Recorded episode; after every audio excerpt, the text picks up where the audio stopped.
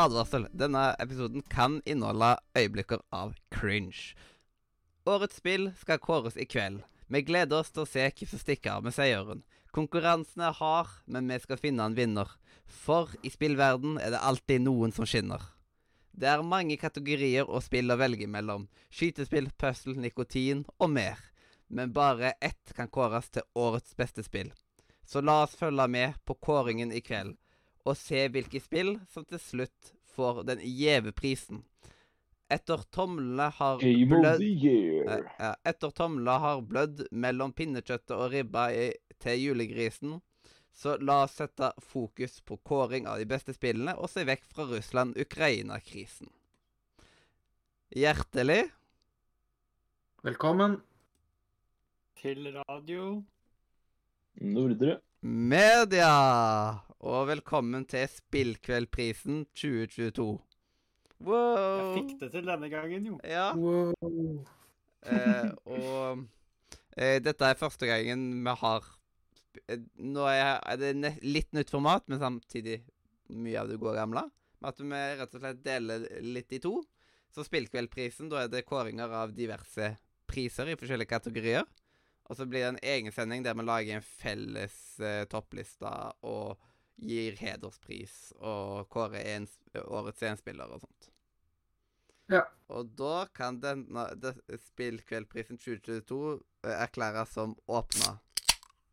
Gøy, gøy, gøy! Game of the year. Mm. Dette er jeg spent på. Vi får se om vi, vi får håpe at vi krangler, ikke krangler for mye. Skal jo Krangling, det er det folk er her for. Ja, men jeg, ja, jeg har bestilt en eh, En eh, gruppeparterapitime nå til uka, så hvis det skjærer seg veldig. Og, og den har jeg 24 timer avbestillingsfrist på i tillegg, så Da tror jeg det skal gå bra. Ja, Mm. Jeg tror det var han der um, uh, Jeg tror han heter Dag, eller noe sånt. Ja, ikke sant. Så jeg vet Ja. det er en profesjonell type. Ja, ja, ja. Og vi har veldig mange priser å kåre. Det er vel rundt eh, Jeg husker ikke helt 100% i hodet, jeg gidder ikke å telle de.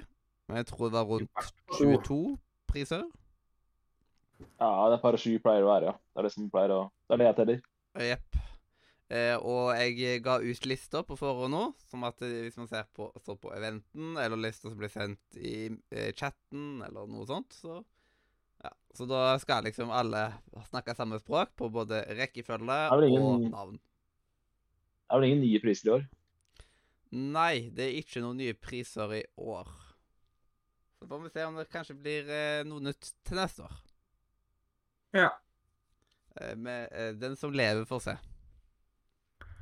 Og førsteprisen ut i Spillkveldprisen 2022, som blir den første offisielle Spillkveldprisen, er rett og slett årets protagonist. Det er en viktig rolle. Jepp. Eh, og skal vi prøve å være flinke til å til og med forklare hva en pris har å si? Siden ikke alle Protagonist sier seg jo litt sjøl, men nest, noen av de neste prisene sier seg ikke like mye. Men protagonist det er jo Det er jo hovedrollen i et spill. Og da er Ja. det jo den mest eh, minnerike eller beste på et eller annet vis eh, hovedrollen i et spill. Hun kalt protagonist.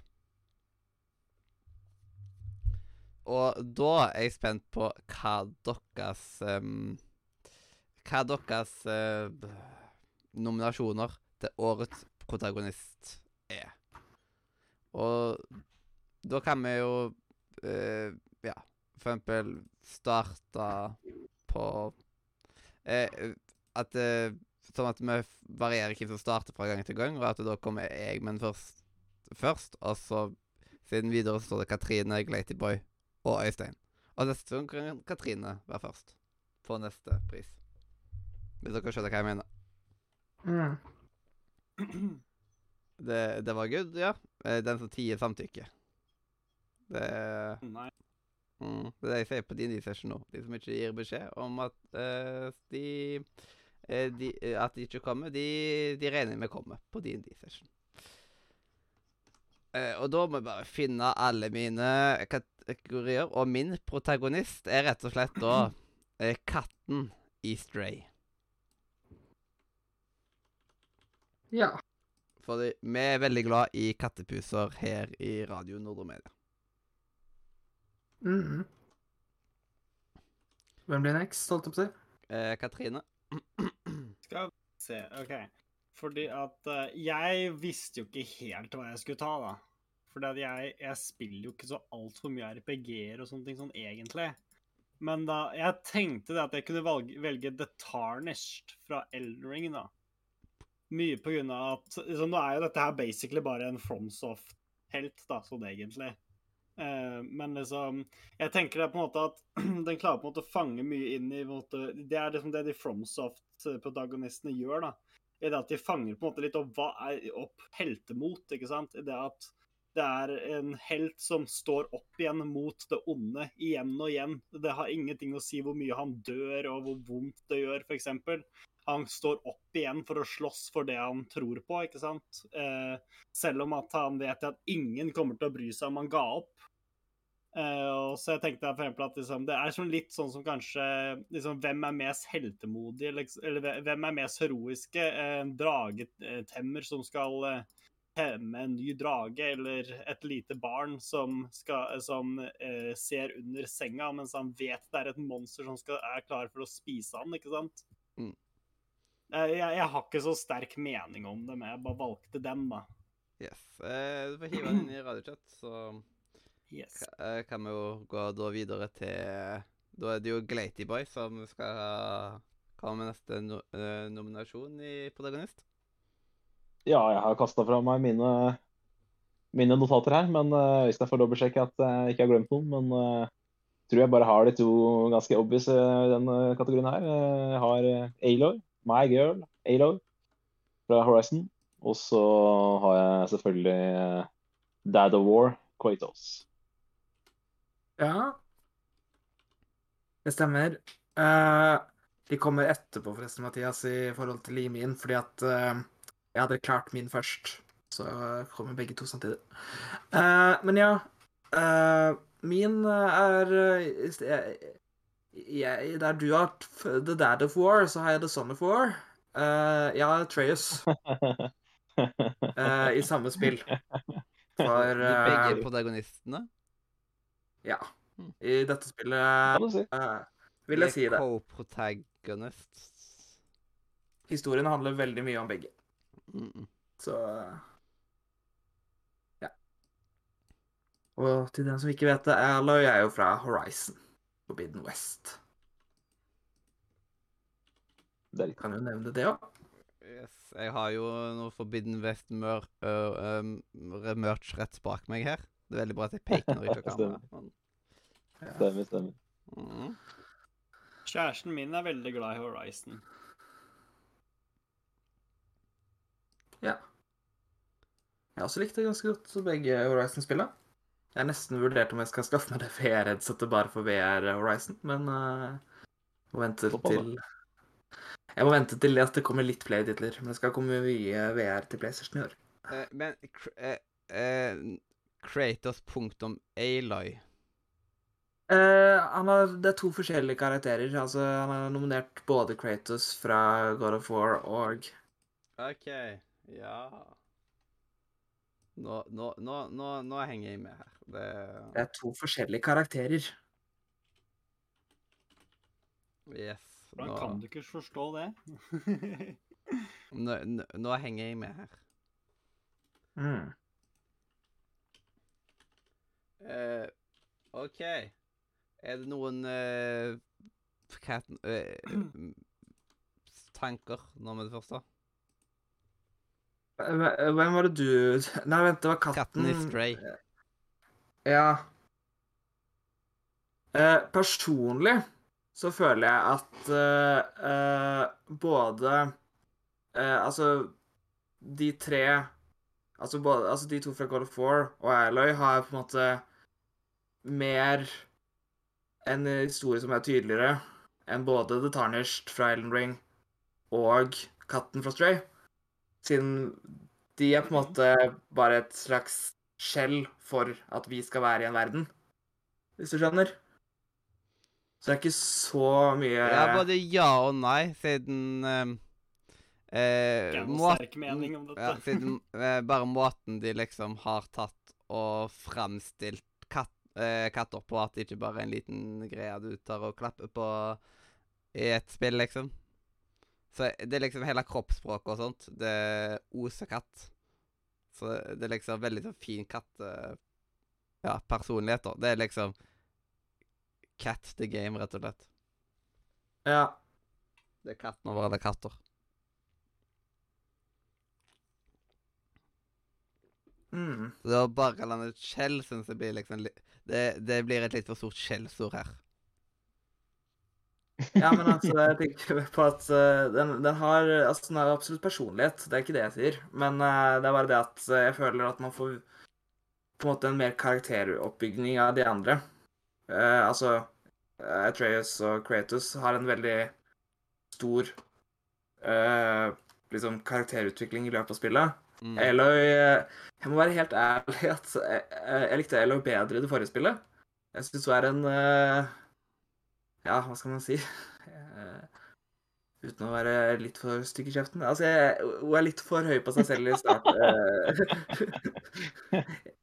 jeg føler at Ja, for, for i det forrige spillet var hun på en måte veldig sånn derre underdog. Skal liksom prøve å komme seg Hun var jo outcast, ikke sant? Men nå er det sånn derre Jeg, jeg redda dalen. Kan jeg redde en dal til? På en måte. Så jeg, litt, jeg likte å bedre det forrige. Men ja, det er i hvert fall mine meninger. Dere må jo nesten outspeak det selv.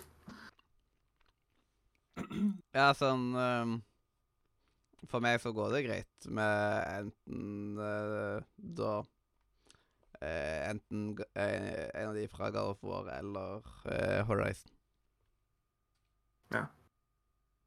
Nei, for jeg, jeg, grunnen, til, at- grunnen til at jeg valgte Atreus, da, er at jeg syns han, han For han I det forrige spillet var han veldig tydelig en sidekick, men her har han på en måte vokst opp mye mer, og Altså, med en liten spoiler, du kan også styre han, og du får mye mer hans historie, og han vokser mye i løpet av den historien og bli mann, i stedet for bare den lille guttungen til øh, Kratos, på en måte.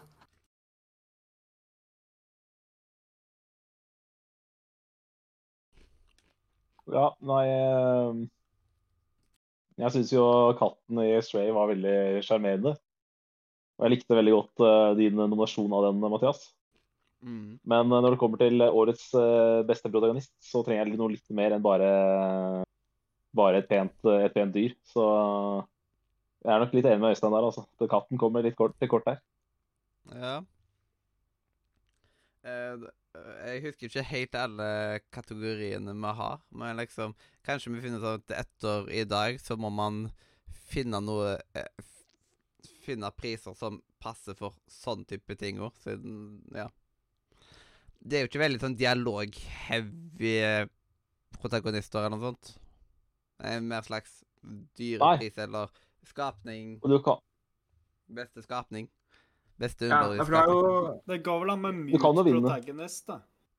det går jo an, det. Men for meg så Jeg, jeg trekkes nok mot de som har, har dybde og, og, og snakker, da. Uh, i, I 2022 så ønsker jeg meg det. Uh, og jeg har heller ikke noe problem med å sage tarnisht, for uh, jeg har spilt nok nok From Soft-spill til å vite at uh, karakterene i uh, disse spillene er ganske hva skal man, var det du, Hvilket ord var det du brukte, Øystein? Skjell? Det var Skjell. ganske sånn skall. Ganske sånn er jo, skalla. de er nesten. Skalla er karakterer. liksom- Men eh, Som jeg jeg sa, jeg er ut ikke en ifra det sterk jeg- mening, så jeg bryr meg ikke. Jeg, Ja, ut jeg, ifra det ikke jeg tenkt å ikke noe, jeg. Ut ifra det jeg har sett fra sånne Ifra Fronsoft sine spill, og jeg har jo sett andre satt og spilt Elden Ring og alt mulig sånt, så føler jeg ikke at eh, man får veldig mye ut av karakterene der, liksom. Det, det er litt som eh, eh, Litt som Mario. Ja. Ikke, ikke verdens dypeste karakter. Jeg foretrekker Mario foran uh, protagonistene i, i From sine spill. Uh, ja. Han har litt mer personlighet. Eh, fordi det er som jeg sier at eh, altså I Elden Ring Det er bare på en måte en unnskyldning for Han har en Altså, det, det er bare backstory og sånt som på en måte er veldig blank, så det er ikke så mye ut av det. Ja, eller for den del eh, den man sjøl styrer i Pokémon. Det er jo Ja, det samme det der også. Du eh, mener karakteren min i Pokémon er bedre enn deres, tror jeg. Det må bare være en utsling for at du på en måte skal være der. Ja. Eh, men det er jo eh, meg. skal, vi, skal vi ta og sette inn eh, hver våre stemmer og se hva, hvordan stemninga er? Den er grei. Ja, stemme ut, stem, stemme ut to stykker, da. Eh, jeg tenker at eh, vi, kan stryke uansett uh, i Stray og The Tarnished i Elden Ring. De, de bare stryker jeg. Ja, så da blir det mellom de tre andre, liksom. Atreus, Nå er vi jo fire, nå er vi fire stykker her, så da kan vi jo ha en pals, som var den opprinnelige planen for et par år siden. Ja. At vi kårer topp tre i alle kategorier. Å ja? Ja. Eh, skal vi bare begynne å sope folk vekk, da? Nei, nå skal vi stemme. OK. Ja, Ja. Eh, hvem vil hive den første steinen? Nå skal jeg ikke si noe. altså- Nå skal jeg, nå skal jeg dele ut et boka så nå skal jeg ikke kaste noen stein her. Jeg kan si at uh, den første som uh, uh, Siden vi skulle bytte mellom hvem som skal starte og skal nominere, så kan vi jo også ha samme rekkefølge på hvem som stemmer. Ja, Så den... siden du, siden du nominerte først denne runden, så kan du stemme først denne runden. Det er, ikke så viktig, det er ikke så viktig for meg. Jeg har bestemt meg. Jeg kan bare kaste første stemme hvis det er så vanskelig. Okay. Uh, det er ikke noe problem for meg å starte. Jeg driter i det. Uh, nei, det står mellom tre, tre stykker, uh, og eh, to av de er fra God of War, og en av de er fra er da protagonisten, kvinnelig protagonisten i eh, Horizon Forbidden West. Og eh, Øystein, du har spilt mer av Forbidden West enn meg, så jeg stoler på deg. Det, det er greit. Aloy vinner ikke den her. Eh, hun var en kulere karakter i, uh, i 2017 enn hun er i år. Uh, derimot så syns jeg at Kratos godt kunne vunnet beste protagonist i, i 2018, men han møtte nærmest en overmakt i form av Arthur Morgan og Red Dead 2. Så denne her, her unner jeg Kratos, og min stemme går til han.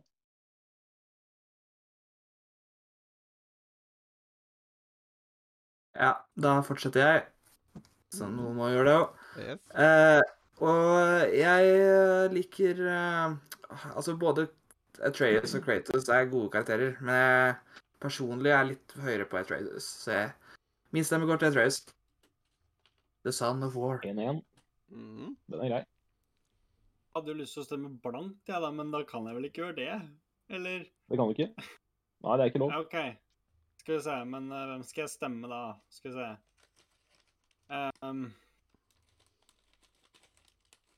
uh, da stemmer jeg Alo, jeg, da, for girl power.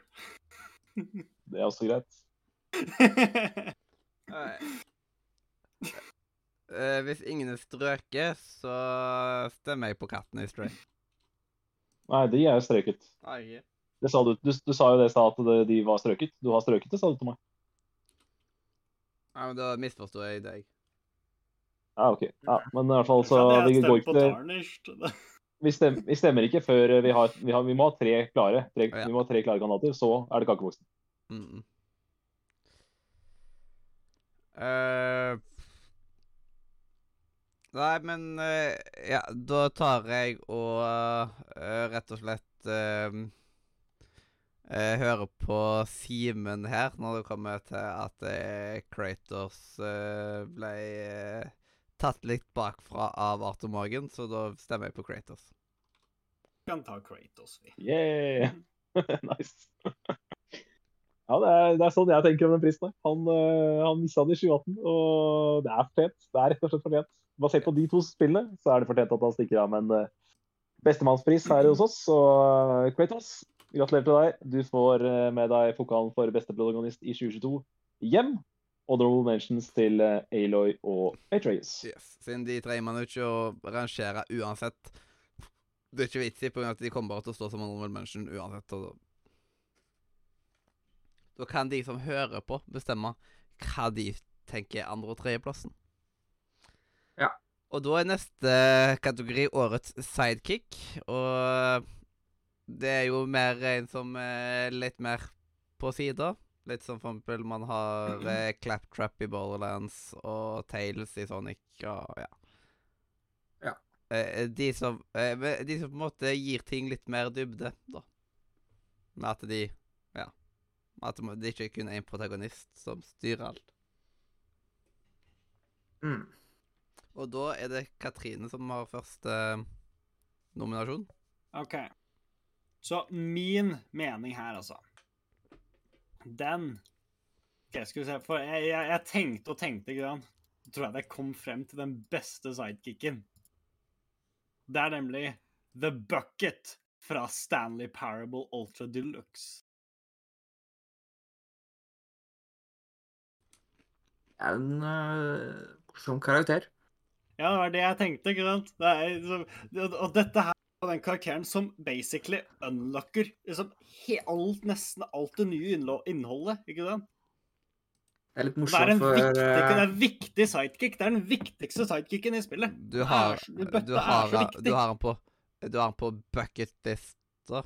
Ja, du må ha bøtta. Stanley Parable Ultra Deluxe er ikke Stanley Parable Ultra Deluxe uten bøtta. Jeg vet ikke hvor mye vi skal spoile, men det er jo en ting som er ganske interessant fakta om den bøtta. For de måtte jo gjøre ganske mye om på spillet pga. den bøtta. Nå, da tenker jeg at jeg kan, eh, at jeg kan kom, uh, uh, uh, Nå som vi allerede snakker om The Stanley Parable, så kan jo jeg ta og komme med en liten eh, informasjon, eller hva skal si. Eh, og det var at eh, på nyttårsaften eh, i 2022 så fikk jeg fem, uh, fem års achievementen, uh, achievementen i Stanley Parable Go Outside. Wow. Ja. Uten å jukse Altså- det. Da var det liksom at det hadde gått nesten akkurat fem år. Fem år og én dag siden jeg var livredd. Siden det var egentlig 29. eh, eller 30. liksom, desember. For fem år siden. Og da var jeg liksom Jeg turte jo ikke å Tenk hvis det plutselig var liksom At jeg bomma med en halvtime, liksom. Eller noe sånt. Da er det bare å glede seg til 2032, når øh, du kan få øh, den samme achievementen på oppfølger. Ja. Så For da kan du ikke åpne spillet igjen heller. Nei. Nei, achievementen er at du ikke skal ha spilt spillet på fem år. øh. Men da kan vi skaffe det det på en annen plattform. Da kan vi skaffe det på en annen plattform imens, vet du. Altså, nå Ja. finnes det både på PlayStation, Switch og PC. Uh, jeg tror kanskje Jeg tror også Xbox. Jeg Sikkert også på Xbox. Hvordan de tar, men hvordan løser de en av de achievementene på PlayStation, mon tro?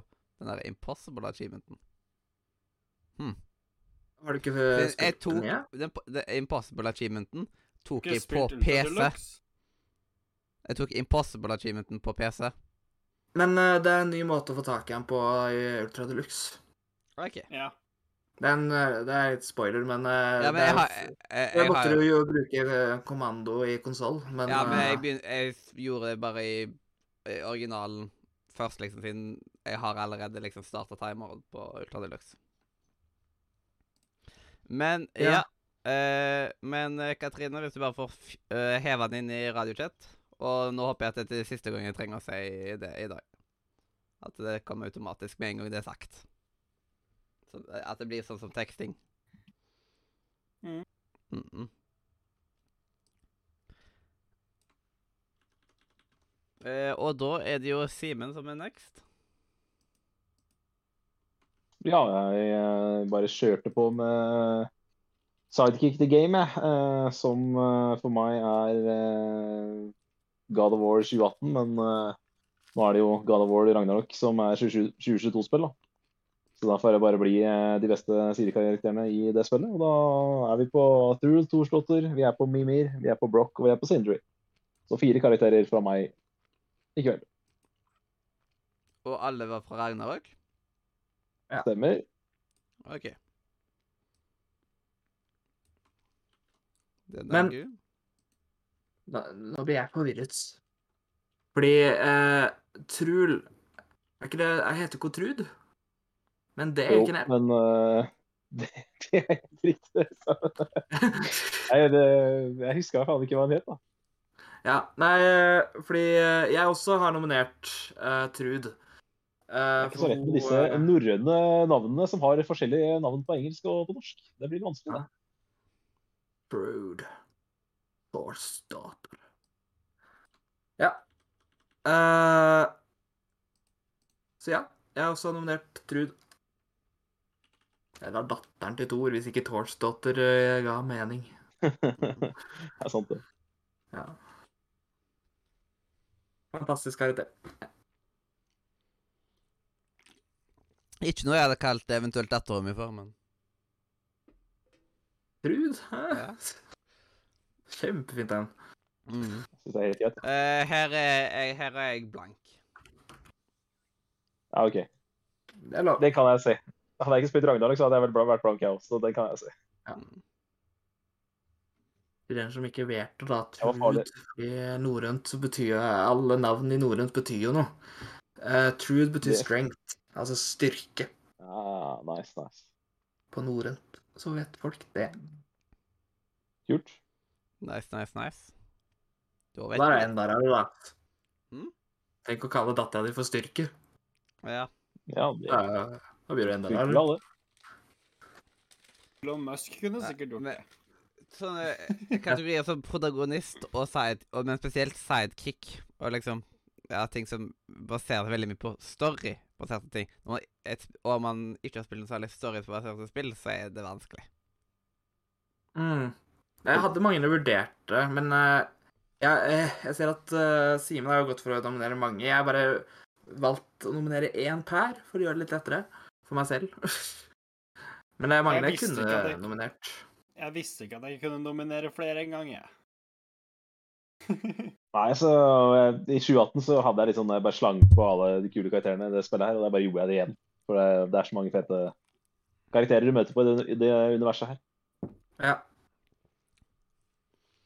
OK, men eh, da må vi jo eh, ta en liten opprydning her. ja. Må vi? Mhm. Eh, hvor skal man starte? Det er liksom det noe vanskeligste med opprydning. Hvor man skal starte. Ja, ikke sant? Nei, vi eh, Skal vi Altså Starte på barnekjøkkenet. Ikke sant? Nei, vi har jo basically Det blir vel tre Nei, fire karakterer. Altså The Bucket og eh, de tre fra God of War. Skal vi begynne med å forklare ting, for eksempel? Fordi eh, til den som ikke har spilt God of War, så gir jo ingen mening å høre Trud, Mimir og Sindri. Det altså Jeg tror Det Det, gir sånn- kanskje enda mindre mening å høre hvis du ikke har spilt Stanley Parable Ultra Deluxe. Ja, akkurat det. Bucket, da. Akkurat det, det har ikke jeg gjort. Så der er jeg nå. At jeg sitter, med spør jeg sitter og klør meg i huet for den der Det blir veldig samme som med Companion Cube i Portal, hvis du ikke har spilt Portal. Nei, det er mer Det, er Det er enda mer companion cube. crazy. Ja, Companion Det Cube har ikke fem minutter. liksom, liksom The Bucket er så viktig til Stanley Parable Alter Deluxe at det er ikke Stanley Parable Alter Deluxe uten bøtte. Nei da, men Det nye eh, contentet er basert rundt bøtta. Det som er tingen, er at uh, all dialog i spillet har to måter Altså, det er en, vil, være en helt annen dialog basert på om du har bøtta eller ikke. Ja.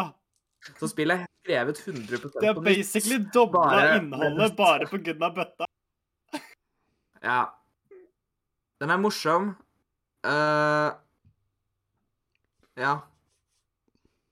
Jeg syns bøtta er fantastisk. Det, den Ja, heter jo er For det er vel For den har noe sånn koselig navn. Jeg husker ikke hva det var. Uh, nei, det, det var sånn Å, uh, jeg husker ikke. Skal vi se. Er det noe sånn The Comfort Ja, det, det, Bucket eller noe? Mhm. Skal vi se Nei, det, det, det, bøtta har et navn. Så det er ikke bare The Bucket. kan- Det er liksom The Comfort Bucket eller noe. Et eller annet sånn derre Det er den Den skal gi deg Den skal gi deg styrke. Den skal være en sånn koselig pratekamerat. Jeg, prøve, jeg, skal prøve, jeg skal prøve å finne det ut, jeg. Skal vi se. Ja. Men vi kan forklare de andre imens, da. Mm. Har du lyst til å forklare litt eh, Reinsurance bucket. Der har vi det. Mm? Det er. Uh, han kan Resurance bucket Hvordan uttaler man det igjen, da? Men i hvert fall Det er en koselig uh, kar.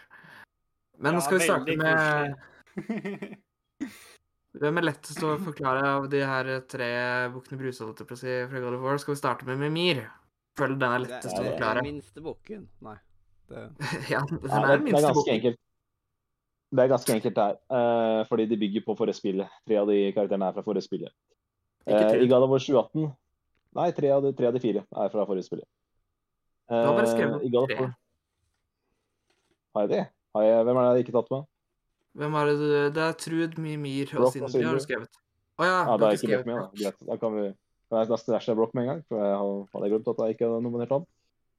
Um, I God of War 2018 så er det to sånne dverger som hjelper deg med å levele opp gamet ditt.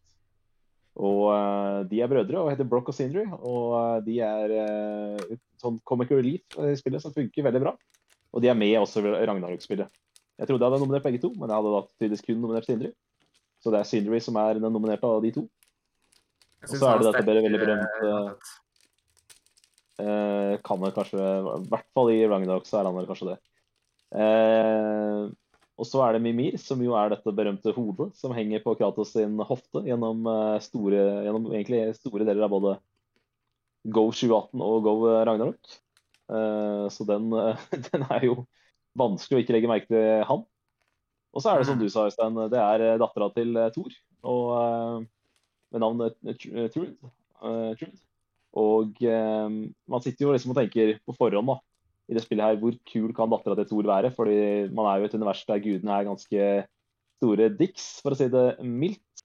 Så hvor kul, kul kan egentlig dattera til Thor være? Men det viser seg jo fort at hun er jo faktisk veldig veldig kul. Og man får lov til å dra på et par eventyr med henne, og det er, eh, det er gode minner fra God of War Ragnarok. Mm.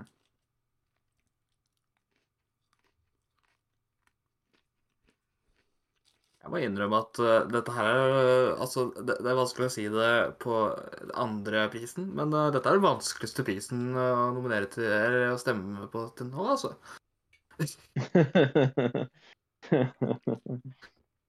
Ja, den derre Den eh, Nei, jeg syns, ikke det er så veldig vanskelig. For at eh, det er jo kun én som skal ut. Og eh, jeg syns, eh, jeg syns de og Sindre var litt kulere i eh, eh, Litt kulere i God 2018, så vi kan godt uh, slashe Sindre, Øystein, hvis det er greit for deg. Åh, ja, OK. Det får gå greit. Ja. Det er mest Eller det er historiefortelleren med Eller har historiefortelleren med Mir. Ja.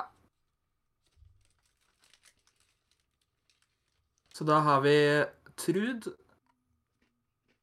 Ehm, eh, Mim, uh, Mimir og The Bucket.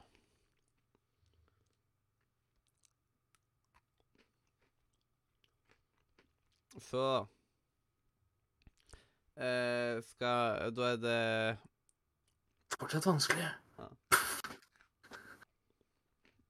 Men det er de to the bucket. Det, Katrin, du kan ta og kaste første eh, stemmen. med Men eh, Det tar jo selvfølgelig the bucket, det som hallo. Det var bombe. Din nominasjon og greier. Ja.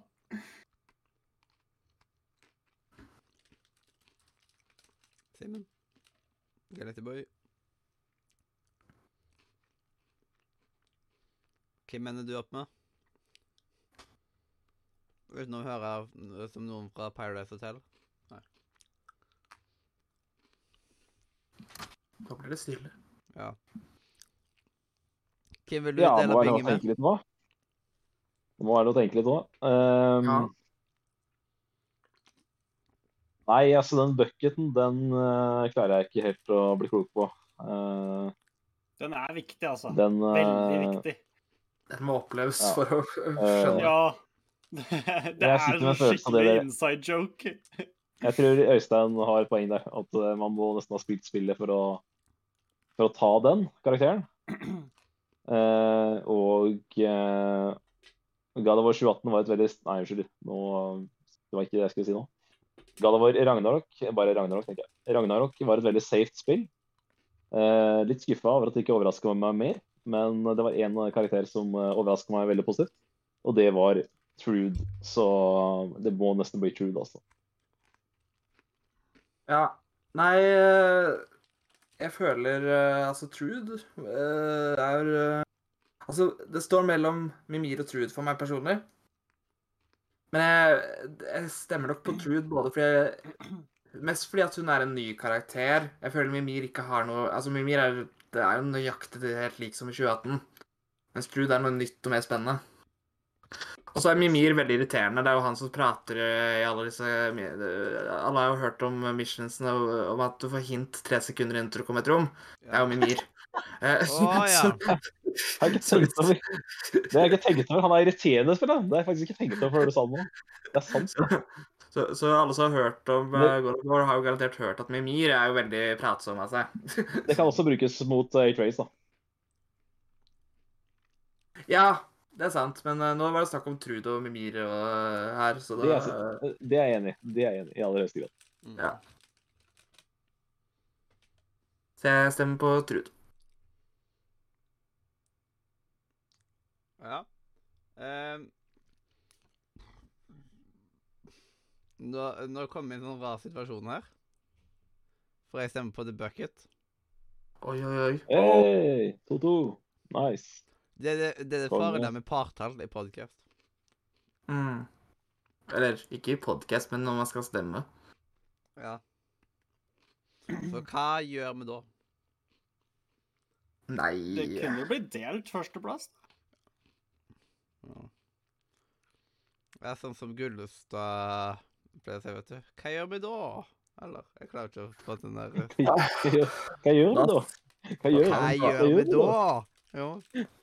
Da kan jeg si det, Ja, Hva Gullestad. gjør? Hva gjør Hva gjør vi da? Ja, hva gjør gjør vi da? Hva gjør vi? Nei, du må ligge trygg på J. Hva gjør Hva gjør vi gjør da? Ja, der, der var det der. der, er ligge Ja, da ligger trykket på J. Mm. Ja, det er morsomt. Gullestad Ikke, eh, ikke Gullmestad, men eh, Gullestad. Gullestad. Rolf Gullestad. Ja, det Gullestad. Rolf Emil. Han er, han er skrevet. Det er karakter. Det er side-karakter. side character. Sidekick. Det er det. Han er Hadde vi vært på norske filmer der, og Rødt sidekick, så hadde han vært nominert. Hva da for? Det kan være enig Ja. Yes. Så da, hva gjør vi da? Jeg kommer ikke til å klare å tenke på alt enn Gullestad når jeg ser det. Ja. Nei, Nei, jeg vet ikke. Vi har jo liksom ikke tenkt på dette. Nei? Kan ikke Nei, ulempen er at vi de siste to åra har vært, eh, vi har vært uh, bare tre på de to siste åra. Så vi har liksom aldri fått trengt å løse den konflikten her. Mm. Nei. Så dette er, dette er ikke lett. Jeg vet ikke hva som er liksom mest fair. Jeg kunne tatt en coin flip, på en måte, men det Nei, jeg, jeg har ikke så lyst til å Eh, loddtrekning på en go-to-spesial. Nei. Mm. Vi ringer opp Robin og ber be, han velge. La meg, la meg bare ha en mann om eh, absolutt Altså, ikke jeg- Forrige gang, eh, forrige gang du drev og ringte folk, så fikk du jo fiksa Da følte jeg du hadde fiksa spillet i ditt favør. Så det liker jeg, det liker jeg heller. Det er også veldig dårlig minne fra. At du driver og ringer folk du har avtalt med på forhånd. Jeg aner ikke om han har Nei, jeg spilt. Jeg aner ikke om han har spilt noen av de spillene. spillene. Nei, nei, men det er bare sånn, det bare virker mistenkelig når vi ringer folk, og din, det, går din, det går din vei hver eneste gang. Du ringer opp en alliert som eh, Det var vel Andrea du hadde med deg den gangen der. Og det, det, har jeg, det får jeg liksom vond smak i munnen av fortsatt.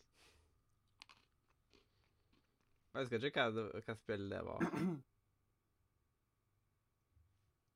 Nei, men det er noe med at eh, Men det er, er noe med at eh, hvis du ringer en person du har på på hva heter det, på sånn shortcut på telefon, så er jo sannsynligheten for at den personen eh, er enig med deg, ganske stor. da. Ja, men eh, Det jeg tenkte nå, var at det skulle være noen ifra Radio Nordre Media. Noen som har faktisk en kobling med podkasten på en skikkelig måte.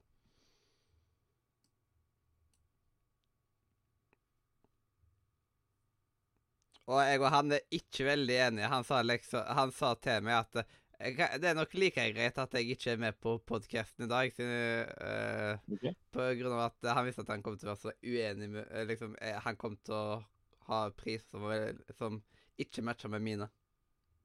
OK. For vi har Det er jo det som er gøy, da. Det er, meninger i år. jeg har sagt før. OK. Jeg Mm. har sagt til han før da, at det er det som er gøy. da. Så når dere er uenige om jentetur, så det er da, man vil, det er da jeg vil høre spoilercast, vet du. Når dere, når dere var uenige. Ja, der. men det, han gadd jo ikke å lage spoilercast òg, vet du. Jeg vet det, det har jeg fått med meg, og det likte jeg ikke. Da ble jeg sur. Ja. Ja, Det er jo mer interessant å høre folk som ikke liker ting òg, egentlig. ja. Men ja. Helt klart. Nei, men eh, vi må nesten finne en løsning, da. Mm. Så uavgjort er liksom helt out of the question, eller? Ja, det er, det er helt uaktuelt. Ja, OK. Så dette Har du noen gang sett en prisutdeling der det blir delt ut del første?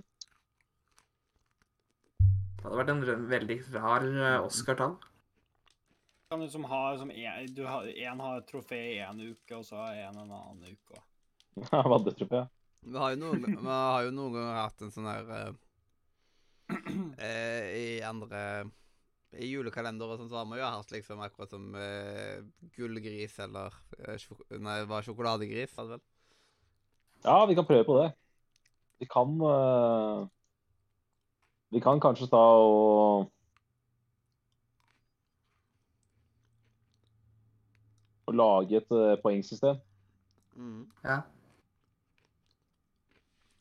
Det vi kunne gjort, men det er litt sånn for sent å gjøre nå. Eh, fordi mens, siden vi skal prøve å fokusere det at det er tre stykker, så hadde det jo gått an å tatt det 3-2-1-systemet. Ja, det går. For da, hadde, for da er det større sjanse for at det ikke blir li likt. Hvis du skjønner? Så da gir vi liksom Siden det, vi, vi, har alltid, vi skal alltid stokke det ned til tre nominasjoner, altså tre vi skal stemme på. Så kan vi gi 3, 2 1. Ja. Ja, vi kan ta tilbake det det systemet til Daniel, ja. Ja, Ja, fordi det kan vi kanskje gjøre, ja. Ja, at vi gjør det som vi gjør i én spiller. Ja. Vi kan kanskje prøve på den, på den her, da. Jepp. Ja. Hvis dere bare skriver i radiochat det hvor mange poeng dere gir til de forskjellige. Er det vi gjør nå? Ja. Bare Hva gjør vi nå? Eh, nå skriver du opp alle de tre eh, som vi har på nominasjonslista. The Bucket, Mm. Trud og Mimir. Og så gir du det Etter gir du tre poeng. Etter gir du to poeng, og etter gir du ett poeng. Den med flest poeng Ja. vinner. Ja, for da okay. deler vi ut Istedenfor at vi deler bare ut liksom ett poeng hver, så det blir det til sammen seks poeng, liksom. Da velger jeg bare random på de to siste, da. Ja, ja. For jeg har ikke spilt det der, jeg. Så det Jeg, jeg Ja. var sånn at det er liksom sånn eh, eh, eh, Det er en del av meg som ville gjort ting litt eh, taktisk, men det, eh, det blir helt feil eh, rent eh, etisk, er det? Moralsk? Det blir moralsk feil av meg. ja jeg Og, så jeg, da, forstemmer jeg, med hjertet og ikke hjernen. Ja, det er sånn det burde være. Mm. Ja. Eh, og så tar jeg, jeg tar opp utover en spoiler-tag, jeg, som at eh, Alle lister skal være personer, dette er sagt. Dette, dette sier jeg ofte. Jepp. Hvis du går, begynner å gå inn med taktiske, taktiske ting i en da blir det litt feil. Yes.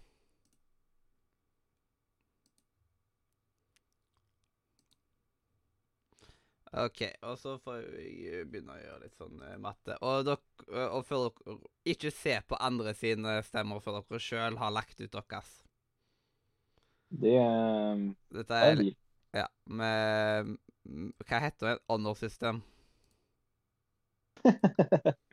Honor-system. Vi har brukt i Hvilke spill er det som, Hvor mange spill er det som har eh, honor-systemet? Ikke så veldig mange. Kom, Nei. Red Dead. Red Dead 1 har honor-system. Ble det to har honor-system. Det der, eh, hva heter det der så som er laget av sleifolka? Sly-folka? Innocence eller noe? Nei. Ja, nettopp. nettopp. Stemmer. Ghost of Tsu- Tsushima. Ghost of Tsushima. Ja, ja, selvfølgelig. Ja, selvfølgelig. Du tenker på det. Du tenker på det andre. Du tenker på um, Injustice? Nei, hva heter det? Injustice var det, ja. Tror jeg. Ja, er ikke. Injustice heller. Injustice Gods Among Us. Det er ikke det heller. Hva er dette? In I, inside? Inception. Inception. Inception. Inception er det samme. OK, nå mangler vi Nå mangler vi bare Simen sine poenger her. Ja, han får ikke det, Øystein får ikke det med han. For han veit jo ikke hva jeg kommer til å stemme. Ja, så kan, kan du legge ut de? Nei, jeg kommer ikke til å legge ut det nå. Mobilen min står på lading. Ah, ja. Ja, OK. Da kan han bare Eh, hvis du bare sier dine, bare da. sier det, da. Ja, bare si det, siden nå har alle skrevet. Jeg, f- liksom Ja, ja. Jeg kan ta det muntlig, det er ikke noe problem. Mm. Eh, Da blir det da ett poeng til Bucket. Jeg tror de veit hvorfor. Eh, Jeg føler man må spille spillet for å skjønne hva den karakteren er, og hvorfor den er så genial. To Mm. poeng til eh, Mimir, fordi at uh, Trude skal vinne, og da må jeg gi to poeng til Mimir, og tre poeng til Trude. Yes. Og nå skal jeg bruke mine fantastiske matteskills her. Eh, siden det bucket har tre pluss to pluss t- Tre pluss to er fem. Fem pluss tre er åtte. Åtte pluss én er ni. Eh, Trud, to pluss tre er fem. Fem pluss én er seks. Seks pluss tre er fuckings fitte ni. Eh, Mimir, Mimir har tapt uansett. Det, det, Mimir er ute av bildet. Det, Ja. det er 9-9 på The Bucket og Trud. Mm.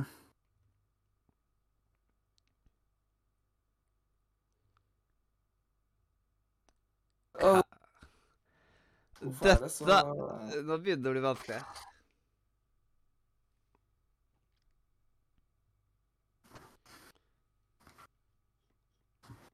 Så hva, hva gjør vi da? Kan vi hoppe over den? Planen til slutt? Litt irriterende, det òg. Ja, men vi har ikke noen løsninger. Vi kan ikke sitte her hele dagen og Det er, det er noe med at, eh, det er noe med at eh, jeg tror vi kommer til å stoppe opp flere ganger i dag med 2-2, og da er det greit å komme seg litt videre. Ja. Kanskje folk ombestemmer seg om en time. Mm. Å, så utrolig irriterende at det ble sånn. Men hvis du bare stemmer Trud på én, vet du, så vinner jo The Bucket. Det var der jeg mente med at uh, det liksom det hadde vært feil av meg å gitt to poeng til Mimir når det er den som er liksom eh, eh, ba- eh, Som da skal være den veldig irriterende som bare eh, Hei, har du sjekka det? syns det blir litt Det over det greiene Ja, der. for, Men, meg, eh, for meg så satte jeg han på to, for jeg likte det så godt, skjønner du. Ja, men det er bra, det. Eh, det, er, eh, det er på en måte gjort er gjort. Stemt er stemt. Yep, så må vi se hvordan, Eh, eh, hvordan det har skjedd i andre ting. Og hvis det ender opp med da at for eksempel eh, eh, At The Stanley Parable er uten priser på alle andre kategorier, så kan det jo være litt greit at de får liksom en liten pris, som at de liksom Ja. Da går man liksom Jeg tilbake. tror, ikke, og jeg, tror, ikke- jeg tror ikke det kommer til å få noe sympatispris fra meg, men eh, det, det er en annen historie. Ja. Men da får vi gå videre. Så får jeg finne ut av løsningen etterpå. Yes. Årets kunstneriske design er da neste pris. Så, og da den første som skal komme med nominasjon da, er Simen. Men da, det er vel Øystein som legger ut for Simen? Ja. Men jeg kan jo si det selv. Uh, ja, Nei. jeg kan si det Det selv. Jeg, jeg liker det på en, eh, på en podkast som er et muntlig format. Ja. Eh, det som er greia i kunstnerisk design, så har jeg ikke sånn veldig sterke meninger i år. fordi at den mest unike stilen i år, det er det Pentiment som har. Men jeg kan ikke si at jeg er sånn veldig fan av stilen til Pentiment. Så min nominasjon er Pentiment, uten at jeg kan si at jeg støtter den nominasjonen så veldig sterkt. Eh, og så er det Øystein som er neste.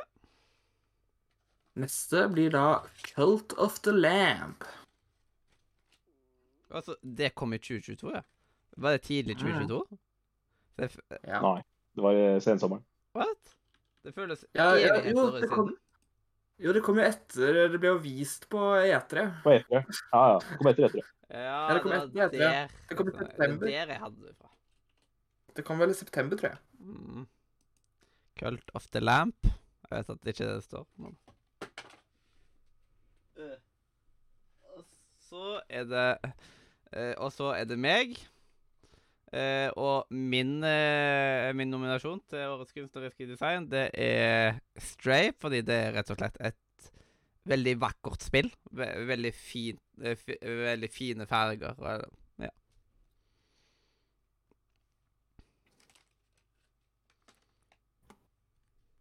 Eller? Mm. Jeg tenkte at jeg, jeg bare For jeg har ikke liksom Jeg hadde tenkt å spille Colt of the Lamb, men jeg har ikke fått gjort det ennå. Pentiment har jeg bare hørt at det er for så jævlig mye lesinger, så det kan jeg ikke spille. Um, men liksom, jeg valgte Elden Ring da, mye på grunn av det som er med Elden Ring, er at liksom, selvfølgelig det, det, det er mye av det med FromSoft-spillene. så er det at det ser, Grafikken er jo ikke det beste, ikke sant, og sånne type ting. ikke sant, Det er jo ikke det beste som er der ute. Men det som er mye, er jo det kunstneriske designet. er liksom det at det er for eksempel måten de bygger opp fjellene på og alt mulig. på en måte. Når du på en måte rir bortover mot det gigantiske fjellet, ikke sant? og det bare føles så stort. ikke sant? Og det er det mye av det kunstneriske designet til Elden Ring. Det er jo også mye av måten historien blir fortalt på, og sånne ting, er jo bare rent kunstnerisk design. ikke sant? Så derfor jeg tenkte at jeg skulle nominere den der, da. Nå, nå føler jeg du er litt sånn, der, sånn uh, imposter som bare er uh, uteksaminert her på podkasten bare for å nominere Elden Ring på hver, hver eneste Nei, kategori. men det som er at jeg, Så- har, jeg har ikke spilt så mye, men det som er at jeg, jeg liksom, i- i- Akkurat Pentiment og sånne jeg, jeg, har sett Cold of Lamb og Pentiment og sånne ting. Så liksom De, de, de ser kule ut, og jeg liker den stilen, men jeg har bare ikke spilt til det, derfor jeg ikke har nominert Nei, det er helt lov å ikke spille spill. Det er, jeg, det er ikke, jeg burde ha spilt mer i år, jeg også. Det er helt lov. Men her, Men- her, her må jeg bare være hard og bare sånn Her er det Elden Ring som skal ut, enkelt og greit. Ja, jeg går, jeg går Ja, stemmer men det, det. jeg, jeg vet du hva, det, det går greit, altså. Jeg er ikke så sterk på det. Jeg kan, jeg kan stemme på Pentiment eller Colt of the Lambo. jeg. Så det jeg, jeg har bare ikke spilt dem, men jeg liker hvordan det ser ut. Det gjør jeg. Ja, men jeg stemmer for uh, at Elden Ring skal ut her. Siden det liksom det er den som er, kommer minst inn i liksom Ut ifra måten vi har hatt denne kategorien tidligere og sånt. Så er liksom Det er ikke den kategorien det skal på.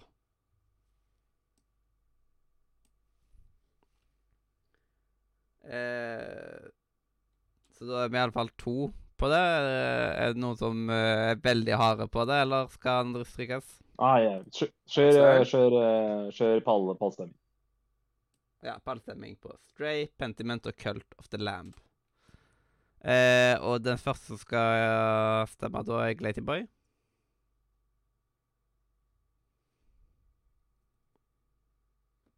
Vi har jo ikke snakka om spillene, da. Vi bør nesten Ja, snakke om spillene. Ja, jeg tok og nevnte litt, eh, men ja, de andre ble jo ikke Ja. nevnt så mye.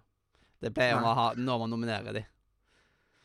Ja, men Ja. det her er jo en, eh, det her er jo en Jeg pleier ikke å snakke så mye på den kategorien, her, for det her er jo stil som, eh, Ja. som, som gjelder. Så jeg pleier liksom ikke å selge inn de spillene jeg nominerer så veldig her. Ja, jeg er pleier jo å google For å si det sånn, i denne her eh, kategorien så pleier jeg å google for å ha bilder av det. Siden jeg går liksom etter det estetiske. Det som på en måte frister mest. Et kjapt Mm. Google-søk er liksom det som gjelder her, da. Og Øystein sier Lowerboy var Coast to Grove i fjor. Han ble hardt skjøt- skjøtta ned, men eh, sånn er livet. Mm. Sånn er livet. Eh, Nei, jo. sånn er livet. Bra, Mathias.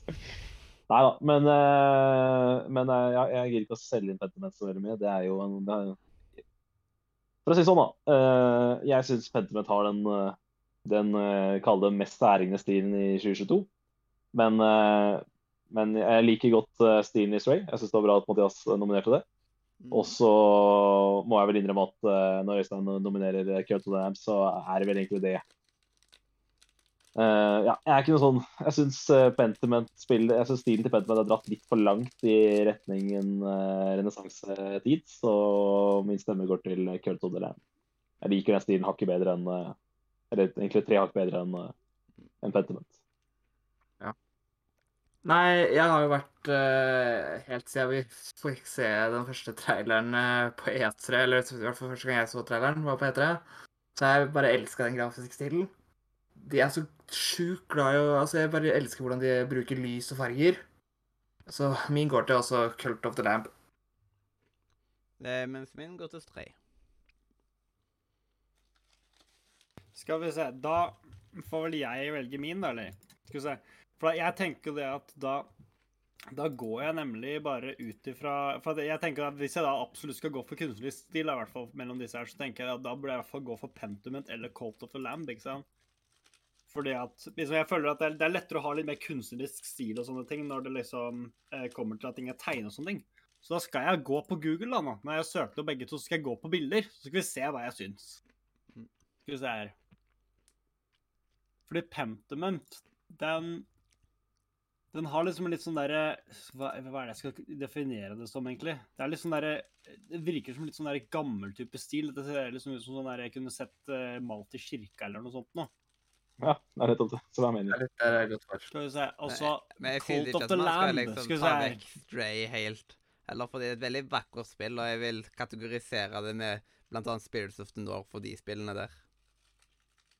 Kanskje Så jeg, bare så, hakket nå, mer ser jeg på, realistisk. nå ser jeg på Cold of the Lamber, da. Og da er det at de er jo ganske søte, da.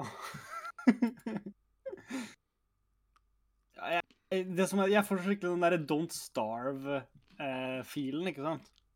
Fra Ja, det jeg, jeg, tror, jeg tror jeg stemmer Cult of the Lamb, jeg, da. Men hva var Ja. kjempestuet. Da Jeg gikk, spille det spillet. da gikk prisen til Cult of the Lamb, og så er Stray og Pentiment eh, honorable mention. Var, det var egentlig ingen som stemte Det var egentlig ingen som stemte på Pentiment, egentlig. Den ble vel bare nominert. Men Mhm. Ja, ja, men det er jo honorable mention. Mm. Ja. Eh, og så er det årets musikk.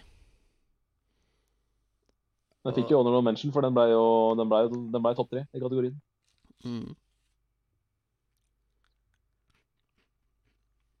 Men da årets uh, musikk, og da, eller årets soundtrack, om du vil, uh, så uh, eh, Da er det Øystein som er først ut. Ja, det, det her er eh, Det her er vanskelig. Uh, fordi det sto veldig lenge mellom to. Men uh, det ble til slutt Elden Ring, som er min nominasjon. Ja. Ja. Det er veldig bra musikk, uh, og det er veldig stemningsfullt. Ofte, i hvert fall på de kule bossfightene, har de alltid nice soundtracks som følger med.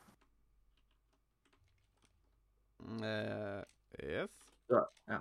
Du har eksempel noen bosser, eh, for det er jo mange bosser som utvikler seg under fighten, og da utvikler musikken seg med fighten, som er ganske stilig.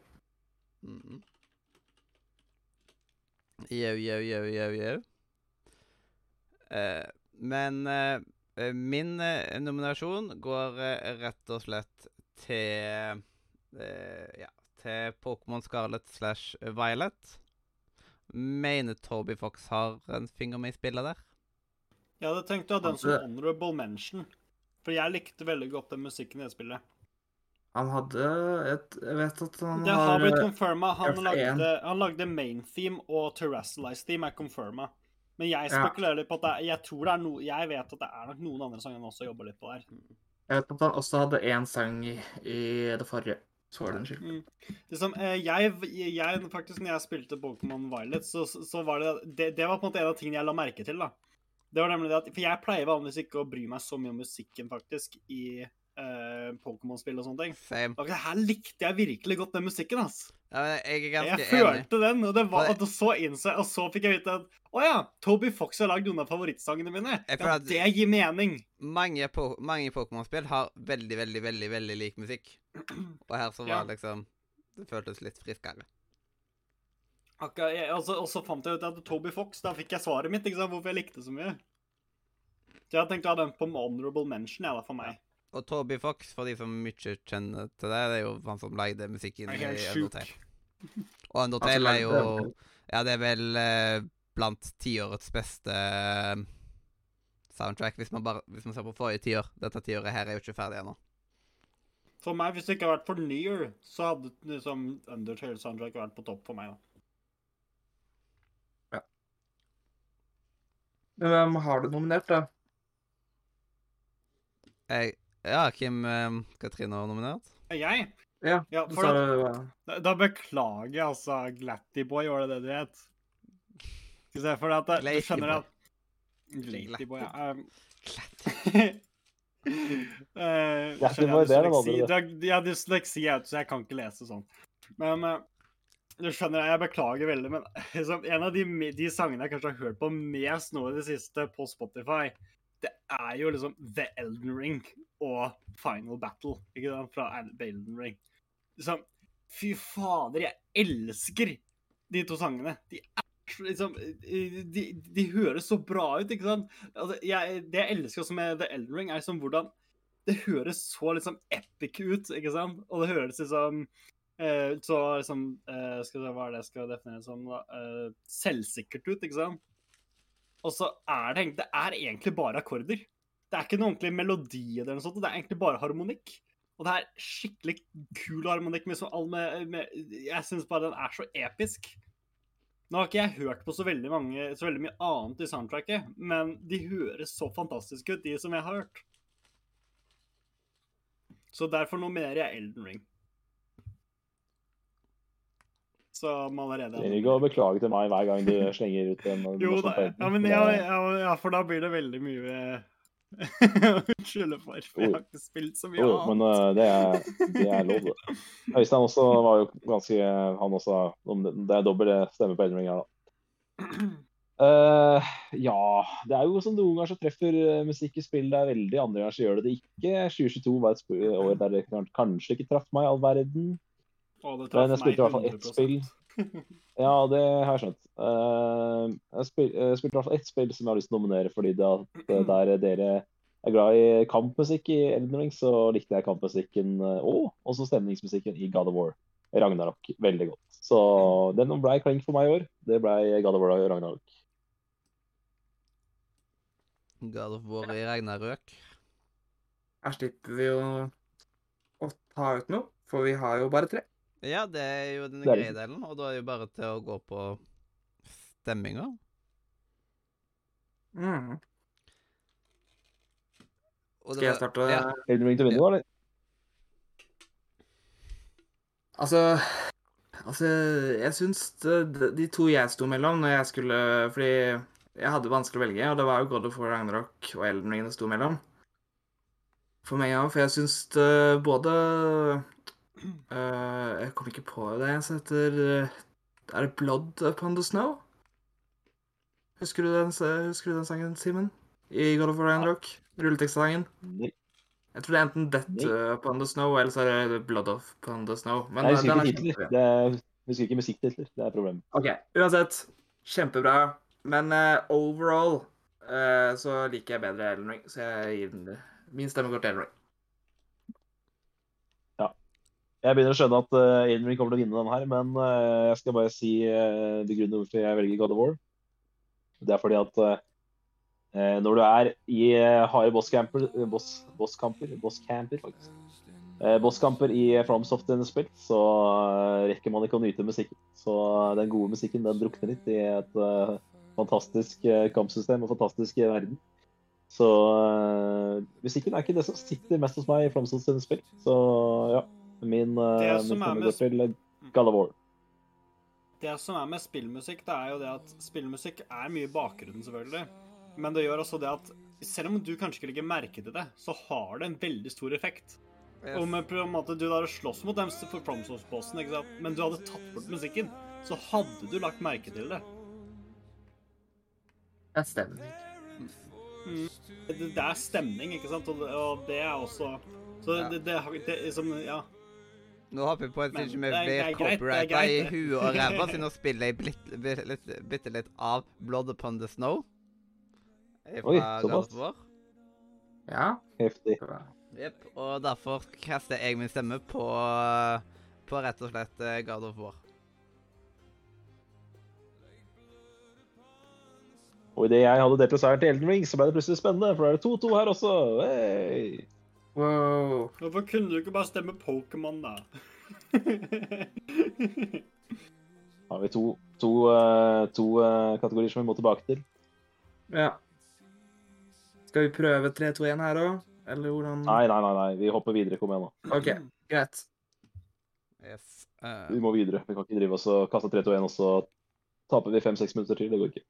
mm. Nei. OK, men da er det årets story som er neste nestemann uh, ut på dansegulvet. Ja. Og da er det vel jeg som skal ha første, tror jeg. Det kan stemme. Vi har vel hatt fire priser, så da er det gått rundt. Mhm. Det går helt rundt for meg i dag. Og min, eh, min eh, nominasjon er rett og slett eh, da The Stanley Parable Ultra Deluxe Edition.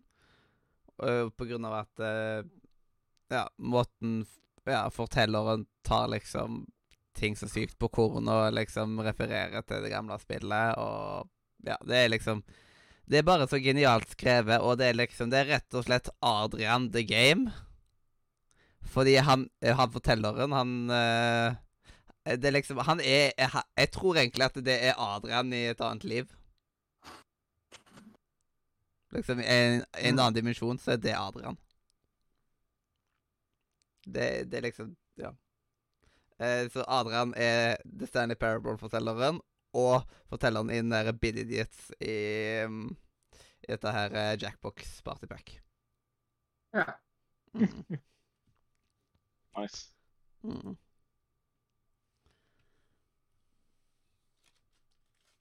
Og da er det Katrine som har neste nominasjon.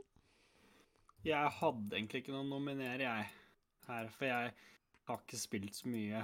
Liksom, det er Elden Ring, på en måte, men det som er med Elden Ring, er jo også det at liksom, jeg kan egentlig ikke historien til Elden Ring heller.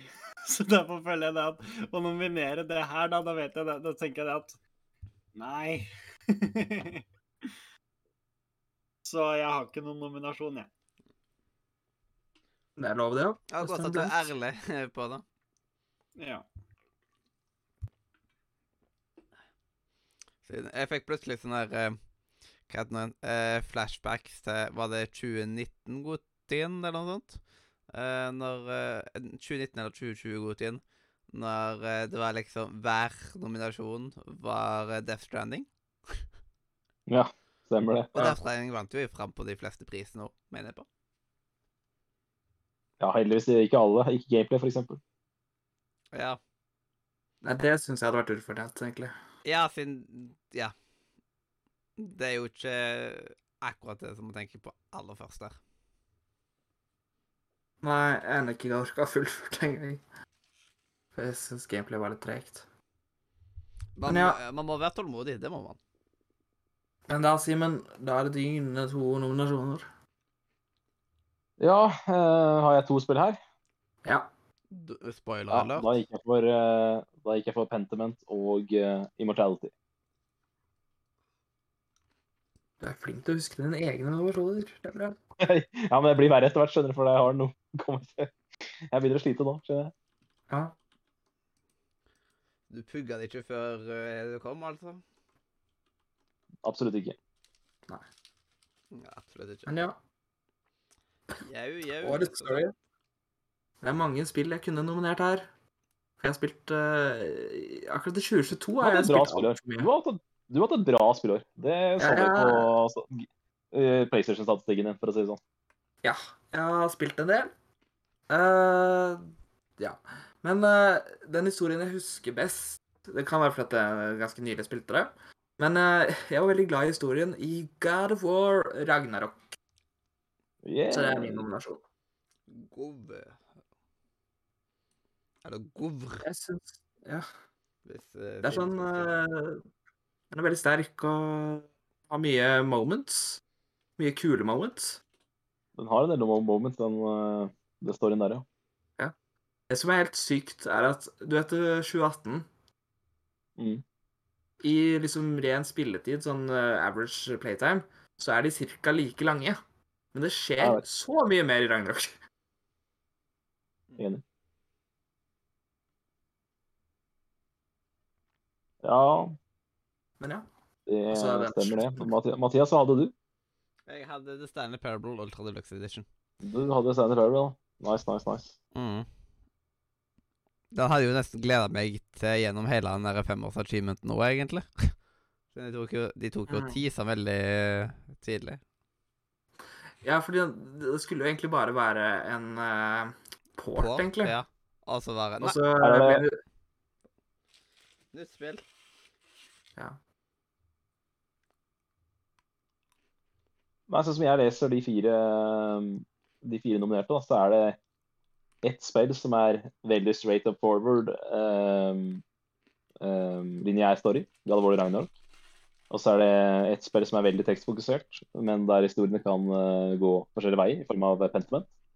Og så er det to spill som er veldig eh, ikke-lineære historier, eh, som der du på en måte um, skaper litt din egen historie. Da. Så det er eh, hva var det dere kalte det når vi diskuterte dette her på julekalenderen vår?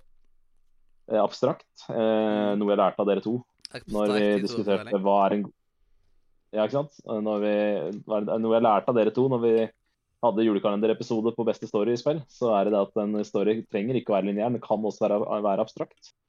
Ja, Og Derfor så har jeg litt lyst til at, uh, at Immortality eller Stanley Parable skal vinne. altså. Ja. Uh, Jeg er litt svak for den Immortality-måten uh, fire.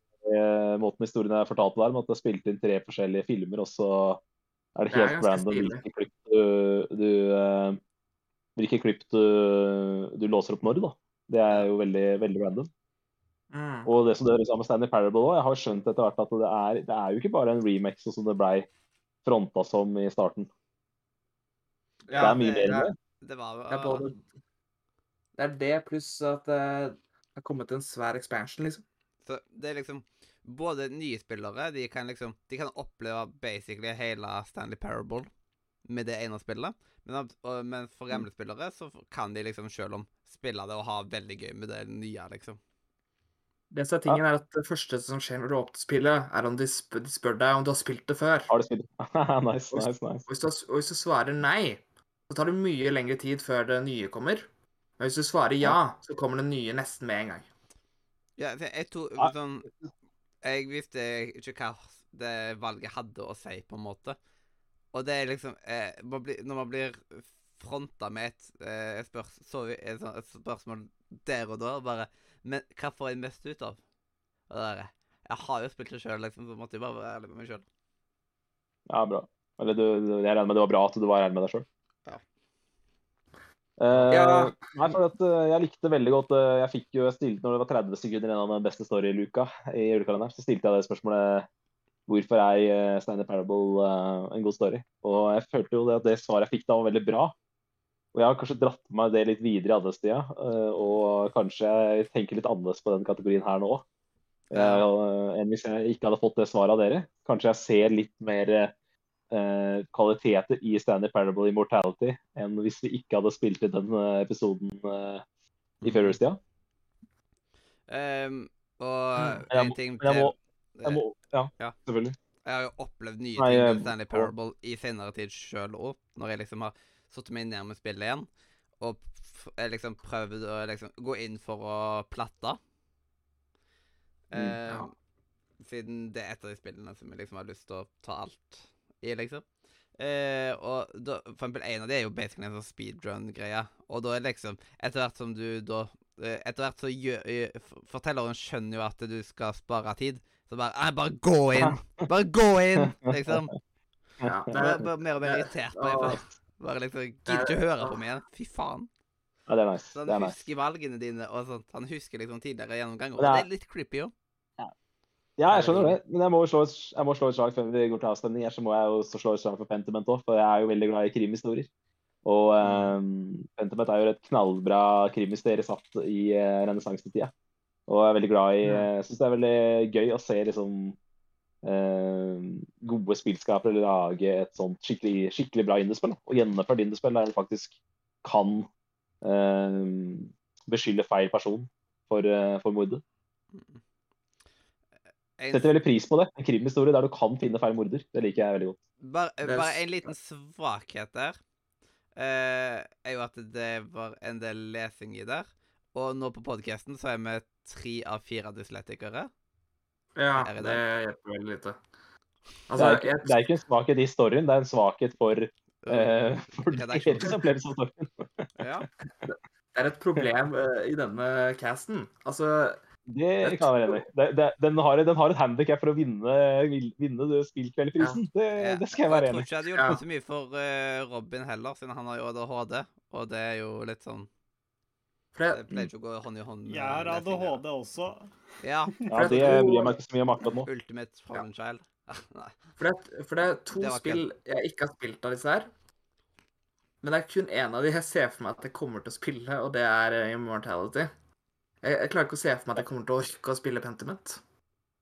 Dessverre. Nei, og det er en helt og det er en ærlig liksom. Du skal få Ja. lov til å ikke spille Pentiment. Uh. Uh, of War Ragnarok var, var veldig bra, men uh, litt sånn uh, Jeg vet ikke. Det er ikke jeg, jeg tror jeg liksom er litt mett på de der sånn eksklusive spillene nå. Jeg fikk liksom ikke helt den samme følelsen som jeg fikk med 2018. Men eh, det er en annen historie. Mm. Det kan hjelpe til at jeg Eh, spilte jo Jeg fullførte 2018 for første gang like før, så jeg fikk det jo mer som en hel historie. Det, det har jeg ikke tenkt på før du sa det nå, men det er et veldig godt poeng. Um, men uh, Men jeg har vel aldri vært noen sånn superfan av de eh, storyene i de Sony-eksklusive spillene. Jeg er jo ikke sånn Dere veit jo hva jeg syns om Sp- Spiderman 2018-storyen. Det er jo liksom ikke det Det er jo ikke, er ikke en story jeg hyller, eh, hyller hver dag, akkurat. Men uh, ja, er dere klare for å stemme ut den, eller? Uh, ja. Eh, Personlig, ja, hvis vi skal ha én ut, så er det Pentiment. yes. Pentiment. Ja, det er, det er, det er eh, helt greit. To, to stemmer på Pente. Da, da er jo jeg der at to stykker er jeg nominert, og jeg heier litt på Stanley Parable siden vi hadde den, eh, den julekalenderepisoden i desember. Så da må jeg nesten stemme på Go. Skal vi se ehm, For se ja, For jeg har jo Jeg vet jo ikke noe om disse historiene heller. Så jeg tror jeg bare stemmer blankt på dette. Det er ikke lov. Det er ikke lov. Å nei. Det er ikke lov å stemme Um, blankt. Du er jo med her for å ha en mening. Skal vi se. Hvis du ikke har noen mening, så hadde du vel ikke vært med her. Da tar jeg vel sikkert Immortality, da, for jeg har hørt mye bra om den. Men jeg har mye bra Ja, men da kan du ikke stemme det nå. Nå skal du stemme, nå skal du stemme ut. Nå skal du stemme en ut. Nå skal jeg stemme noe ut, ja. Ja, men da Ja, en som ikke kommer på pallen.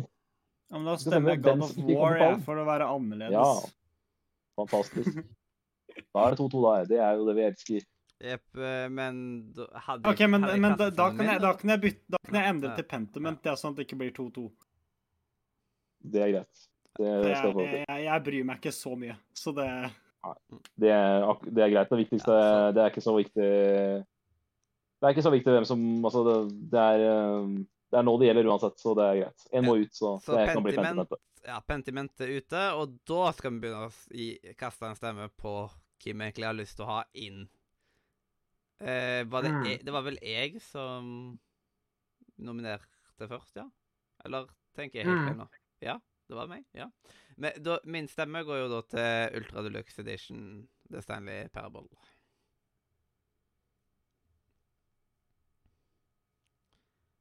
Katrine, hvem stemmer du på?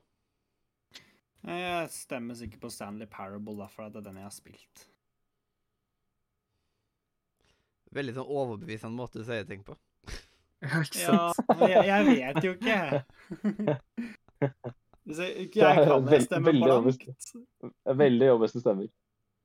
Ja. Uh, nei, uh, for min del så er det jo han godeste Sam Barlow. Han uh, har jo lagd bra spill tidligere. Han har lagd Her Story. Han har lagd uh, Telling Lies. Men Immortality er det eneste spillet som virkelig har gjort noe annet enn å skile min oppmerksomhet. Dette her, her er et spill som er på lista mi og må spille. Så hos meg så blir det Immortality. Ja, ikke sant. Eh, Å nei, nå kommer du til å lage det 2-2, du. ja Det er så vanskelig, fordi at uh, jeg, altså, jeg syns Immortality høres veldig interessant ut. Det var egentlig det jeg hadde tenkt å stemme på. Fordi at jeg er veldig glad i sånn der uh, FMV-spill. uh, som det her er. Eh, som eh, er en veldig sånn undervurdert eh, måte å lage spill på. Eh, men jeg jeg går for eh, The Standard Parable, for det har jeg spilt, så den historien kjenner jeg til og kan stå for. Og så blir det lettere for oss. Det, Ja, siden du har Det- slett å sette enda en på pause, så til slutt så sitter Jeg- med alle kategorier. min, minner om at vi jeg minner om at vi ikke skal stemme taktisk. Når det er sagt, så er det helt greit. Øystein. Du, du uh, Steinar Parable vinner. Mm. Da ble det i beste story 2022. Så ble det til slutt, etter litt om og men, Stanley Parable. Eh, full, full, tittel, Mathias? The Stanley Parable Ultra Deluxe Edition. Og da har vi Immortality og God of War Ragnarok Som vinner. På, på honorable Da, da ble det Stanley Parable som vinner. Og så har vi da Etter litt om og men på, på hvem som skulle på pallen, så har vi da Immortality og God of War Ragnarok. Men jeg tror-. Og jeg tror ikke dette er siste kategorien vi snakker om Immortality. Nei. Det kan du ha rett i. Mm. Ja. Nei, jeg tok og Ja. Jeg tok og gjorde det sånn fordi at eh, det sto veldig likt mellom de to spillene. Uh... Ja, ja. Det er greit. Det er greit. Øystein. Det, det, jeg skjønner det, liksom. Og så har du du jeg ikke spilt det ene spillet, og så har du spilt det andre. Så det er, sånn det er. Må, Nå- det, er, vanskelig. Nå har jeg ikke vært så veldig flink på de, for, på de aller siste kategoriene her. Liksom når man skulle ta uh, Forklare hva en, uh, hva en kategori er. Neste kategori det er jo Årets spill å ta med til Mars. Det er jo en av de kategoriene vi egentlig Jeg føler at vi aldri egentlig er blitt skikkelig enige om hva den kategorien egentlig heter, siden uh, du kan kalle det To the Moon. The Martian, to the moon, årets to the moon, yeah! Eh, så det Årets liksom The Martian. The Martian, The Martian, The Martian, The. Ja, Nei, men eh, liksom, den, det er jo det, det er jo ikke så veldig mange nye priser i år, så det er, vi trenger ikke å forklare så veldig. Folk som har vært med oss så lenge, de, eh, de kjenner vel priskategoriene våre. Jepp. Eh, men ja, eh, det er i alle fall Det som på en måte kommer til å stå på papiret, er årets spill å ta med til Mars. Og da må det jo selvsagt Det bør jo helst være replay value eller mye å ta i. Og gjerne noe som man kanskje ikke har spilt sånn kjempemye fra før av, som du har mye nytt å oppleve. Mm. jeg tenker på at Det er som et spill du eh, kunne nytet i en isolert tidsperiode, liksom. Altså, hvis du er helt isolert og ikke har noe annet Ja, Altså- og kunne jeg eventuelt kalt det eh, I korona, så kunne vi kalt det årets karantenespill. Ja, ikke sant. Det er gjort. Mhm. Karanteneprisen. Yes. Uh, men den første til å nominere et spill til å ta med til Mars, er da Katrine. Ja, for jeg valgte nemlig da Elden Ring, da, for at mye på at det er så mye content i det spillet, fra hva jeg har hørt og sånne ting, ikke sant? Det er derfor jeg tenkte at Elden Ring, hvis jeg skulle valgt ett spill som kom ut i år som kom til å ha med til Mars, ikke sant? Da kommer jeg aldri hjem igjen, jeg kommer aldri til å få spilt noe annet, ikke sant? Da må jeg velge Elden Ring, for at jeg har med content, ikke sant? Jeg hører av folk som har spilt i over 150 timer og finner fortsatt nye ting å gjøre, ikke sant? Så det er derfor jeg nominerer Elden Ring. Yes. Uh, og da er det Glatyboy. Ja, min uh, nominasjon til The Martian, det er eh, Det er eh, Så vidt jeg husker, så var det et spill eh, Vi hadde jo denne, denne kategorien hadde jo vi også på julekalenderen vår. Mm. Og da var det et spill som toppa, toppa min eh, topp tre-liste der, og det var rett og slett I likhet med Eagle her, så var det rett og slett Elden Ring. Så jeg tror jeg bare har én nominasjon her, Øystein. Stemmer ikke det? Det stemmer. Du hadde til og med lagt ut et utropstegn på den. det er fordi jeg mener den er klink. Ja. Eh, altså, du, du vet sånn jeg, jeg vet ikke, altså Det er ikke hakk i plata, altså. Men eh, det, min nominasjon er et spill som, som kanskje har blitt nevnt før. Uh, Elden Ring. Og grunnen til det er fordi at jeg har spilt det spillet så mange ganger gjennom, og finner fortsatt nye ting. Jeg blir aldri slutta å bli overraska fra det spillet. Yes. Eh, og da er jeg den som stikker meg litt ut og sier jeg, jeg bryter litt min egen regel her, men det er rett og slett eh, fordi det eh, Det er det Ja, jeg, blant de første spillene i denne serien som man faktisk kan dyppe, eh, dykke seg veldig dypt ned i. Og jeg eh, ser ikke vekk fra at jeg kan ta og spille det igjen og sånt. Eneste at det kan være litt vanskelig å få full pott i det spillet, siden man trenger jo folk. Men det er rett og slett eh, Pokémon Scarlet slash Violet. Eventuelt, eh, sånn, eventuelt kunne vi bare hatt begge, da, vet du, siden Men eh, rett og slett eh, en Pokémon-nominasjon fra meg. Litt for at eh, når jeg tok og begynte å spille det, så hadde jeg egentlig bare lyst til å isolere meg fra alle andre. Siden da var alt med omverdenen Det var bare sykt irriterende. Jeg er egentlig enig der. Ja, det var liksom Jeg hata det, det at liksom, Selvfølgelig, det, det som er at spillet er ikke godt nok optimalisert og sånne ting, og det ble nok liksom, lansert litt for tidlig og sånne ting.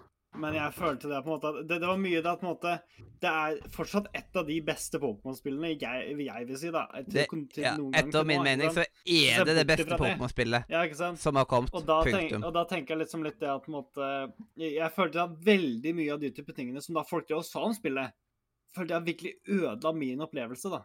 Ja, det var mye eh, det, Den fikk jo litt hets og sånt, så jeg liksom eh, Men det er veldig mye som ikke er helt perfekt på release. Jeg håper virkelig at Hogwarts Legacy blir et unntak, og at det får en god release. Med tanke på at det er blitt så forskjøvet på plattformer og sånt. Men altså, de har tatt og patcha og sånt. Jeg har ikke opplevd mye. Jeg har ikke opplevd det som Rune snakker om, men Rune tok jo anmeldte det, og hadde Spilte jo en veldig tidlig versjon. Og da skjønner jeg at han kan ha opplevd det. Men for eksempel, alle andre jeg kjenner, de er liksom De har ikke opplevd noe sånn. Er Det at er ikke noen ganger så har jeg sett at uh, Jeg Frameraten har blitt eh, litt lav, var dårlig, Men i tillegg så er liksom eh, Det er ikke så farlig, liksom. Det har ikke vært veldig mye av det. Det som. Det som er, da, også er jo det at hvis et spill har litt glitcher i seg, sånn som det det for eksempel er med da eh, Pokémon Violet nå, det var det samme med, eh, med Cyberpunk òg, ikke sant? ja, Cyberpunk og Folk tar jo da deler det, ikke sant, hvis de får en sånn veldig rar glitch. Og da er det liksom det at eh, det er jo det som går viralt. ikke sant? Eh, Folk hata jo Cyberpunk ikke sant? og bare prata om at det er en buggy mess og sånne ting. Og jeg spilte spillet dag én. Jeg har 100 timer i spillet og har aldri opplevd en game-breaking glitch sånn som det jeg har sett. ikke sant? Ja, og det samme var det jo med dette her eh, Hva heter det? Eh, dette her spillet i rommet. Dette her evigvarende spillet i rommet. Hva pokker heter det nå igjen, da? 20, det var det fra 2016, eller noe sånt? Tenker du på det der eh, Å, jeg vet hva du tenker på, men eh, Ja, men det, ja. Det som har blitt, uh, blitt mye jobba på eller- i, i senere No tid. Man No Man's Sky, Sky. så er No, Man, no Man's Sky, ja. Så liksom Det er mange som kan ha en røff start. Uh, og Ja. Det er jo Folk har jo veldig lyst til å fokusere på ting. Eh, jeg har jo spill, Jeg har opplevd masse rare bugs i veldig mye spill, og blant annet Ubisoft-spill. Der blir jo bugsen aldri fiksa på heller.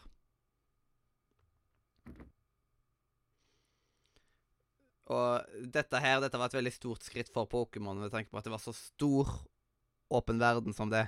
Den er jo gigantisk. Og det er veldig få steder jeg kjenner at jeg må loade eller noe sånt. Jeg føler jeg bare er i en stor sandkasse.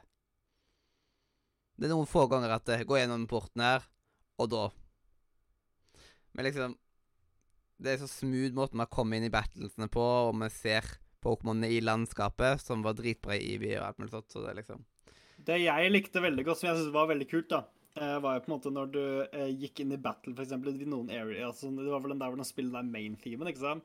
Mm. Så går du inn i liksom en battle, og så er det bare det er en sånn veldig smooth transaksjon. Det bare kommer sånn skikkelig sånn bassgitar under.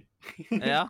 Det er liksom Det synes jeg, jeg synes det var så De kult. Jeg satt de der liksom bare- og viba til det, ikke sant? Eller når du møter en trener, så bare står han så plutselig så hiver han jo ut ballen. Og at nå kan, må du faktisk gå til dem og snakke til dem istedenfor at Hei, du! Battle nå! Så jeg Jeg liksom driter i om du er en unge. Du må liksom Nå må du på en måte gå opp i trynet deres, og så Å, hei! Ja, nå er jo battle. alle de valgfrie. Ja. Nå er du, nå er du, den, nå er du det rasshølet som Mm. bare går Bare står du her? Det får ikke du lov til. Mhm. Men ja. Men eh, Ja, så jeg vil ikke at det skal bli saga for mye på grunn av det som var i starten, liksom. ja. Eh, ja. Og det er liksom det nærmeste jeg merka et snev av spillavhengighet og. Nyttårsaften mi, nyttårsfeiringa mi i år, det var liksom utenom spisinga, så var det å spille Pokémon. Og det har jeg aldri opplevd før, at jeg på nyttårsaften har sittet og spilt et spill alene, liksom, og dret i alt annet.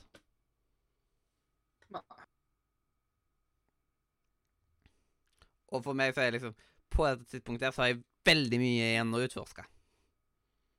Og derfor, liksom, hvis vi skulle dratt til månen i morgen, eller til Mars, så hadde jeg liksom Så hadde det vært eh, mitt obvious valg.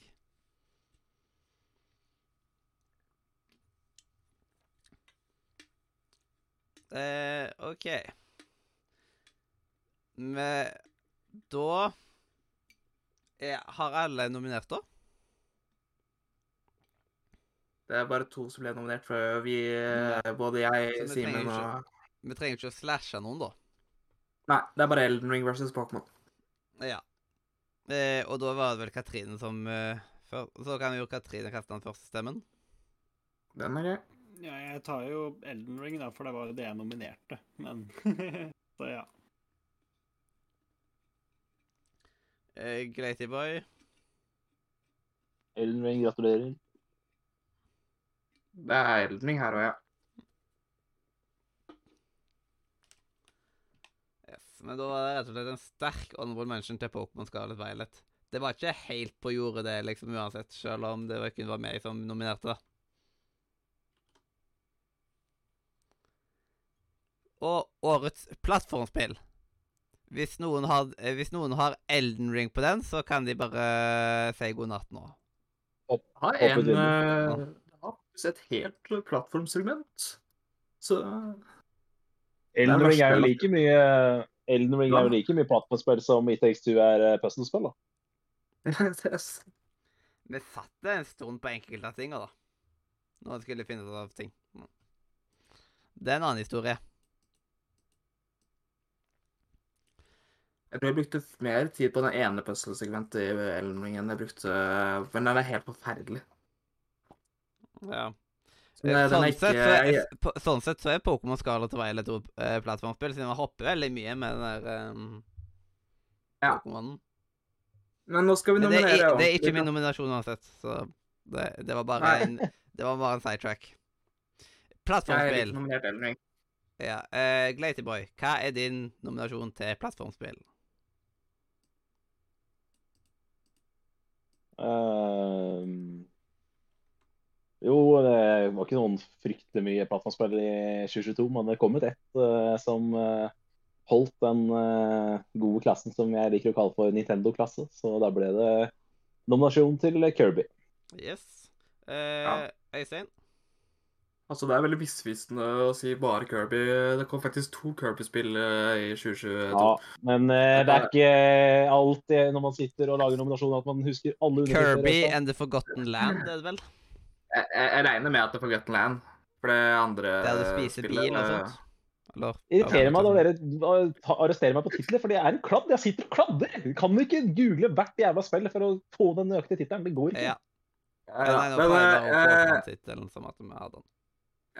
eh, men det går fint, for jeg har også nominert Kirby, men jeg, får, jeg, jeg har skrevet tittelen. Så du slipper å Altså, google. Så bra for deg, da. Så profesjonell og flink du er. Yes. Eh, jeg har òg nominert Kirby and Forgotten Land. Hey! nice. Ja. Det skal sies, da. Det kom ikke så mye bra plattformspill i år, så det, var ikke, det hadde ikke så god konkurranse, men det spillet var jævlig bra. Ja. Det er sant. Og så ja. Og så var det første gang Kirby var i ordentlig 3D. Yes, så da bare kan Eller ordentlig 3D-plattform. Så, Det tenkte ikke jeg på engang, men uh, det kan stemme, det. yes. Hva har du nominert, Katrine? Ting. Hæ? Ingenting. OK. Da, dette er den letteste kategorien ever, da. Da går selvsagt årets plattformspill Til ingenting. til, eh, til God of War. Ingenting. Eh, til God of War. ja. Nei, til Elden Ring. Elden har et ganske kult segment. Si det, da. Ja, Til Kirby? Forgotten Land er da årets Hey. plattformspill. Gratulerer, Kirby. Jeg skrev utropstegn. Gratulerer. Jeg skrev utropstegn på Elden Ring i stad, for jeg mente den var klink. Og da viste det at den her var enda mer klink. Her har du prisen som du kan suge inn, Det er riktig. hvis det er lov å si. Tenk at vi eh, nominerte et spill som suger så mye. Ja. Det suger jo skikkelig. Og ja eh, men Plattformspill sier seg litt sjøl, da. At ja, det er jo Det er som hoppespill. Årets eh, skytespill, eller årets pang-pang-spill, det er et spill der du skyter på et eller annet eh, vis. Og, ty eh, og da kan jo for eksempel òg Selda og den slags kategoriseres innenfor det, hvis man har hørt på nederlandslaget. Eh, siden de hadde jo med skyting og med pil og bue. Mhm. Ja, det ene spillet er skytespill, da. Ja. Eh, yes. Ja, det, her, det her er jo en kategori vi faktisk har diskutert en del. Hva er et skytespill? Det er jo faktisk eh, vi er fortsatt ikke blitt helt enige her.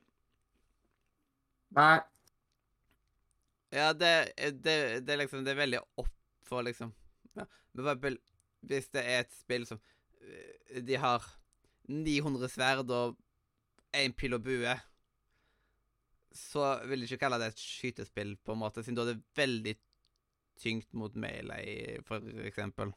Men Men hva med et spill som eksempel Horizon, da? Der du har mainly bue og altså De meste er veldig fokusert på den bua. Hvis du Er googler det- Horizon, så er vel ikke akkurat det, det, det Skytespill er vel ikke det første som kommer opp da. Nei, for det er liksom det Jeg tenker liksom pistol.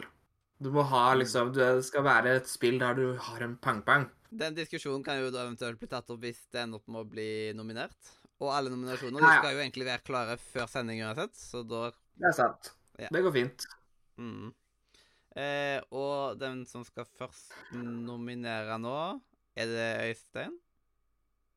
Jeg prøver liksom å holde styr på dette. Du burde hatt en initiativtracker sånn egentlig. Jeg tror det er min tur, ja. Ja. Og min nominasjon er High On Life. Er du høy på livet? Ja. Har dere hørt om High On Life? Ja, Ja, ja, selvfølgelig. men uh, Det er, det er liksom Jeg må bare friske opp minnet litt her og nå. det er et Rick spill Morty med- snakkende pistoler. Ja. Det er Ricky Morty-skaperen som har masse pistoler. Nettopp derfor et skytespill. For det er, masse, det er jo bare pistoler. Det, det vi har Eh, funnet at ut av, er. Men det vi har funnet ut av, er at i Radio Nordmedia så er ikke skytespill vår favorittkategori. Nei, men det der har faktisk god humor. Hvis man liker Jeg eh, spiller mye skytespill, faktisk. Ja, Da blir det spennende å høre din eh, nominasjon etterpå min. Ja. Eh, og min nomina, eh, no, dominasjon går til Fy faen. eh, Går til eh, Splatoon 3.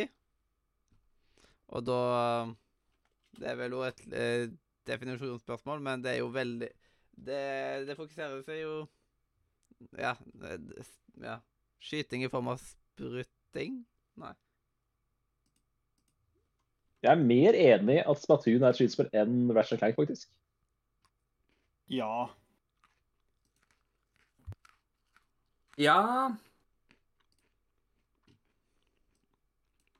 Så jeg, jeg liker å sage din nominasjon, Mathias, men akkurat den der, der den, eh, den støtter jeg. Yes. Men hva med High On Life, da? Du som har så mye båter.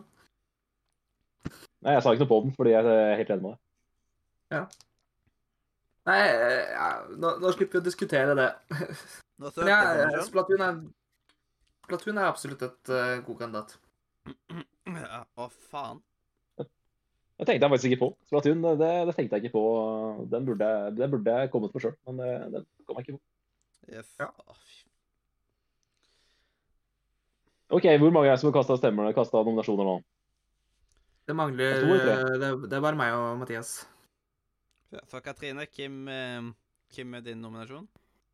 Eh, min nominasjon på skytespill, da, skrev, da tok jeg Overwatch 2, da. Selv om at jeg ser egentlig ikke på Overwatch 2 som en oppfølger, men det er jo et faktisk er- skytespill, da. Ja. 2022-spill? Hæ? Er det et 2022-spill? Ja, Det det Ja. kommer til å ja. Overwatch 2, Ja, da må som det må det stå. Ja. Så, Men det, for det som er at liksom, De, de kaller det. Overwatch 2, men det var mest bare liksom litt sånn som Fortnite chapter 2, på en måte. Men det, yep, eh, de kaller det en sequel, da, så derfor mm. tenkte jeg da går det vel greit. da, selv om Jeg vil ikke si det Ja, ja. Siden det de gjorde med det, Greia med Overwatch 2 var jo blant annet at uh, de stengte ned Overwatch 1, og Overwatch 2 er et free to play-spill. Eh, og der så har jeg litt sånn blanda følelser for liksom det, Og det er veldig sånn til flere, at flere òg mener at det, det er ikke så stor forskjell mellom det og ja. Nei, de har de eh, sier i hvert fall at det kom ut i år, så da ja. Eh, så Kom det, i år. liksom, det kunne heller vært for eksempel eh, det, eh, Overwatch 2 kunne egentlig vært en DLC. Eh, spesielt Ja. det der når de stenger ned ja. serverne til et spill som folk har betalt for. Ja. Det liker jeg veldig dårlig. Og derfor så kom, det er liksom, Hvis vi kommer til å Hvis nå kommer én til nominasjon, så kommer jeg til å sage ned Overwatch 2 på grunn av at jeg er, det er liksom, jeg er irritert over det.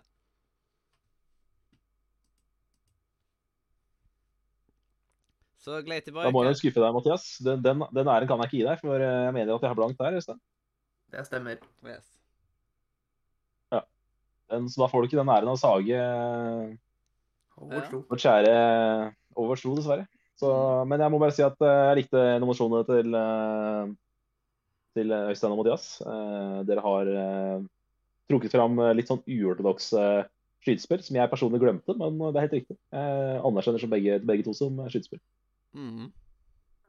Og man må jo ikke ha sånn typisk sånn eh, eh, veldig ja, standard skytespill i kategorien.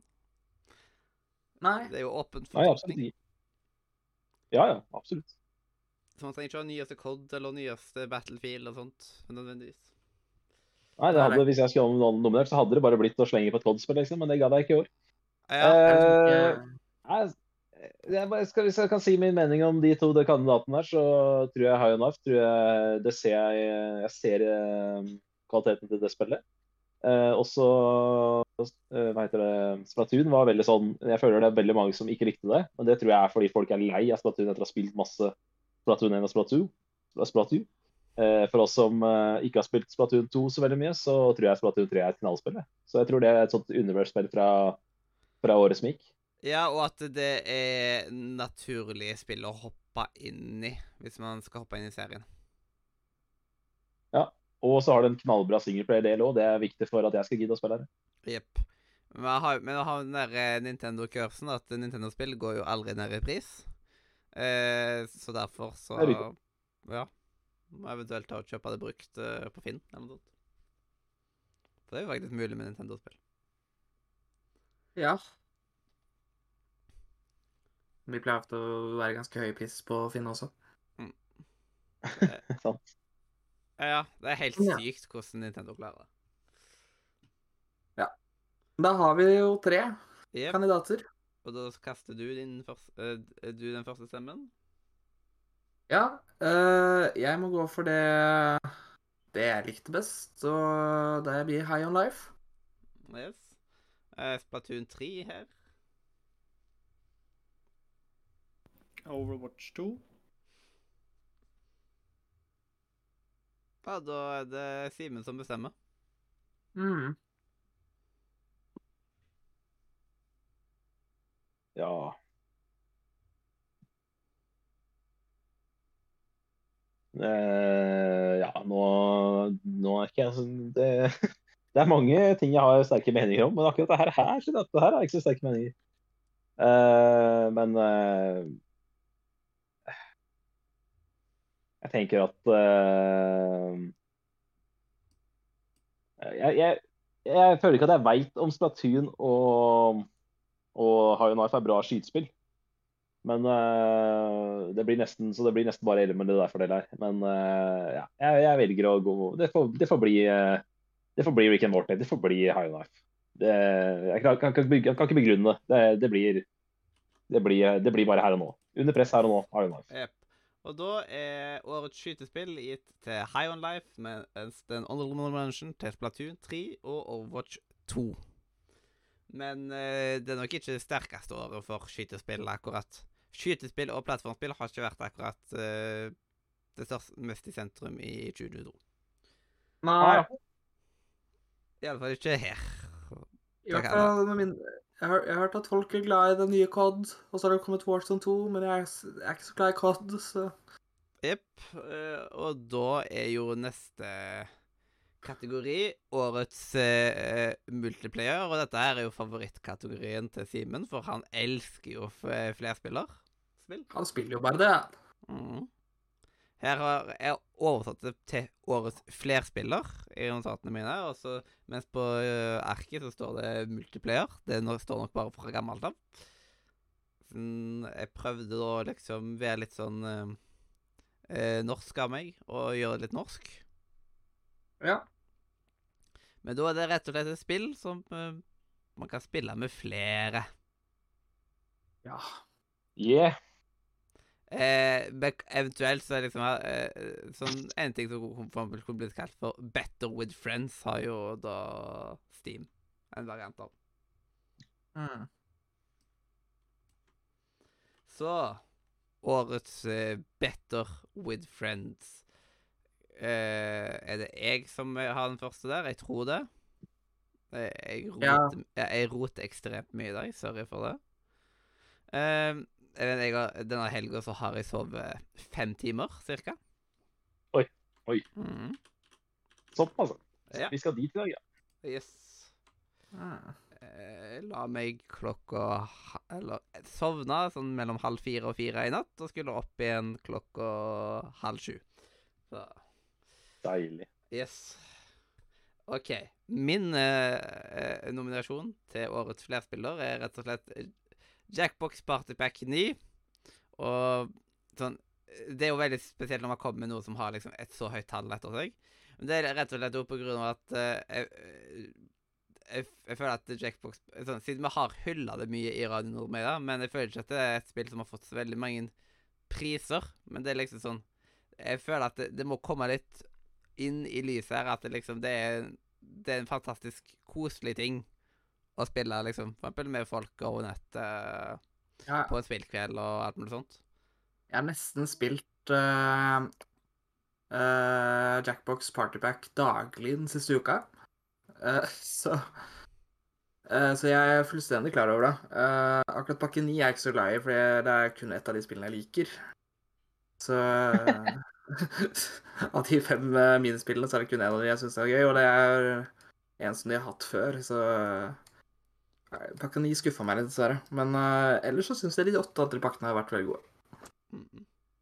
Og så, er det jo an på referanser, altså hva man liker selv. Så vidt man Eh, her også så kunne man jo dratt det der DLC-kortet, at de kodene jo egentlig gjort om til det, og at du kunne kjøpe DLC med flere og flere spill. Uh, Jeg syns det. så hadde du sluppet å bytte mellom de. Så det er litt Ja, rart for det at de ikke irriterende å har måtte kjørt det. bytte. Ja, for det burde egentlig bare vært litt sånn DLC-pakke 1, 2, 3, ikke sant? Så at de burde bare hatt en samlepakke. Så. Ja. Eh, Men ja, ja. Det får gå bra. Jau, jau, jau. Siden da kunne du rette enkelte. Eller hvis du kunne kjøpt minispillene for deg sjøl, muligens. Helt, helt personlig så syns jeg også de burde bare hatt på jackbox.tv at du kan logge deg inn og kjøpe spillene der. Så alt er nettlesbasert, fordi du hadde jo egentlig ikke trengt å ha hatt liksom lastende ned spillet på din egen maskin heller. Men nå skal ikke vi diskutere hvordan Jackbox skal fikse sine systemer. Mhm. Nå skal vi nominere Ja. andre ting. Så Katrine, hva er din eh, nominasjon? Jeg tok bare Overwatch 2 igjen? Overwatch 2 igjen, Yes. ja, for jeg, jeg har ikke noe. Du kan, jeg kan nesten bare si blank sånn egentlig, tror jeg. Yep.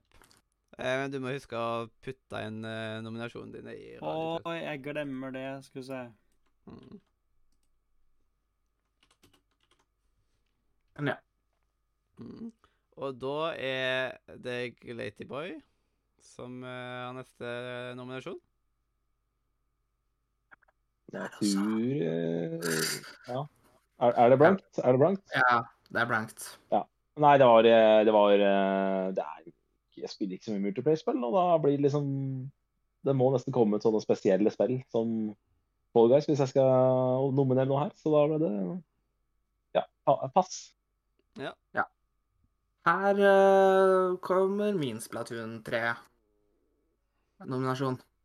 Yes, så uh, den uh, dukker opp én og én, ja. Eh,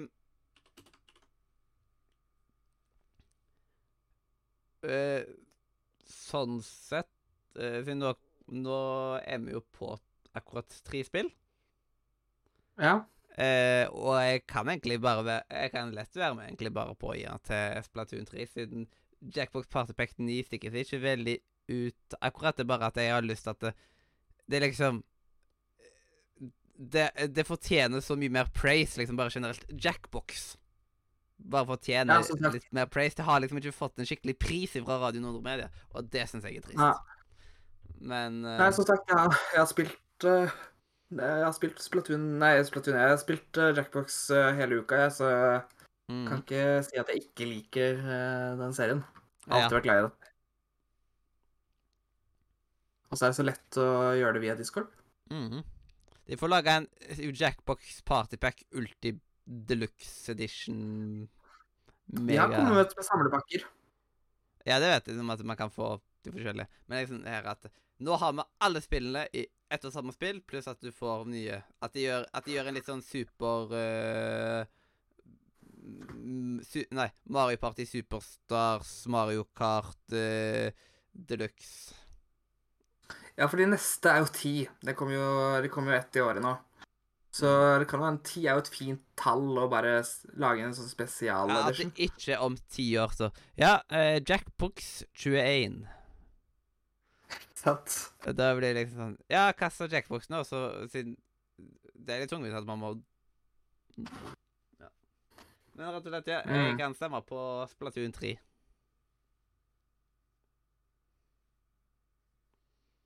Ja, er alle enige? Det hørtes ikke ut som noen hadde noe å si imot. her. Ja, siden jeg tror Glatyboy gir litt F i denne prisen, sånn egentlig. Fordi Nei, altså, nå er det ikke bare delt ut én stemme? Ja, eh, stemme pluss eh, at en annen nominerte det. Så jeg vet på en Ja, måte så hva jeg det synes. Ja, men han har, ikke, han har kanskje lyst til å si hva han Han har kanskje lyst til å begrunne noe. da. Mm. Ja, jeg sitter jo og hører på Jeg har ikke noe å komme inn med Jeg kan ikke, jeg kan ikke protestere på stemmen din. Du må jo få lov til å stemme på hva du vil. Ja. Eh, Katrine, hva stemmer du på? Eh, skal vi se Jeg, jeg tar vel Jack in the Box, sikkert. Jeg tror jeg spilte sånn én gang før. Yes. Glatyboy? Ja, Uh, som jeg sa i stad. uh, Splatoon 3 det er et uh, Universe-spill fra 2022. Eh, og jeg unner det spillet en pris. Så når jeg får muligheten til å Nå, nå på en måte tapte dere på målfoto i stad. Eh, når jeg da får mulighet til å rette opp det nå, så gjør jeg gjerne det. Så da går min stemme til Platoon 3. Mm. Men det Det er greit, det. Da går det bra, vet du. Da pris, det. det er, alle får pris, vet du. Du får en pris, og du får en pris. Alle får en pris. Det setter vi pris på. Og så er det neste pris. Uh, ja, siden Ja, vi endte jo opp da med at Splatoon 3 fikk den. Og så ble Jackbox Ja. Perfect 9 og Overwatch 2 de ble sånn såkalla honorable mentions. De kom, de også. Hvis det er lov å De si. gjorde det. Det er bare så vidt. Mm. Uh, så yes. Eh, da er årets co-op, siden det er jo en ja, fra litt nyere tid. Rett og slett som at eh, typisk eh, It Takes Two slipper å konkurrere mot eh, Overwatch 2. Så at Way Out kan vinne priser. Enda flere priser. Eh, ja, liksom at det, Siden noen av de, det, liksom, de forsvinner litt i liksom Så flerspiller er en veldig stor kategori, og co-op blir litt mer sånn. Mens co-op er liksom en veldig viktig kategori for seg sjøl. Mm. Og da er slipper man å ha liksom Ring og Felicium versus Ja.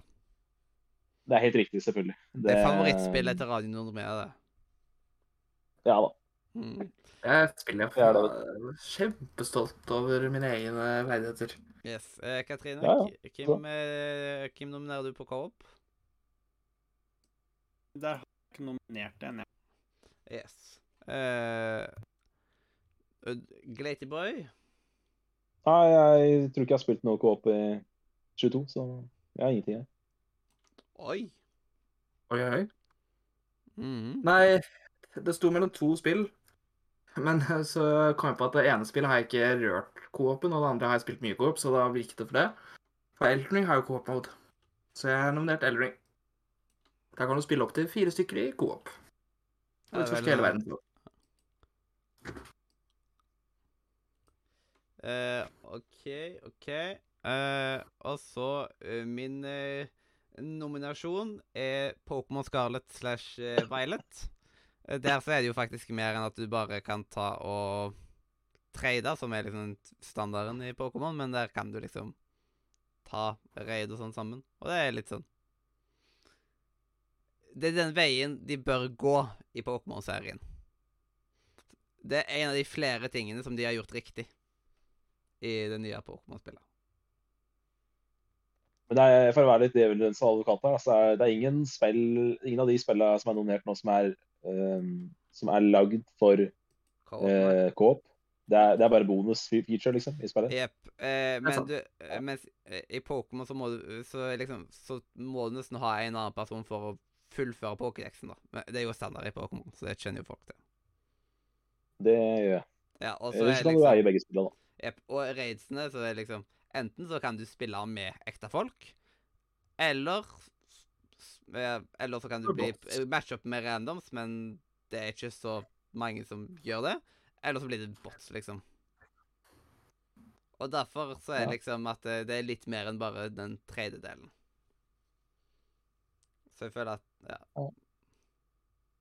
Ja.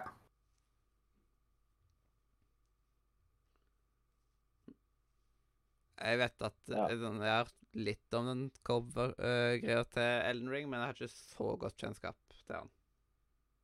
Nei, det er jo egentlig bare at du inviterer eh, opp til tre venner inn i verden din, og så kan du eh, slåss mot bosser, og så blir alt scala litt opp, slik at det liksom ikke blir for lett, siden det skal være litt utfordrende, disse spillene. Ja. Og så er det for første gang uh, på lenge Fordi grunnen til at dette her er litt bedre i Coop enn de andre spillene, er at vanligvis er det veldig vanskelig å komme seg inn i Coop.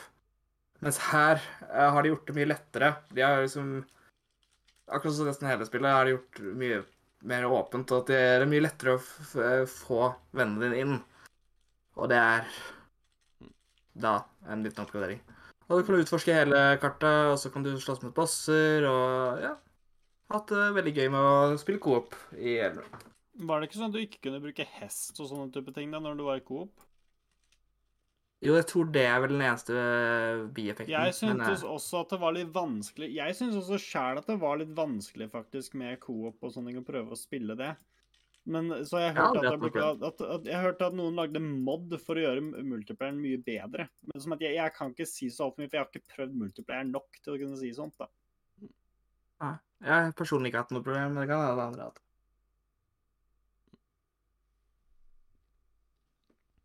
Men ja. Skal vi gå til, stem eh, til kakeboksen? Det er greit. Jepp. Eh, jeg glemmer helt ut. Er det Glatyboy eller Katrine som er først nå? Er jeg usikker. Ja. Nei, noen må jo være først, så det er ikke så, det er ikke så viktig. Jeg kan gå Eh, først, jeg, for jeg har ingen nominasjon. Nei, men da skal du stemme. Vi skal ha avstemning, da. Mm. oh, ja, oh, ja, jeg trodde vi gikk videre. Unnskyld. Uh, skal vi se. Spoiler da. Ja. Uh, skal vi se Skal vi se uh, Ja Jeg tror jeg bare tar Elden Ring, jeg, også, ikke for det er det jeg har spilt. Men det Altså, det er fryktelig vanskelig når det står mellom to spill som ikke har skreddersydd eh, co-op slash skreddersydde multiplayer-opplevelser. Fordi eh, Ja, de hadde tapt mot å- de hadde, I andre år så hadde de tapt uh, mot veldig mange andre.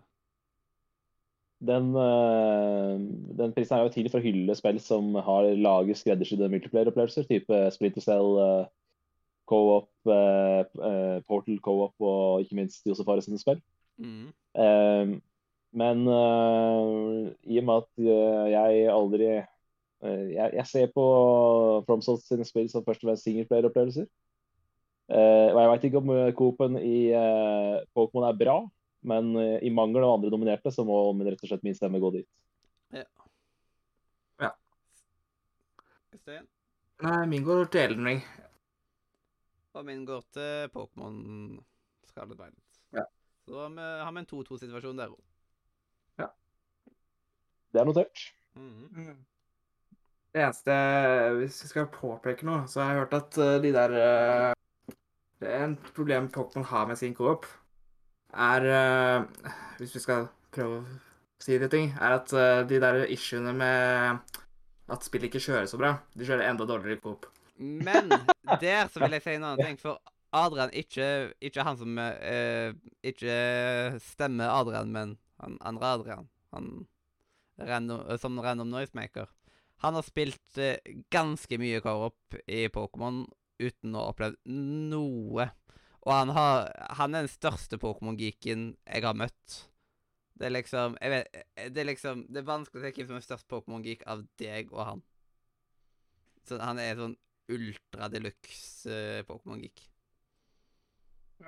Det høres eh, plausibelt ut, det Øystein sier. da. Så eh, Nå ble jeg litt uh, usikker på om jeg stemte riktig, men, uh, men uh, ja. Jeg har ikke spilt noen av de opplevelsene, så det Ja, og jeg har heller ikke opplevd noe særlig greier med Pokémon. Eneste var liksom framerate noen ganger, men det liksom eh, Det var jeg, Så jeg opplevde litt liksom den første timen jeg spilte det, liksom. Etter det så har jeg ikke tenkt over noe sånt, og jeg har spilt det i ganske mange timer nå. Jeg er vel rundt 30 timer selv. Ja. Jeg er rundt der sjøl, så da er liksom Det er bra, da. da. Dere, dere har eh, Dere ikke føler at det ødelegger opplevelsen. Og på første nyttårsdag så hadde jeg vel en session på over ti timer. Ja, ja. Det er uten å gå ut av spillet. Det. Og det Det var ikke noe memory like, eller at det ble ikke mer og mer ustabilt. Ja. Nei, det blir spennende å se hvor langt det når opp på årets spill. Ja. Men da må vi vente med co-op litt, iallfall. Ja. Årets familiespill. Eh, da kan jo Glaterboy være først der. Ja, jeg har ganske mye. Jeg tror Øystein må ta nominasjonen for meg. Ja, her har du, her har du levert uh, Mario Strikers Oi, sorry. Uh, Disney Dreamlight Valley, Kirby, Pokémon Arceus.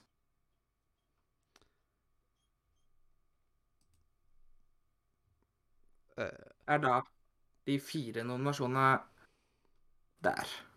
Ja. Det var ikke før. Så jeg kan være så hyggelig å slenge inn baktittelen på Kirby, bare for å ha gjort det. Ja, det er fint, da. Mm. Eh, akkurat uh, Dreamlight Valley liksom, Det er veldig mange som uh, hyller det spillet veldig mye. Og jeg har liksom ikke hevet meg ut i det sjøl heller, så jeg liksom lurer på Er det spill for meg eller ikke, liksom. Det aner jeg ikke. Jeg har 130 timer i det spillet. Oh, wow.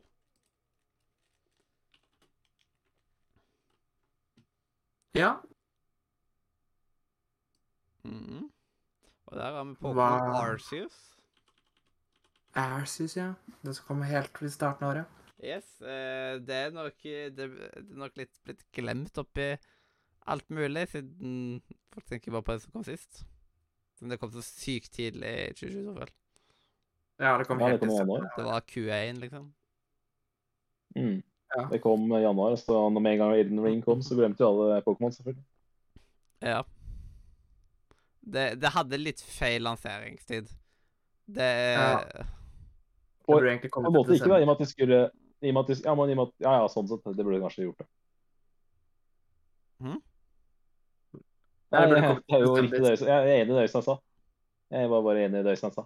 Men uh, det var riktig at det var ca. et år mellom. altså. uh, med tanke på at de skulle gi to Pokémon-spill i løpet av 2022, så var det greit at de kom helt til starten av året. Det er sant. Men de burde bare prøvd å få det ut en måned før. Det burde nok være desemberspill, da, sett etter de. Jeg tror Det går bra. Men de hadde eh, Der hadde eh, der, Da hadde de nok falt Mange ting som kom ut i desember òg. Det blir òg igjen glemt. Fordi det liksom da runder folk opp spillåret sitt. Og Level Up Awards er jo i desember, og så den store Hva heter den der store Game Awards, ikke minst. Game Awards. Game Awards. Ja, den, da kommer ikke den med. Synes, Den ja, kommer ikke med. ja, jeg føler at det gir Det mye er, de har vel grensen. Jeg tror de er grense 1. desember eller sånt, så det, alt som blir gitt ut i desember, kommer ikke med på den uh, kåringa. Alle uh, Tingen er at nominasjoner Fordi ting er at anmeldere må først anmelde det. Altså, anmelderne Ja, får det- først stemme.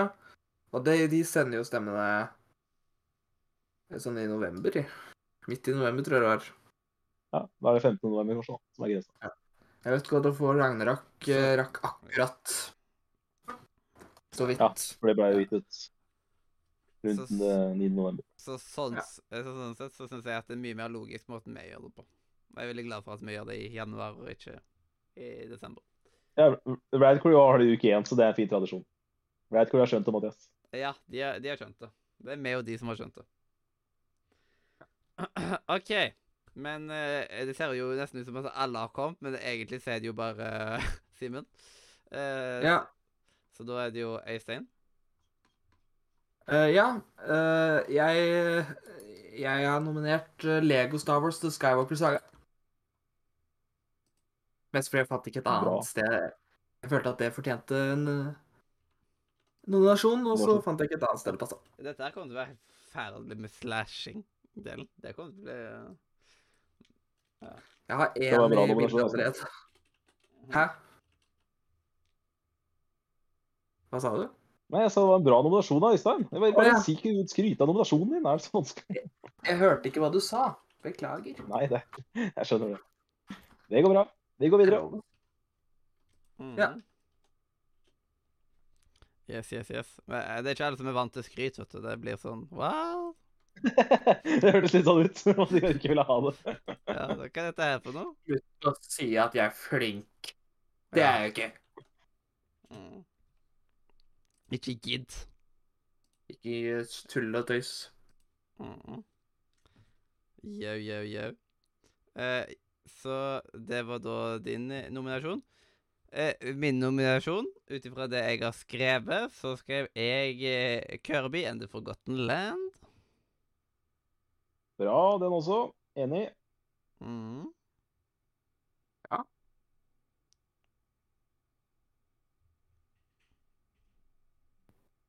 Skal vi se, er det meg, da? Det er det. Skal vi se, det jeg, hadde, jeg hadde veldig lyst til å også liksom eh, skrive på tull bare Colisto Protocol eller noe sånt, for jeg hørte at det var så guffent. Men jeg har ingenting her, jeg. Vi har nok, da, så det går sikkert bra i den kategorien. her. ja. Eh, Vi har eh, Jeg tror vi har for mye. OK. Men eh, først Kan jeg, Ja, kan jeg få slashe en med en gang? Fordi. Mario Striker, Simen, den Ja. får du ikke. Kom den i 2021? Er ikke det et familiespill? Er ikke det familiespill? Ja, men det er bare et spill jeg er kjent for å være crap and cash grab, og eh, det største Det er det ikke. Bare Nei, det er det ikke. Nå må du, må du skjerpe deg. Nå må du skjerpe deg. Bra spill. Bare Strike det? Er bra spill.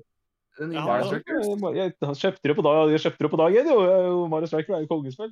Ah. Nei, men eh, det er kanskje litt uferdig. Men, Men, ja, men det, GP, det er jo Det er, det er dybde som fanker det.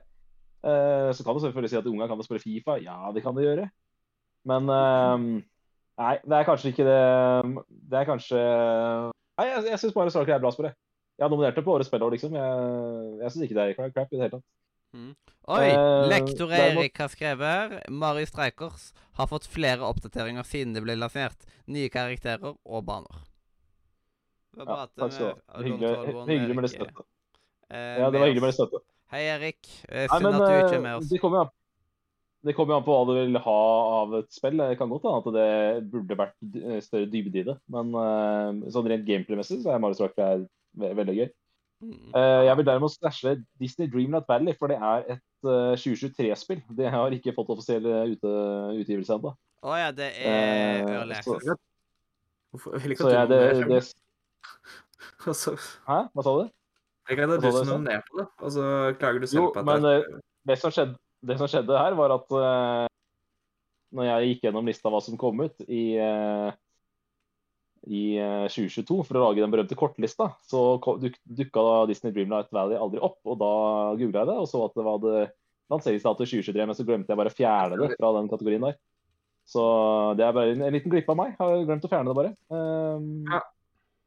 Jeg er veldig klar over at det spillet ikke har sant å eh, si. fått offisiell Og hvis det er én som er opptatt av offisielle ute, ute, utgivelser, Stator, så er det meg. For dere andre syns jo at, eh, at eh, Minecraft er et 09-spill, men jeg syns det er et uh, 2011-spill. Ja. Det er alltid det vanskelig, med 20. det, men eh, spesielt etter man begynte med sin Early Access. Derfor er det viktig med integritet. Så, og i og med at jeg er veldig opptatt av integritet på utgivelsesdatoer, så må jeg fjerne Disney Dream, Dreamlight. Eh, Ja. Da har vi 1, 2, 3, 4 spill igjen. Ja, OK da, Øystein, siden jeg har uh, Siden jeg har uh, Siden jeg har Siden det er fire spill er så greit, kan stryke Mario Striker. Det går sikkert bra. det. Eh, her står Med den logikken så er Valheim ikke et spill, skriver Erik. Det er helt riktig, Erik. Han er en smart fyr, han. Så vi sier jo ikke Ja. at uh, Early Access-spill ikke er et spill, men vi sier bare at Early og jeg har Access-spill Og jeg, og Erik, det er helt riktig. Skal jeg holde min integritet, så kan jeg ikke nominere Valheim. Og jeg har heller aldri nominert Valheim til noe som helst. Så derfor så holder jeg integriteten på plass. Så nå har vi én, to, tre spill. Varkør har Kirby and Forgotten Nå har vi tre spill. Pokémon eh, Arceus og Lego Star Wars The Skywalker Saga. Ja. Ja. Nei, altså, jeg tenker at, jeg tenker at Mario Striker Det er jo konkurranseaspekt i den, og det er kanskje Kanskje hyggeligere å spille Kirby med ungene der og banke dem i Mario Striker, men, eh, men jeg syns det fortjente en nominasjon, selv om Øystein var uenig i det. Så det er helt greit, det. Vi kan ikke være enige i alt heller. Men uh, jeg føler at det er ett spill som skiller, skiller seg veldig positivt av de tre som står igjen, og det er Kirby. Ja, enig der.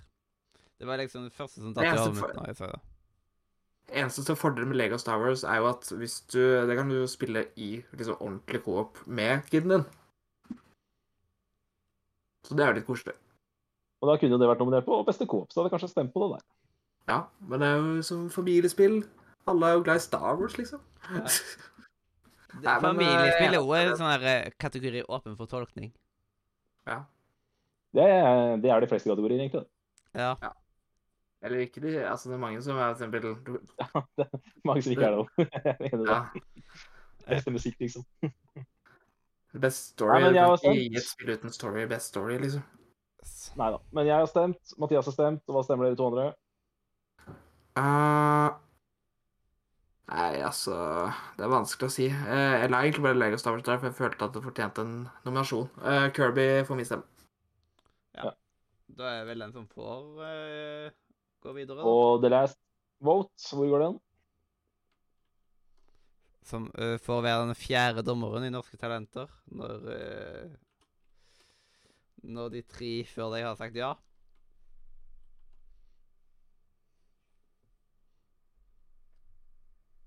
Er det der, Katrina? Å, ja, hei. uh, skal vi se Ja, jeg Skal vi se, jeg får bare stemme på Ja, sikkert Lego. Lego-spill er bra for familien. Tenker Ja. Der har du det at det Det er, er du kan spille flere folk også. Ikke sant? Det er sant. Mm. Ja, men det er koselig. Uh, Kirby er et sånt spill som jeg syns egentlig fortjener en pris i kveld. Uh, men jeg var langt ifra sikker på at det kom til å dra i land. Så jeg synes det er veldig hyggelig at uh, Kirby? Forgotten Lands ble kåra til beste familiespill. Og eh, vi deler ut uh, Honorable Mentions-diplomer til Pokémon Arceus og Lego Star Wars. Yep. Og da er den neste kategorien Årets eksklusiv. Eksklusiv. Exclusive. Yeah. Exclusive. Og her så eh, Da bør det jo helst være at det kun er på én plattform. Og mm, Eh, men så har man der kjipe greier med Xbox og PC. Og bare alt som kommer på Xbox, ja, og PC. Konsolleksklusivt, da. Jeg kommer ikke på så veldig mange eksklusive spill til PC lenger. Jeg, her er det sånn jeg, jeg gikk jo som Det her stemmer jeg alltid på Sony. Eh, hvis det ikke er noe drit fra Mario og greier som kommer ut. da. Men jeg, nå angrer jeg litt på at jeg ikke nominerte Pentiment her. Det Det det er litt usikker på om jeg er riktig. Eh, men, eh, men jeg skal ikke nekte. Altså, det er gjort er gjort. Jeg har nominasjonen, men jeg klarer. Yep. Eh, det, slo, det sto jo da i et år som hadde to sånne sodium-mastodonter, så sto det jo da mellom Horizon Forbidden West og God Ragnarok. Mm. Mhm. Og jeg innså vel etter at jeg har vært dyppa tærne mine, tåa mine ned i begge de spilla, så innså jeg vel at jeg var litt mer klar for å tilbringe tid i den ene verden kontra den andre. Og derfor så må min stemme, eller min nominasjon, gå til eh, Horizon Forbidden West. Yes, yes, yes. Ja. Eh, Øystein? Nei, her sto jeg også lenge og tenkte, for det, det var mye som kunne blitt nominert her. Men jeg valgte til slutt å gå for Pokémon Arceus. Mhm. eh, det ble Pokémon på meg òg, men for meg så ble det Scarlet Violet. Selv om at det, jeg, jeg vet Arceus var nok veldig viktig for videreutviklinga på den veien som det har gått. Siden det jo var litt sånn open world, men det var litt mer Ja. mytiske Eller hva heter det? Ja. Ga gamle Pokémon, eller hva man skal si. Mm. Eh, Jeg kommer ikke på hva riktig ord her blir.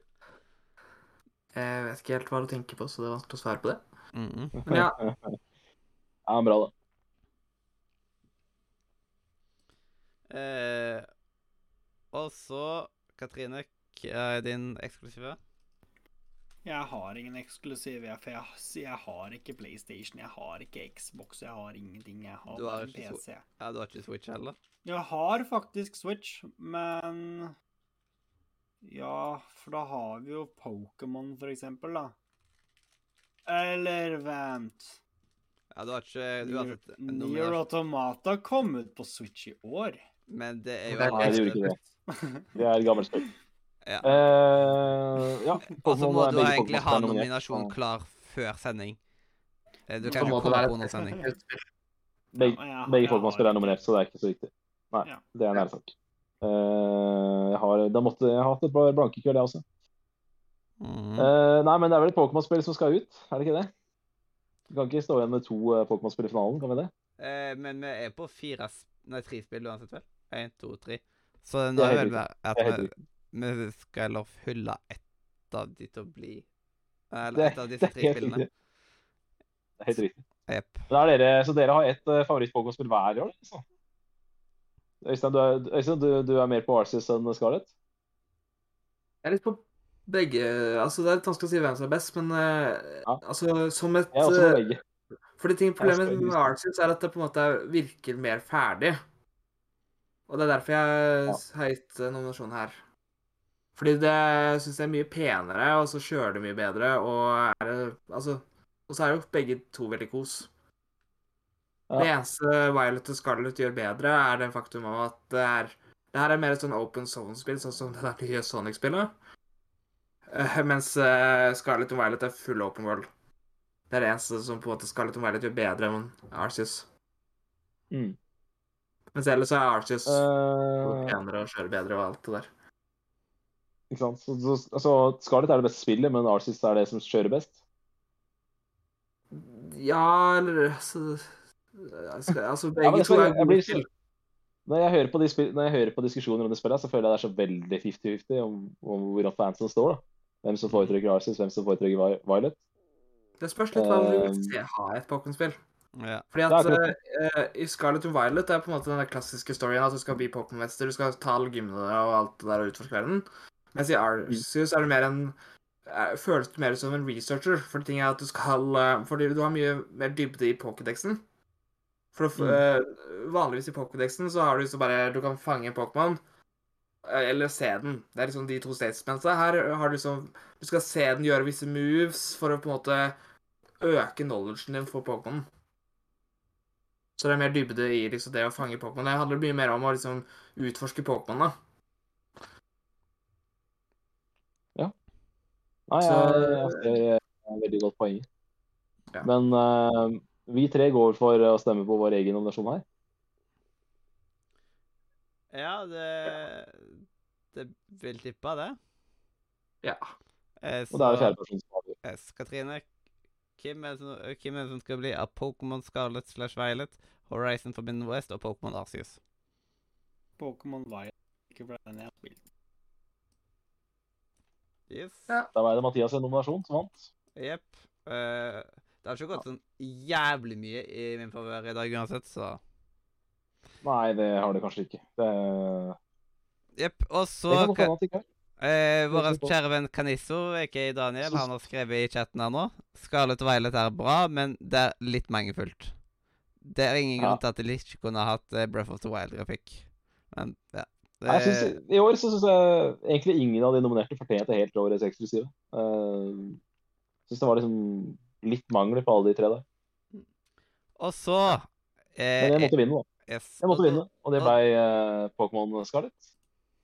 Så den fikk eh, beste eksklusive her i kveld. Og eh, vi sender eh, honorable mentions, varme tanker og honorable, honorable mentions til Horizon på West og Pokémon Arceus. Og så den farlige kategorien. Årets skuffelse. Her hadde jeg mange spill som kunne det, den er en, det er mye lettere kategori i disse Goti-sendingene enn spillersendingene. For eh, kanskje vi har litt friskere ja. minne de ting som har skuffet oss. Eh, Ja.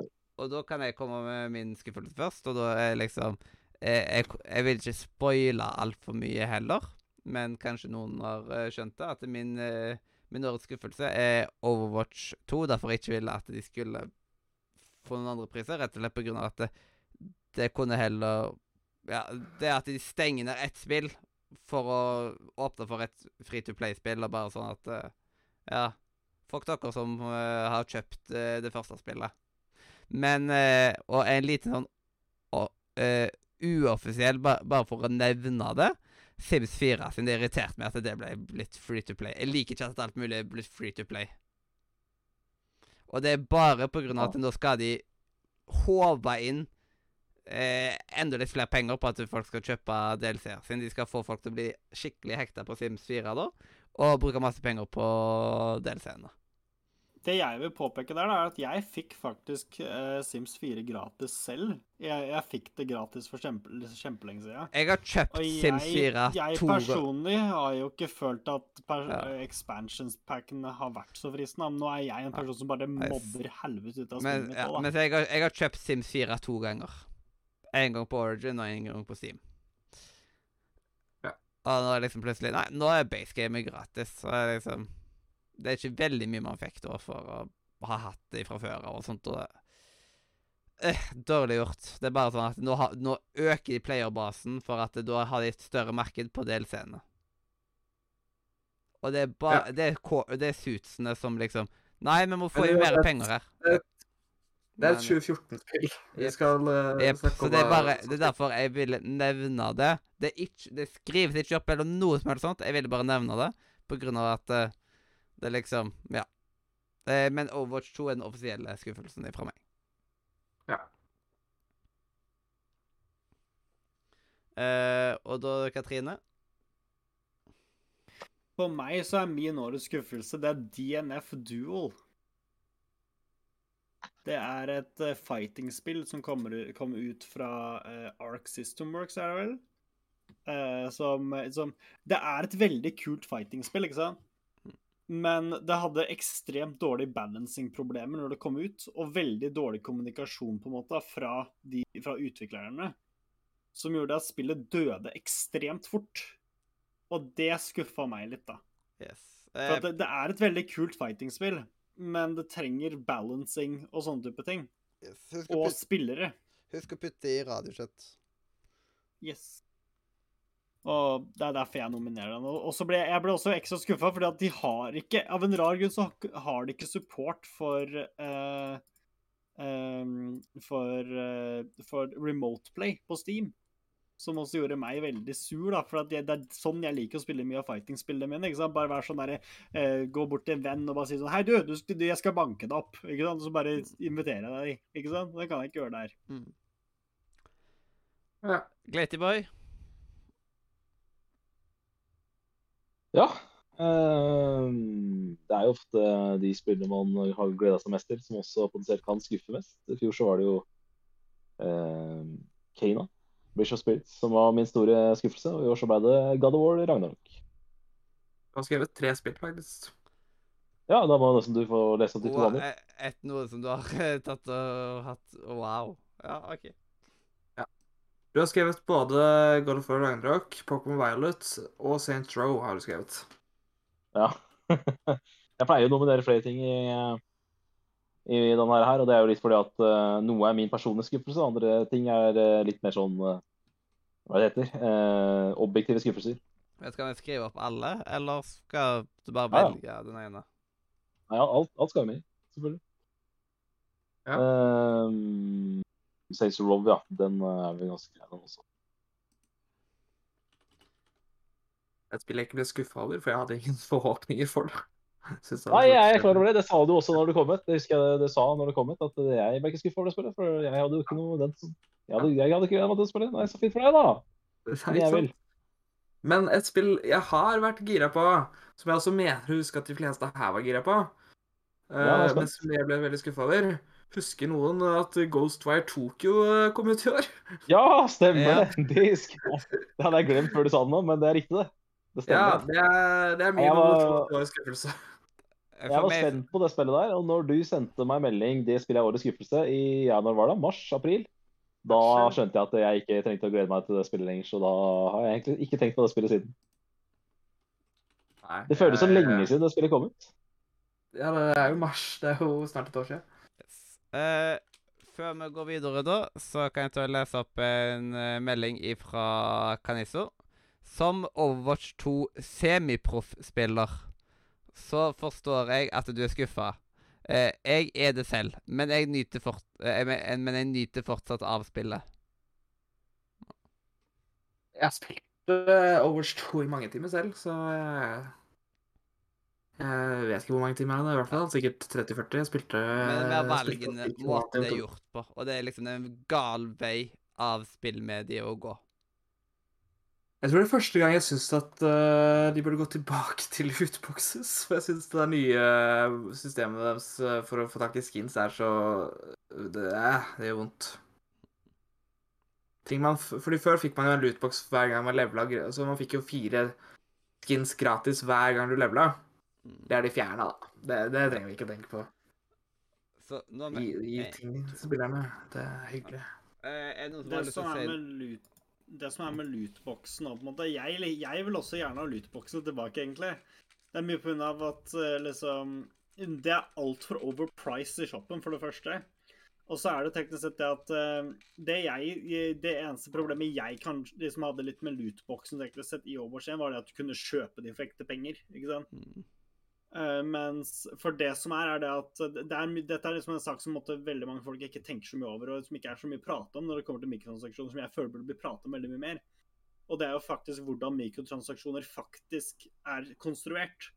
Fordi alt sammen er egentlig konstruert på å eh, ta, bare, egentlig bare ta nytte av folk med impulskjøpproblemer og dårlig dømmekraft. F.eks. folk med autisme, ADHD og barn, f.eks., og sånne type ting. Og det, det, og det, er på en måte Jeg som, jeg som ADHD f.eks. har veldig impulskjøpproblemer noen ganger. Og da plutselig kjøper jeg kanskje et skin til 200 kroner. Ikke sant? Mm. Mens en annen person hadde ikke gjort det. Altså, det, er så lett for en, det, som er, det er så lett for mange andre folk å bare si 'bare ikke gjør det'. Men det er ikke så enkelt. Det blir nesten litt som å få si til en person i rullestol og si 'bare gå'. Ikke sant? Og det er, det er, som, det er egentlig dette her alle sånne mikrotransaksjoner er konstruert på. Det er, på en måte, det er bare å få folk med ADHD, dårlig, folk med dømme, dårlig dømmekraft og impulskjøpproblemer og sånne type ting, til å bruke penger på spillet lettere. Uten at de tenker over det. Det er derfor de for tar i alle sånne free to play-spill så bruker sånn V-bucks, Robucks, ikke sant, og sånne type ting. Fordi det, det gjør også det at det blir vanskeligere å faktisk vite hvor mye penger du faktisk bruker på spillet. Eh, og nå skal jeg, kan jeg stå amen, eh. Mm. Eh, kan jeg så skrive amen i chatten. Ja. Uh, Eh, Men i hvert fall, det som er med lootboxer, er også at lootboxer er jo teknisk sett også litt den samme greia. Men det som var med lootboxen i Overwatch 1, var at du kunne jo få det ikke, gratis. fa De var ikke ikke veldig sjenerøse. men vi må ikke falle for langt Ja. ned i lootboxer akkurat Ja, ja. nå. Det, det er liksom, har ikke tid til å falle altfor dypt ned i lootboxen ennå. Jeg, i hvert fall, jeg kan si det at min mening, det jeg skulle ønske de hadde gjort da, i Overwatch 2, var det at de, de, kunne, de kunne sikkert gjort det de gjør nå, med alt det nye greiene. Alle de nye skinsa og sånne type ting. Men jeg tenker at du skulle beholdt lootbox-systemet og sånne ting for de gamle tingene. Det tenker jeg. Så kunne de heller bruke det på en måte til å encourage seg selv til å lage enda bedre greier, ikke sant? Ja, Men men jeg har de egentlig bare økt prisen på alt. Ja, liksom, nå, nå går skin som du kunne liksom fått gratis fra en lootbox, liksom opp til 200 kroner. Helt Mm. idiotisk. Eh, er det noen som vil noe mer på noen av de andre spillene, eller skal vi gå til å slashe? Nei, eh, det er greit å gå gjennom, greit, å gå gjennom alle spillene. da. Ja, Eh, vi har Overwatch 2, føler jeg vel vi har dekt. Ja. det føler Eh, vi også. finish Eh, duel. Duel er vel bare Katrin som har et forhold til. ja, jeg, jeg søkte opp Jeg, jeg, jeg har sett for det. Det er liksom det. Hva, hva sa du nå? At Det- eh, jeg fikk ikke med meg den nominasjonen? De, de Ja, duel. Ja, den, stor. glemte den glemte jeg å skrive opp, så den er grei å få, Ja. få ned i mine notater. Da er vi oppe i 1, 2, 3, 4, 5, 6. Uh, så halvparten skal inn på ballen, halvparten skal bort, da. Ja. Eh, Øystein, eh, hva, hvorfor Ghostwire Tokyo på lista?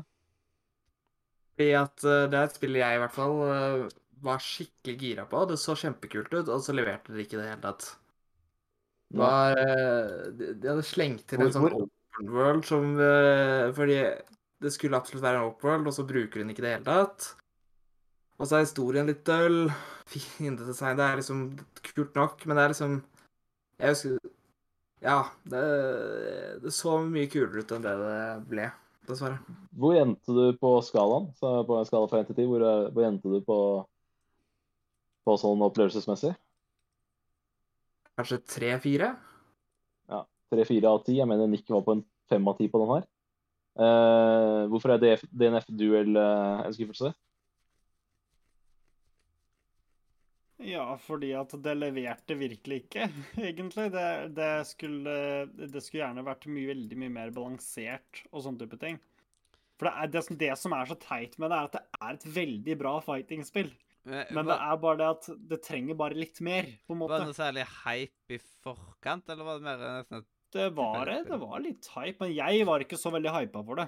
Ja. Men eh, det, som det er mer bare at jeg ble veldig skuffa Der når jeg det. faktisk fikk det. ja Der- jeg Her ryker det hos meg. jeg, jeg stemmer for at det, det at det uh, tas vekk at Fordi det er veldig mange er som så det går Ja. greit. At det ikke At det Ja. Der ryker DNF Duel duell for meg. for Jeg hadde ikke hørt om det først, og du sa det selv ikke var så veldig hypa på det. Og da tror jeg vi skal sette en rød strek over DNF Duell. Yes. War Mine tre, det er der er jeg litt eh, eh, eh, nysgjerrig. Uh, God Ragnarok, det er jo en, litt av problemet med det spillet der, er at det er en direkte oppfølger på 2018. Det bygger på den samme verden, det bygger på de samme karakterene. Eh, gleden over å besøke Av å styre Kratos i nordisk mytologi var ikke nærheten av like stor som jeg følte i 2018. Fordi verden var jo akkurat den samme. Ja, det har blitt vinter nå, men omgivelsene er den samme. Verden er det samme. Karakterene er de samme. Eh, og. Hva sa du? Det er Det var mye, Vi fikk jo utforske nye realms som vi ikke fikk lov til å utforske det første. Eh, men ikke mer enn jeg hadde forventa heller. Eh, greia er at det var, jeg synes det var for mye av de samme tingene. Og eh, det nye kampsystemet var jeg også litt lei idet jeg begynte å spille det. Eh, og der tror jeg nok har blitt, blitt litt ødelagt av FromSoft-spillene. Akkurat sånn som du, du syns jo at det var stivt gameplay. Jeg følte ikke det i 2018, jeg følte det nå. Jeg vet ikke hvorfor, men jeg bare følte det var stivt gameplay. Altså stivt kampsystem. Eh, der jeg jeg synes jo altså War Ragnarok, jeg synes, nei, War 2018, jeg syns jo ikke det er i nærheten av å være en 10 av 10. Jeg er kanskje på en 8 av 10 på War 2018. Jeg syns det er et betydelig bedre spill enn Ragnarok, så jeg syns jeg er kanskje på sånn 7 av 10 da, på War Ragnarok. Jeg hadde håpa at det spillet der skulle være større og bedre enn En enn, eh, 2018. Derfor er det en skuffelse for meg. Eh, det er en veldig personlig skuffelse. Saints Row er jo en veldig objektiv skuffelse. Det var jo et spill som eh, flere enn meg hadde trua på. Det er mange som tenkte at nå får vi et eh, nå får vi et skikkelig bra Saints Row-spill igjen der de går tilbake til røttene og lager en GTA-klone. Eh, det ble vel ak ikke akkurat det. Eh, det, var, det var mulig det var en GTA-klone, men det var en ræva GTA-klone. Eh, så det er jo skuffelse på verdensbasis. Også Pokémon Violet er rett og slett et uferdig spill. Så jeg hadde håpa at eh, Pokémon Violet skulle være ferdig. Mm. Mens det så er det jo med veldig mange ting. Uh, jeg har jo hatt mer en sånn type holdning at jeg syns at det uh, At det pumpes ut litt for mye Pokémon-spill. Uh, og de har tatt veldig lite sjanser, og det er veldig lite nytt. Mens nå så er det jo liksom Nå var det, følte jeg endelig at det Det ble mye mer friska opp, og det var mye bedre åpen verden-greia enn det som Jeg likte det bedre liksom enn Pokémon Sword and Shield. Ja, Ja, Sword and Shield var nok litt safety da. ja. så... Men sånn, jeg føler fortsatt at eh, var litt eh, det burde vært litt bedre. Åpen-verden-delen var litt døll i Sword and Shield. Ja. Mens Ja, her så er er det sånn Det er så mye. det- Eh, og det er ikke sånn, det er ikke sånn typisk Assassin's Creed at du har 80, 48 000 ting på kartet som du skal til på den måten, men det er liksom uansett hvor du går, så er det liksom noe som Å, der! Å, der! Å, det er så gøy! Det er så gøy! Det, det, det er så gøy ut. Og du bare gjør det i den rekkefølgen. Jeg tok jo, endte jo opp med å ta en gym som var mye hardere tidligere, fordi det var den jeg var i nærheten. Og så senere så kom jeg til en litt lett Så jeg var i level 50 og tok liksom en gym der alle var i level uh, 20, eh, 20-ish, liksom. Og sånn, jeg, jeg gruseknuste jo den gymmen. Men det, liksom, det gir jo me det gir mening, og Pokémon-spill er en av de spillene som er meningen skal være open world, fordi open world egentlig er en, det er en sjanger som blir overbrukt, syns jeg. Det er altfor mye som har open world, og det er langt ifra alt som egentlig trenger open world. Men Pokémon er faktisk en av de som jeg syns at det, dette her er liksom et riktig spill å ha open world på. Det var et Mm. riktig steg å ta. Og det er liksom Ja. for meg så et selling point. For meg er ikke open world. Det er ikke det. Ah, det er et open world-spill. Det selger ingenting særlig for meg, på en måte, siden jeg har hatt så mye av det. Ja. Nei, jeg, jeg, jeg ser uh, det det er veldig mange spill som er, bare har en open world for å ha en open world. Ja. Ja. Med Hvor mange spill er det vi må slashe? Eh. Hvor mange spill vi skal stæsje? To, tre, Ja. Vi skal fire stæsje tre stykker. Vi har, altså, vi har to igjen å slashe. Ja. Så jeg har jo egentlig lyst til å slashe Pokémon Scarlet Violet, siden det er flere ting som ikke er ferdig til release. Jeg, jeg var aldri veldig hypa på, på Det var mer en overraskelse for meg. ja. Jeg har egentlig lyst til å slashe ja, Pokémon Scarlet Violet. Det likte jeg veldig godt. Ja, men. Ja. Ja, Men men, eh, jeg, jeg Ja, jeg, skjønner det. Det er personlig, selvfølgelig. Jeg ehm, eh, Nei, jeg, jeg syns Pokémon Violet uh, kan gå inn topp tre. Fordi at når det kommer et Pokémon-spill, så forventer jeg litt mer enn vi fikk i Violet. Jeg forventer at vi ikke får uh, historien hvor uferdig det er. Det er så rart at uh, det er liksom verdens rikeste Altså, de burde jo ha pengene til det. Ja, det er akkurat det. Og det er, Det er og det er veldig mange som kost seg med det spillet. Det er, det er konge, det, men det er fortsatt litt uferdig. Og jeg syns det er litt skuffende, altså. Jeg kan være enig med det, egentlig. Uh, uh, og så uh, kan vi godt slashe Ragnarok og egentlig Jeg syns også vi kan slashe Ghostwire Tokyo.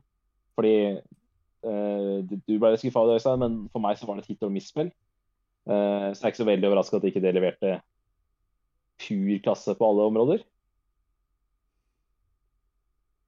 Ja, men samtidig, altså Det hadde jeg veldig Det var en av mine, de spillene jeg gledet meg mest til i fjor. Så Og Ragnarok, Ragnarok ble, var ikke noen enorm skuffelse heller, akkurat. Det var liksom, det var jo Det bygde, på modell, det bygde veldig på modellen eh, fra 2018 og bare at det var litt lite overraskelser, som egentlig var min Kunne store gitt mer ut som en, monster, en veldig stor DLC, liksom. Er det liksom Ja, på den måten? Det- Ja, og og også, også det at eh, jeg trodde det spillet skulle være bygd Altså, jeg trodde det spillet skulle slite på PlayStation 4.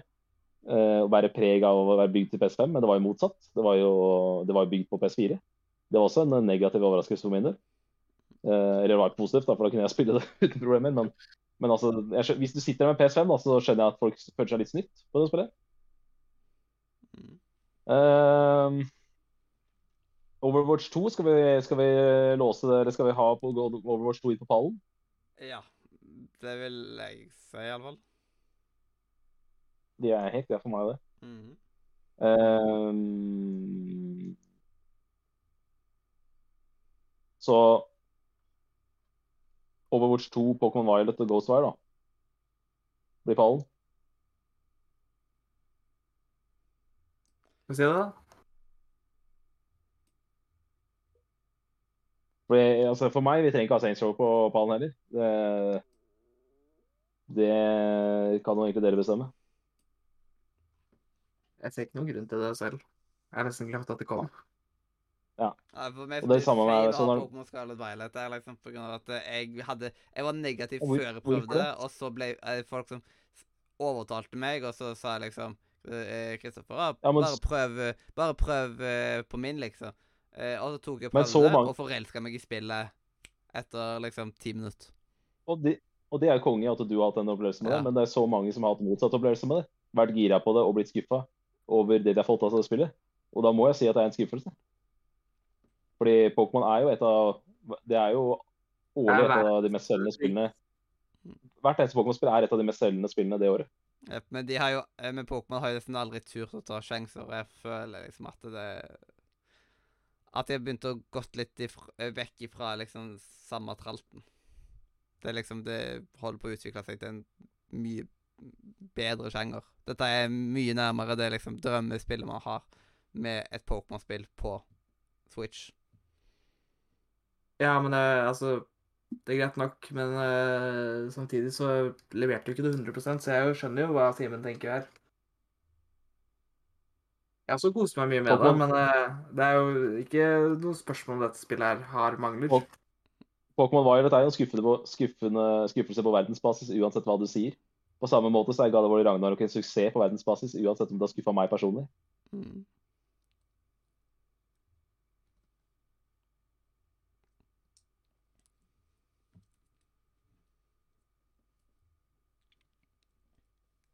Ja, eh, men OK.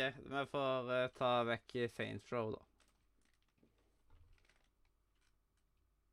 Ja, jeg føler det er mest riktig. Uh, jeg tror Ghostwire skuffa meg mer, skuffa Øystein mer enn det Det virker som, det virker som Ghostwire skuffa Øystein mer enn Ragnarok skuffa meg. Yep. Og da tror jeg vi, vi er i mål. Og da kan vi jo ta og hive stemmer på hvem vi syns skal ha årets skuffelse, og for meg så er det Overwatch 2. Mm, skal vi se For eh, ja, sånn, Jeg kunne jo tatt Overwatch 2. Ehm, for liksom Så jeg, jeg gleda meg ganske mye til Pokémon. Jeg skulle ønske det var bedre, men jeg hadde det ganske gøy med det òg, da. Så, så det er ikke at jeg ble ikke veldig skuffa. Jeg, liksom det, jeg føler at det er litt mer teit det at Overwatch 2 på en måte eh, absolutt skulle eh, bytte over til free to play-greiene. Det som er, er jo det at jeg vet ikke hva jeg vil stemme, jeg, vet du. Ja. Så da Ja. Jeg får sikkert bare stemme God of War. Den er ikke på lista lenger. enten den datt Overwatch 2. Pokémon Scarlet Violet eller Ghostwire Tokyo. Ja, OK, men da stemmer jeg Ghostwire Tokyo, for den spilte jeg ikke. Nei, det er nær sagt, det. Eh, nei, min, min førsteplass er nok uh, God of War Ragnarok. Og min andreplass er nok Saints Row. Eh, og når ikke en av de to kan vinne, så er det egentlig ett fett for meg hvem som vinner. Så da kan jeg godt bli med på hate mot Overwatch 2. Det er helt greit. det. Nei, selv så er Ghostfire Tokyo Altså, jeg har spilt Overwatch 2 og syns det var Altså, jeg har kost meg med Overwatch 2, men eh, Ghostfire Tokyo hadde veldig få høydepunkter for meg, min del, i hvert fall. Så det er jo, Ja. min stemme går til Ghostface. Så da har vi Tre av ti eh, når når det er ned mot tre av ti, er ganske, det er ganske alvorlig. Altså, tre av ti er latt. Så nå har vi en, en 2-2-situasjon. Det har vi. Da koser vi oss med det. Og så går vi videre til neste kategori. Ah, hjelpes meg. Uh, ja. Uh, og årets indiespill er da neste. Og der så har man noen ganger vært uenige om hva som er liksom et indiestudio og ikke og sånt. Nei, vi, er ikke, vi, er ikke, vi er ikke uenige om det, jo da. Vi er uenige om det. Det det. Jepp. Ja, dere mente jo vi er er beste Jeg, jeg føler ikke vi er ja, men jeg føler at vi, jeg føler ikke at vi er uenige i det. Det er bare at vi er litt uenige i hvor mye det skal telle. Uh, altså Det det er jeg tror, Alle vet jo hva prisen her er for noe. Det er bare at uh, hvor, hvor langt skal vi dra det, på en måte? Ja. Uh, og da, Katrine, du kan komme med første nominasjon. Min nominasjon, det er Tunic.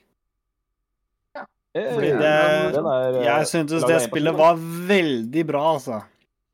Laget av en person, er det ikke det? Det laget Det var av en person, ja.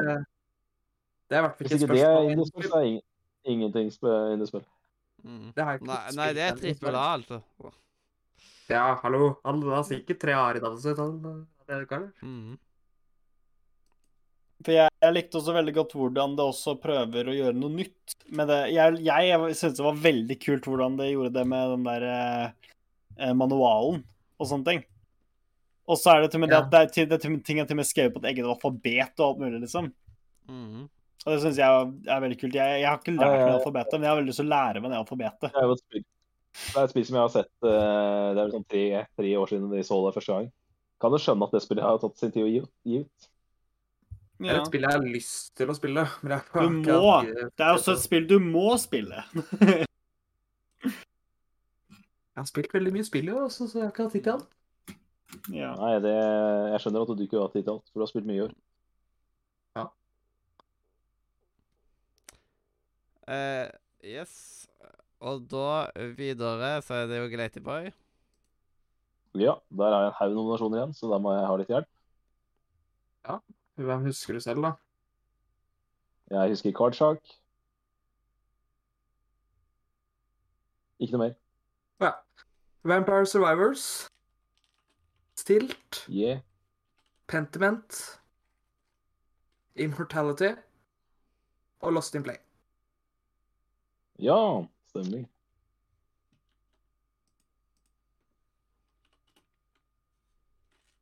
Yes. Jeg vil se noen av de du har lagt ut. Nei, vi kan ta det etterpå. Yes, yes, yes, yes. Uh, og da er det jo Øystein sitt nå. Det ble Cult of the Lamp her også. Det var mange som kunne fått det, men jeg er veldig glad i Cult of the Lamp. Oi, oi, oi, yes. Og min eh, nominasjon, den er faktisk ikke nevnt i hele dag. Oi. Og det er jo litt gøy, når det er noe som ikke er blitt nevnt. Eh, og eh, det, dette var et spill som eh, ble påpekt av eh, Simen aller først. Main Neighbor. Og det er rett og slett det et eh, lite herlig spill som heter A Little to the Left. Ja, det er riktig. det. Jeg var den første å forelske meg i den- det var, ideen der. det var mye mer enn det jeg trodde at det skulle være, på en måte. Siden jeg tenkte at å, du skal bare liksom, det er sånn Zen-spill som du liksom skal få det til å sitte og sånn. Men egentlig, det er en haug med puzzles, på en måte, som du skal Mm. løse. Du, det, ryddepuzzles, rett og slett. Ja. Og, så Mm. det Ja, fordi veldig her-. Dette så vi på Det var Wholesome Direct eh, 2021 vi så det første gangen. Og jeg, det, det var, ble vist så vidt eh, i, på årets etter også. Mm. Da skjønte jeg at spillet var litt større enn det jeg først trodde. Men jeg fikk jo sjokk i jula da Mathias sa, at han satt og spilte det, for jeg hadde ikke fått med at det hadde kommet ut. Men da var jeg selvfølgelig rett inn i Nintendo-shoppen og kjøper det sjøl òg. Ja, det var om Så du det. Jeg har ikke spilt det, men eh, jeg har i hvert fall sikra meg det. Mhm. Nei, så det var et veldig sånn koselig spill som jeg liksom ble sittende noen timer og bare Shit. Ja, det er nice. Mm. Det var det jeg trodde det kom til å være når jeg så det, på, så det første gang. Og veldig enkle Eh. kontroller. Så hvis man ikke har, hvis man ikke har datamus, kan man klare seg fint. Og liksom Har vi ni nominerte her? Såpass mange, ja. Å, hjelpes. Én, to, tre, fire, fem, seks, sju Åtte, kom jeg fram til. Har du huska alle? Ja, jeg tror det. Hvem er det du har? Tunic, Vampire Survivors, Card Shark, Silt, Pentiment, Hello. Immortality, Lost in Play Og er det til? Eller er det jeg som telle feil? En, to, tre. Har du glemt Cult of the Lamb? Ja, det har jeg. Åtte. Kult of the Lamb gulpte jeg også. Ni. Ni med Kult of the Lamb, da. Mm. Oi, oi, oi. Det er mange. Nei, den, siste, den her, her er, eh, er gjev i år. Det var mye bra indis som kom ut i i, eh, i eh, 22. Og eh, det er ingen som har noen protester på at noen av disse her er indiespill. Nei. Nei. Det er jo hyggelig, for det pleier som Mathias sa i stad, det pleier å være diskusjon. Mhm. Siden to år, altså. Nei, det, som du sa i stad, det pleier ofte å være diskusjon på den prisen her. Det, det er det som er det vanskeligste. Å bli enig om hva, hvem som fortjener nominasjonen, ikke å bli enig om hvem som vinner. Ja. Um, det var jo Amandus som begynte å sage Fall Guys for to år siden. Det, da ble jeg så glad. Uh, det likte jeg dårlig, men Det eh, det, det er store nå. Det, det er jo nesten riktig. Ikke langt unna, i hvert fall. Ja. Uh, han er jo en nisse som ikke er så glad i uh, go-to-sendinger, så da blir det sånn. Ehm, ja. Skal vi gå litt gjennom, da. Tunic, dette nydelige indiespillet der du spiller som en rev. Litt sånn uh, Zelda eh, Gammeldags Zelda. Li- A little Link to the Past-Zelda med, med en rev.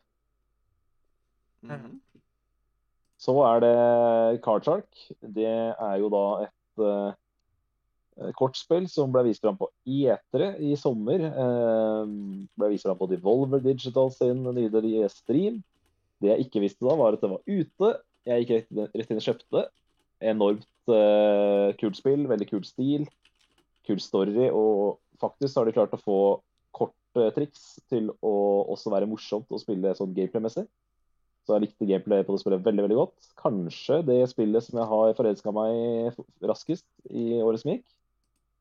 Så er det Vampire Survivors. Det er jo da dette dopamin-helveteaktige uh, spillet som kommer på tampen av året. Mhm. Uh, Lost in Play, det er jo da dette pek og klikk-spillet som uh, kom på sensommeren. Uh, pek og klikk i Gravity Falls-aktige spillet. Ja, det Artig der, ja. og, artig og veldig sjarmerende spill. Eh, spilte dere en del i jula? Koselig. Eh, så er det Silt, som er det der undervanns... Det er jo basically limbo under vann. Og så er det Pentiment, som er dette tekstbaserte krimspillet fra renessansetida. Immortality, som er det nyeste spillet fra Sam, Sam Barlow. Han, det han lager, er jo sånne uh, Hva det heter det? Sånne um, FMV-spill. Full motion video games. Ja. Få med seg ekte skuespillere på å spille inn eh, videospill, og så sitter du da og søker deg fram til eh, nye klipp. Og nytt av det, det som er nye, nye det spillet her, er at du søker ikke, men du klikker bare på ting i bildet òg. jeg likte Jeg føler Immortality har, no, har en større dybde enn de tidligere spillene hans, det må jeg si.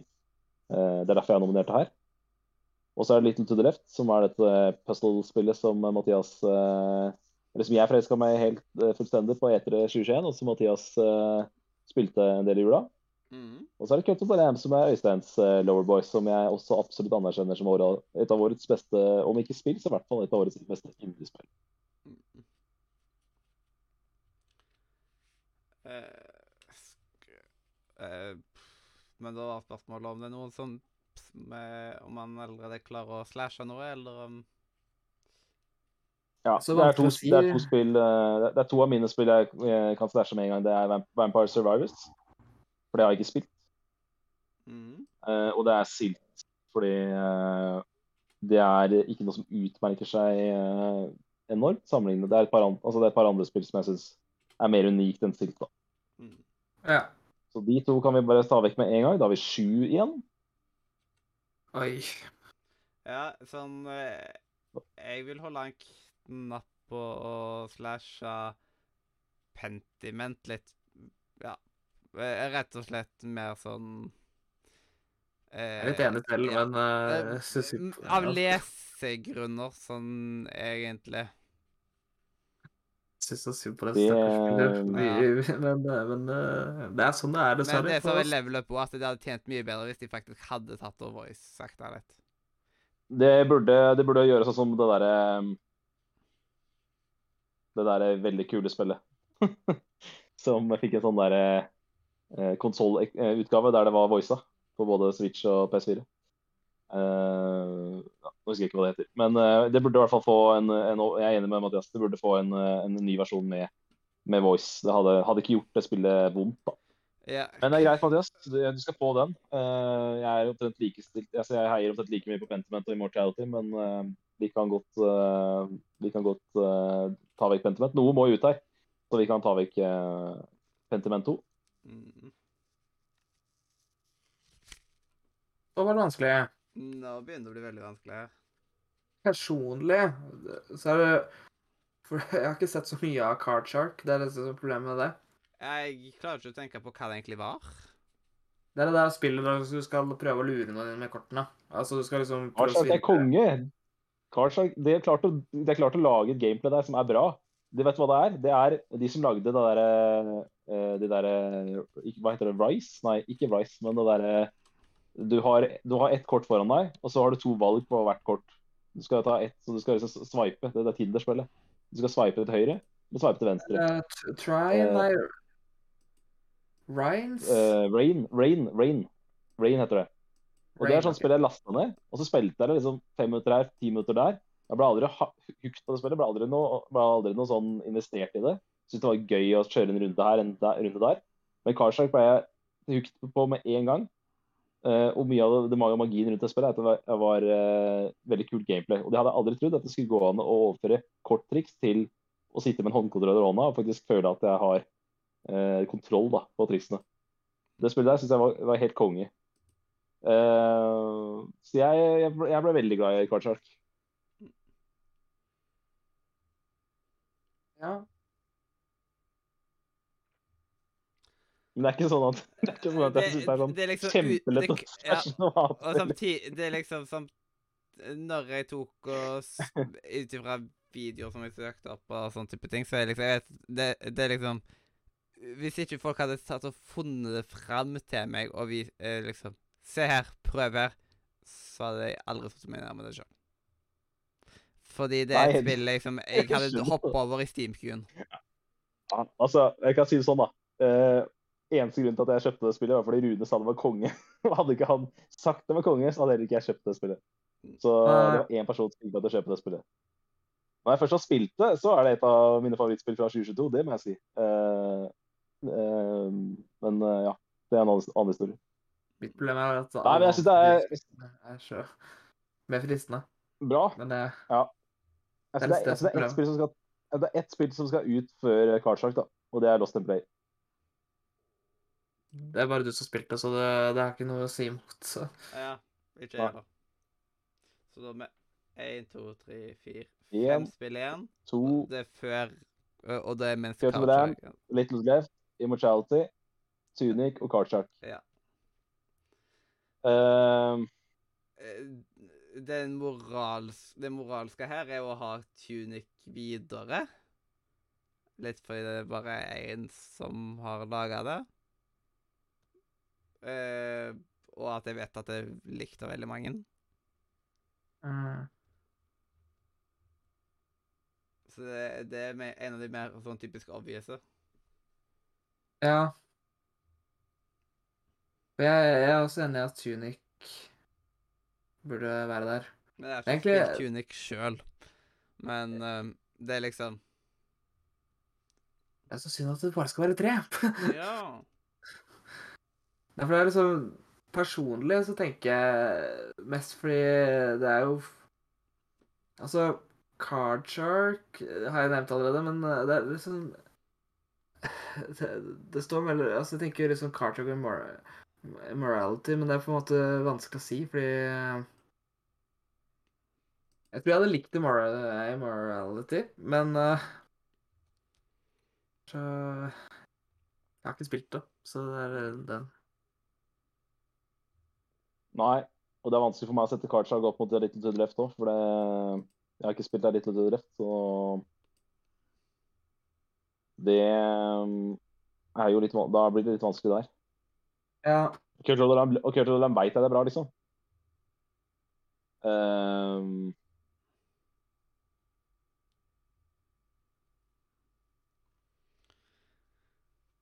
Ja. kan, kanskje det er Immortality som ryker, faktisk. Fordi uh, da sitter, du sitter bare og ser på video. De andre tre er jo, er jo mer spillspill. ja. Mm. Mens Immortality sitter bare og ser på video. Ja. Kanskje det er et par andre, kanskje det er et par andre kategorier som jeg, som jeg støtter Immortality mer i, faktisk, enn en, uh, indiespillet. Ja, da er det bare én igjen å stryke, og da uh, og da det er Shark. Hva sa du? Det er én igjen å stryke, siden vi har fire spill igjen. Tunic, Card Shark, A Little to the Left og Cult of the Lamb. Ja. Ehm. det er riktig, det. Mhm. Eh, Åh, det er så Det er så vanskelig, fordi Kulturen veit jeg er bra. Tuning veit jeg er ekstremt gjennomført. Ekstremt gjennomført bra spill. Og litt av det jeg likte så godt med ideen på Electrodref, var jo den der enkle ideen. Mhm. Men, men, det er, men, det, men det er også det som gjør Cardshark så bra. At ideen er så enkel. Det funker så jævlig bra. Så jeg klarer Jeg syns det er så vanskelig å sage eh, Cardshark eller er På papiret så føler jeg det er en av de to som skal ut. Ja, det det er det vanskelig å- det. Det, er synes det vanskelig å si at det, det ene skal ut kont- kontra det andre, fordi Altså, det må være lov å komme med enkle, men geniale ideer òg, liksom. Det er sant.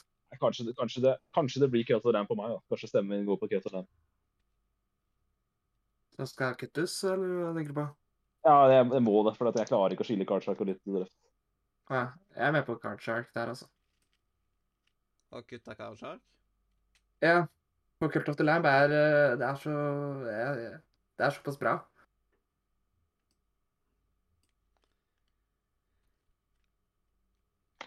Altså, hva blir det her nå?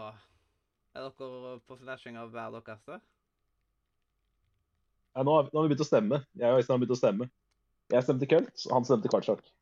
Ja, at du vil ta Hæ? vekk Cult of the Lamb? Jeg trodde du snakket om at vi skulle ta, snakke om hva vi skulle ta vekk. Eller? Ja, ja, det er det jeg mener. da. Nå har vi begynt å stemme Ja. på hva vi skal ta vekk. Ja, OK. Det, da skjønner jeg. Da er det hva de andre to tenker, da.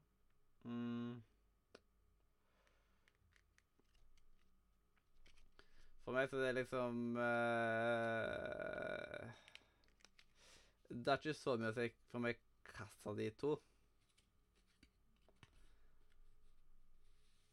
Uh, Card kanskje?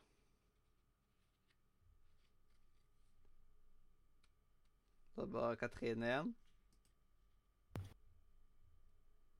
Skal vi se Jeg vet ikke, jeg. Um, Hvis du stemmer blankt, så ryker Karl Shark.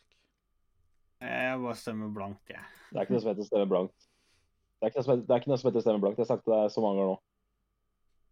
Ja, men jeg stemmer fortsatt blankt. Nei, det går ikke an. Det går ikke an å stemme blankt. OK, men da hva, OK, hva kan jeg stemme på? Du kan bare stemme på ditt eget spill. Du kan bare stemme på tuning. Da. Altså Nå snakker vi om hvilken som skal ut av Tunic, Card Shark, Mm. Little to the Left og Cult of the Lamb. Da Card Shark, siden den har jeg ikke hørt om. Ja. Flott. Yes, da, er det- da er det å stemme hva som faktisk skal få pris her av Tunic, A Little to the Left og Cult of the Lamp. Ja. Og her stemmer jeg Jeg må på- først si at det, det var vanskelig i år. Eh, de som kommer kom med på pallen, de fortjente egentlig det, altså. Uh, det skulle vært fire på ballen i år, men sånn er, sånn er livet. Mm. Eh, Så andre indiespill som også kunne vi nevnt, men uh... Jeg kan godt uh, Ja, det, det er sikkert noe annet som kunne blitt nevnt. Nei, men da, da tenker jeg at da kan Tunic få den prisen. da. Eh, jeg stemmer på A Little to the Left. jeg stemmer på uh, Cult of the Lamb. Jeg stemmer på Tunic. Ja, da vant Tunic, da. Da vant Tunic. Uh, og da ble det honorable mention til, på A Little to the Left og Cult of the Lamp. Eh, Ja. Og da er det årets kosespill.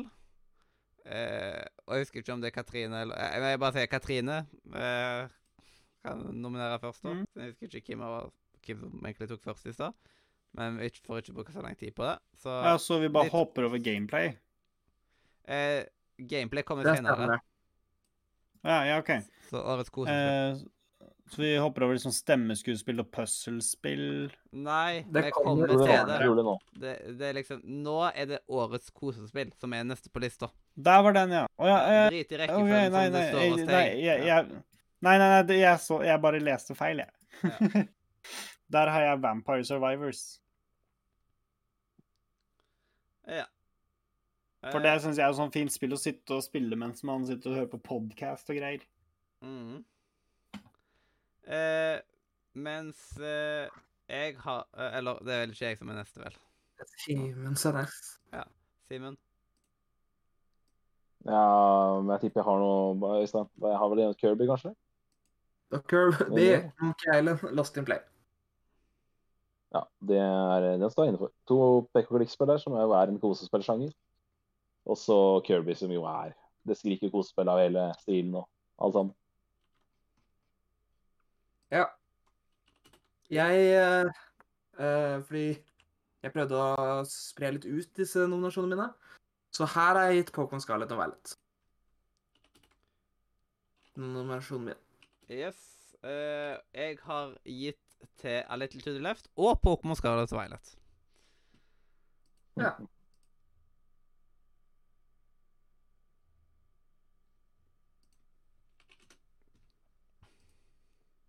Eh, så da er det jo på tide å, med slashing og sånt.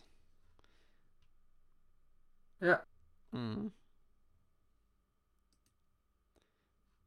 Uh, og det virker som at eh, Katrine nå skal ja, Det virker som at Katrine nå skal gå siden hun er litt sliten.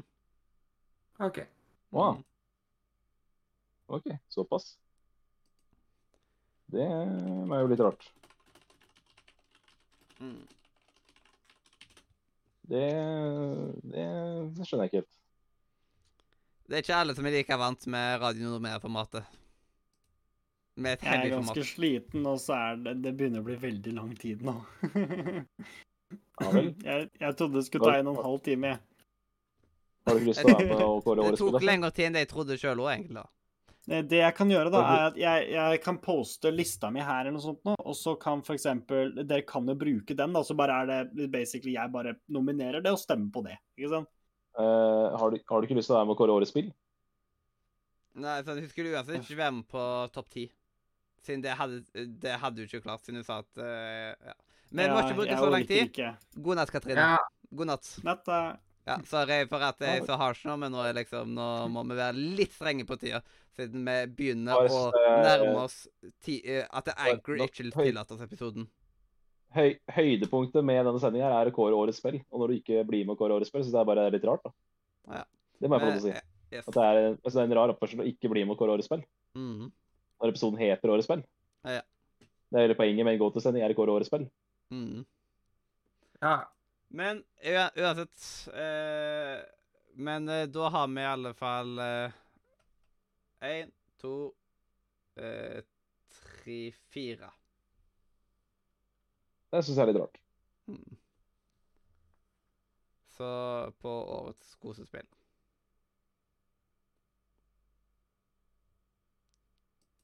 Eh, hva skal ut? Fire mm. Er ikke det seks spill vi har nå? Hæ? Skal ikke vi telle Katrine Jo. sitt spill med? Ja, hva Og så Ja. Vampire Survivor. og så- og Simen har tre, så ah, ja. Ja, da har ikke jeg skrevet ned alt, ja. Um.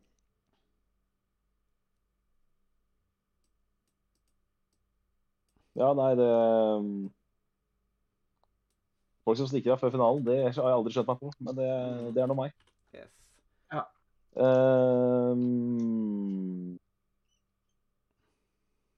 Problemet nå er at nå må vi bytte format her, for nå må vi ned til to. Um, to pallplasser. Ja. Eh, men det er jo bedre at Um. istedenfor at noen er sånn halvveis med og bare sier 'hæ' med en gang. Det er jo litt Ja. uheldig. Så da er det egentlig bedre bare at de bare får uh, tatt seg en pause, som de trenger. Ja, Eh, det kan man også yes. si. Men da har vi Lost in Play, Vampire Survivor, Monkey Island, Kirby and Forgotten Land, Pokémon Scarlet slash Violet og A Little to the Left.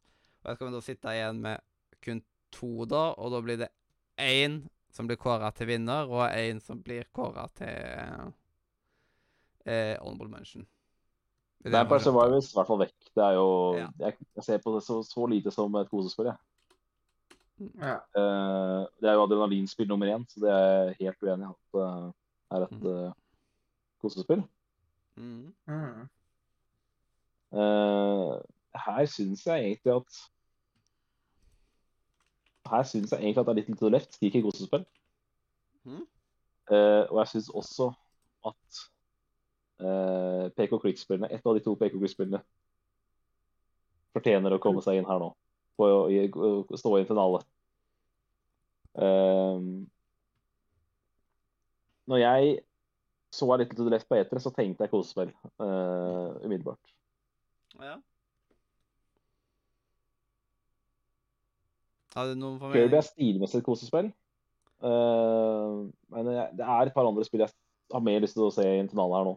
Ja, eh, og plattform blir, er jo ikke alltid like kosespill hvis det plutselig blir veldig vanskelig plattforming, for eksempel, så kan man noen ganger bli Ja. Det er sant. Og da forsvinner jo kosen litt. Men ja, jeg kan gå med å ta vekk Kirby for Forgotten Land.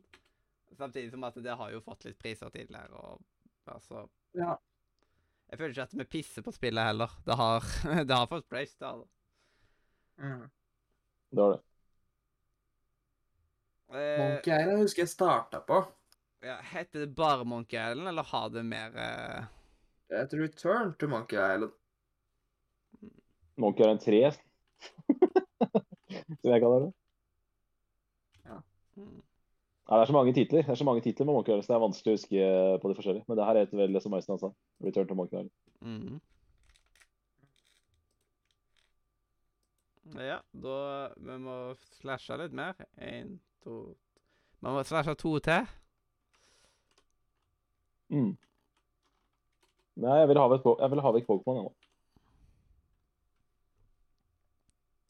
Ja, OK. Jeg vet ikke, altså Min, min tanke med alle de tre Jensson-spillene er at de krever veldig Altså, alle de tre krever mer tenking, hvis du skjønner?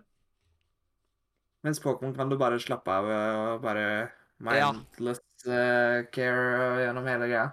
Ja, Mens både Ja, Little to the Left, Return to the Monkey Island, Lost in Play er jo mye Det er jo bare puzzles som krever tanker. Men uh, nå er jo ikke Nå er jo ikke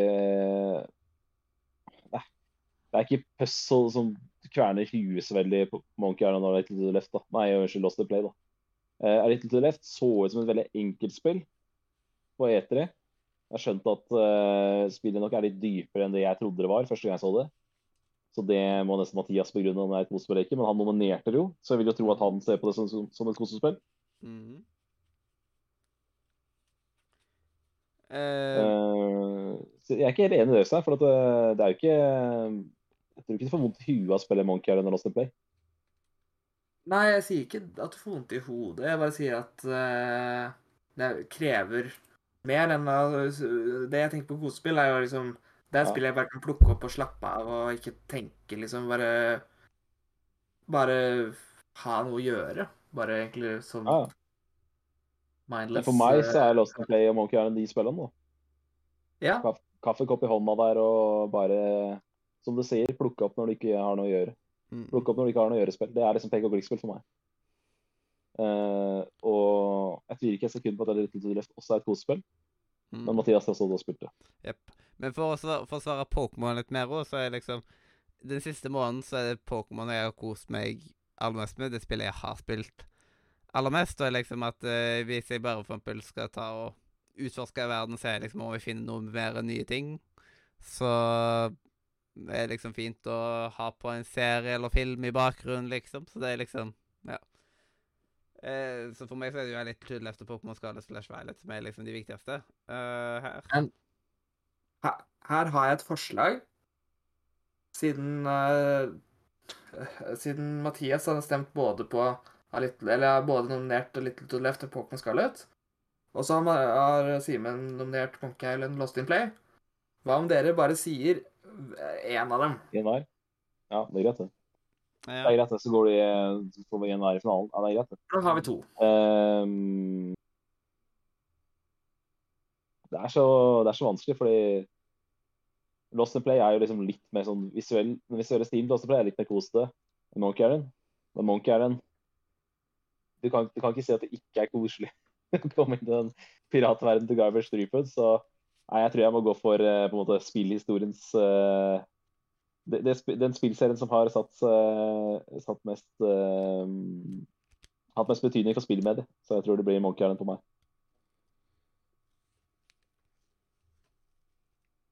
Mhm. Så da er det Lost in Play som forsvinner der. Ah, det, det å velge mellom A Little Left og Pokémon Scarlet slash Violet er vanskelig, men jeg, Men det er jo liksom Det jeg har kost meg mest med, er Pokémon Scarlet og Violet, og da tror jeg den som jeg må ha med videre. Pokémon er jo um, Det er Pokémon Scarlet, ikke sant? Eller, altså, det, er, det er ikke Pokémon Arceus. Det er litt og litt Nei, jeg har jo hatt eh, jeg har jo hatt, eh, hadde jo en periode at jeg hadde Pokémon som fast eh, feriespill. Så det, det var jo fordi at det alltid var Jeg ble kos og dra frem med Pokémon-spill i ferien. Så jeg er jo egentlig enig i det, at Pokémon er kosete. Mm. Det er kosespill å spille, og kosespill å se på. Ja, Det er det. Uh, når det er sagt, så må jeg nok stemme på min, uh, min kjære Eller for å si sånn, Øystein avgjør prisen her, da. Ja. Det, siden det sier seg sjøl, kan bli stemt på. Åh, det er vanskelig. Mitt problem er at jeg har ikke fullført Return to Monkey Island. Men uh, jeg har kost meg med det òg. Jeg tror faktisk øh, Mest også fordi at øh, Return to Monkey Island fortjener litt priser, ja. Jeg gir den til den, jeg. Return to Monkey Island. God humor og øh, koselig. Tilbakeblikk. Altså en veld, veldig hyggelig comeback, da. For en spillserie som har betydd veldig mye for spillmedier. Jeg tror ikke jeg hadde prøvd det hvis ikke det var for at jeg spilte de første to Monkey Island-spillene i fjor. Ah, Altså det året før 2021. Men jeg Men for meg så stikker jeg Jeg setter så pris på at det kom på Switch. Det spillet kom jo på Switch sånn to måneder før det kom på PlayStation. Og da satte jeg så pris på det, så da kjøpte jeg det jo med en gang. Ja. Jeg hadde det på PC. Sånne spill vil jeg ha på Switch. Ja, men jeg vil ha sånne spill. Mm. Ja, det det er lov. Yes, og Da ble det andre mention til Pokémon Scarlet Violet, mens årets kosespill gikk til Return to Monkey Island.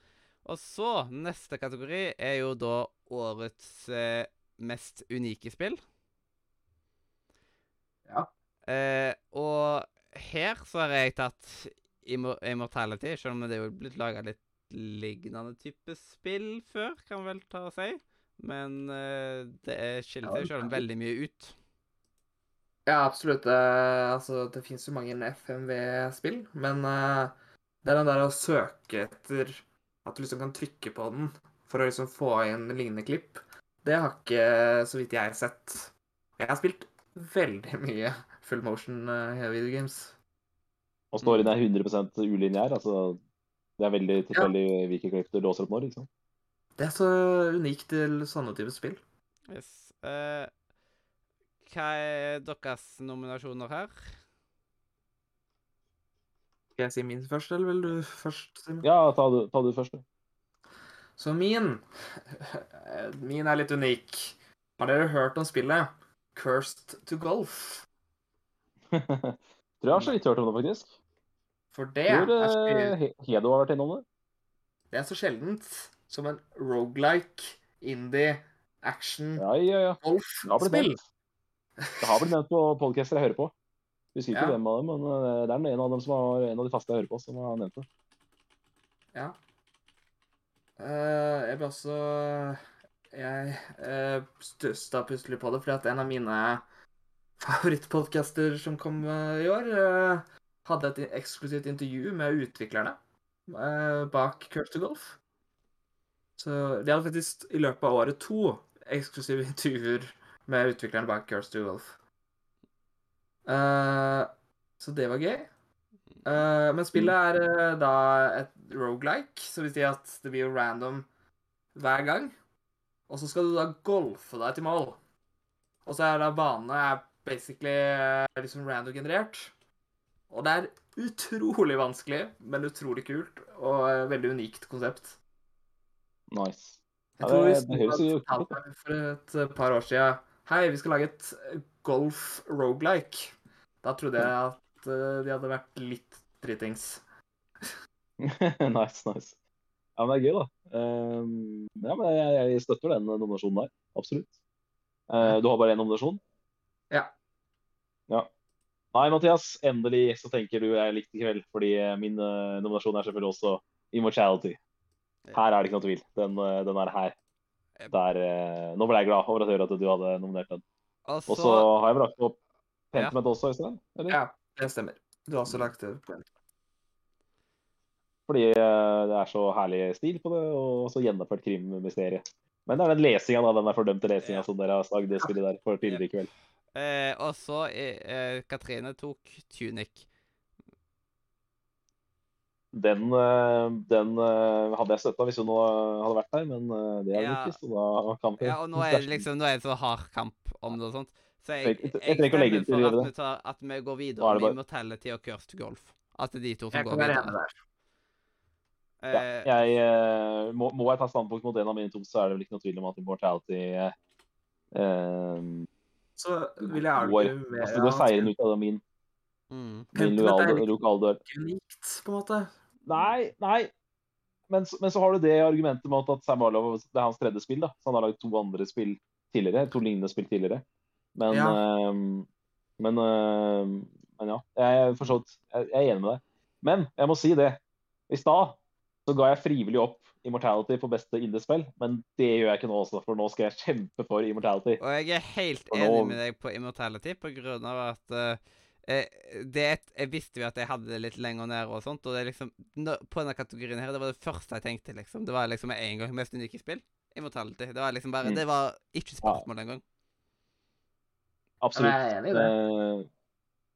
Eh, og det kan vel hende at eh, det er ikke siste gangen jeg skal skryte av Immortality i kveld, så da trenger jeg ikke å tømme meg helt for uh, skryt av Immortality nå. Men eh, Mm. min stemme går i hvert fall til uh, Immortality. Og det går min nå.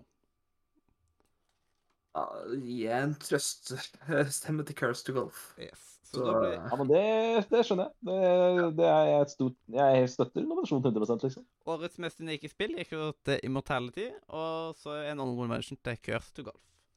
Eh, det Ja. høres ut som et veldig Hedemann-spill. Han har sikkert spilt det. Eh, Ja. Og så eh, den, den de mest eh, diskuterte prisene i historien. Årets gameplay. Ja. Eh, og da eh, Jeg husker ikke hvem som var det først, jeg, men eh, Det er så vanskelig å huske. Eh, men i alle fall, jeg har på gameplay Pokémon Scarlet slash Violet.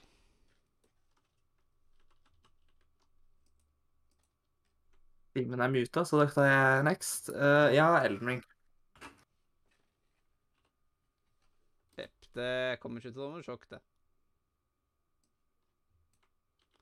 Uh, og da er det jo Simen sine spill. Eh, det er bare spørsmålet hvor lenge han skal være muta. Ja. Eh, siden vi har egentlig ikke tid til veldig lenge muting, så kan du bare ta og si de Kan si det. Ja, siden du har jo lista hans. Cardshark og Mario Rabbits. Mm. Ja, han er glad i Mario Rabbids, det har vi skjønt. Ja. Ehm, jeg kjenner jo litt til gameplay i Mario Rabbids. Det er jo XCOM gameplay, noe som jeg er veldig, veldig glad i. Uh, Det er ikke min type gameplay. Jepp. Men- Eh, men det er jo ikke det som er den skikkelige tittelen, da. Så Mario, vi kan jo finne ut av hva den egentlige tittelen deres egentlig er. Å, det husker jeg ikke. Spark of Hope eller noe? Ja. Skal vi se Mario Eller var det den forrige? Det er enten Jeg vet en av de heter Spark of Hope. Så det ja. er Sparks og coke, så er den nye. Yes. Det, det er ikke bare bare med disse greiene. Jeg vil bare skryte at jeg huska tittelen. Mm. Det er ekstremt la lang tittel. Mm. Uh, og her, her også kommer jo en til å måtte slashes. Eller to, faktisk. Ja.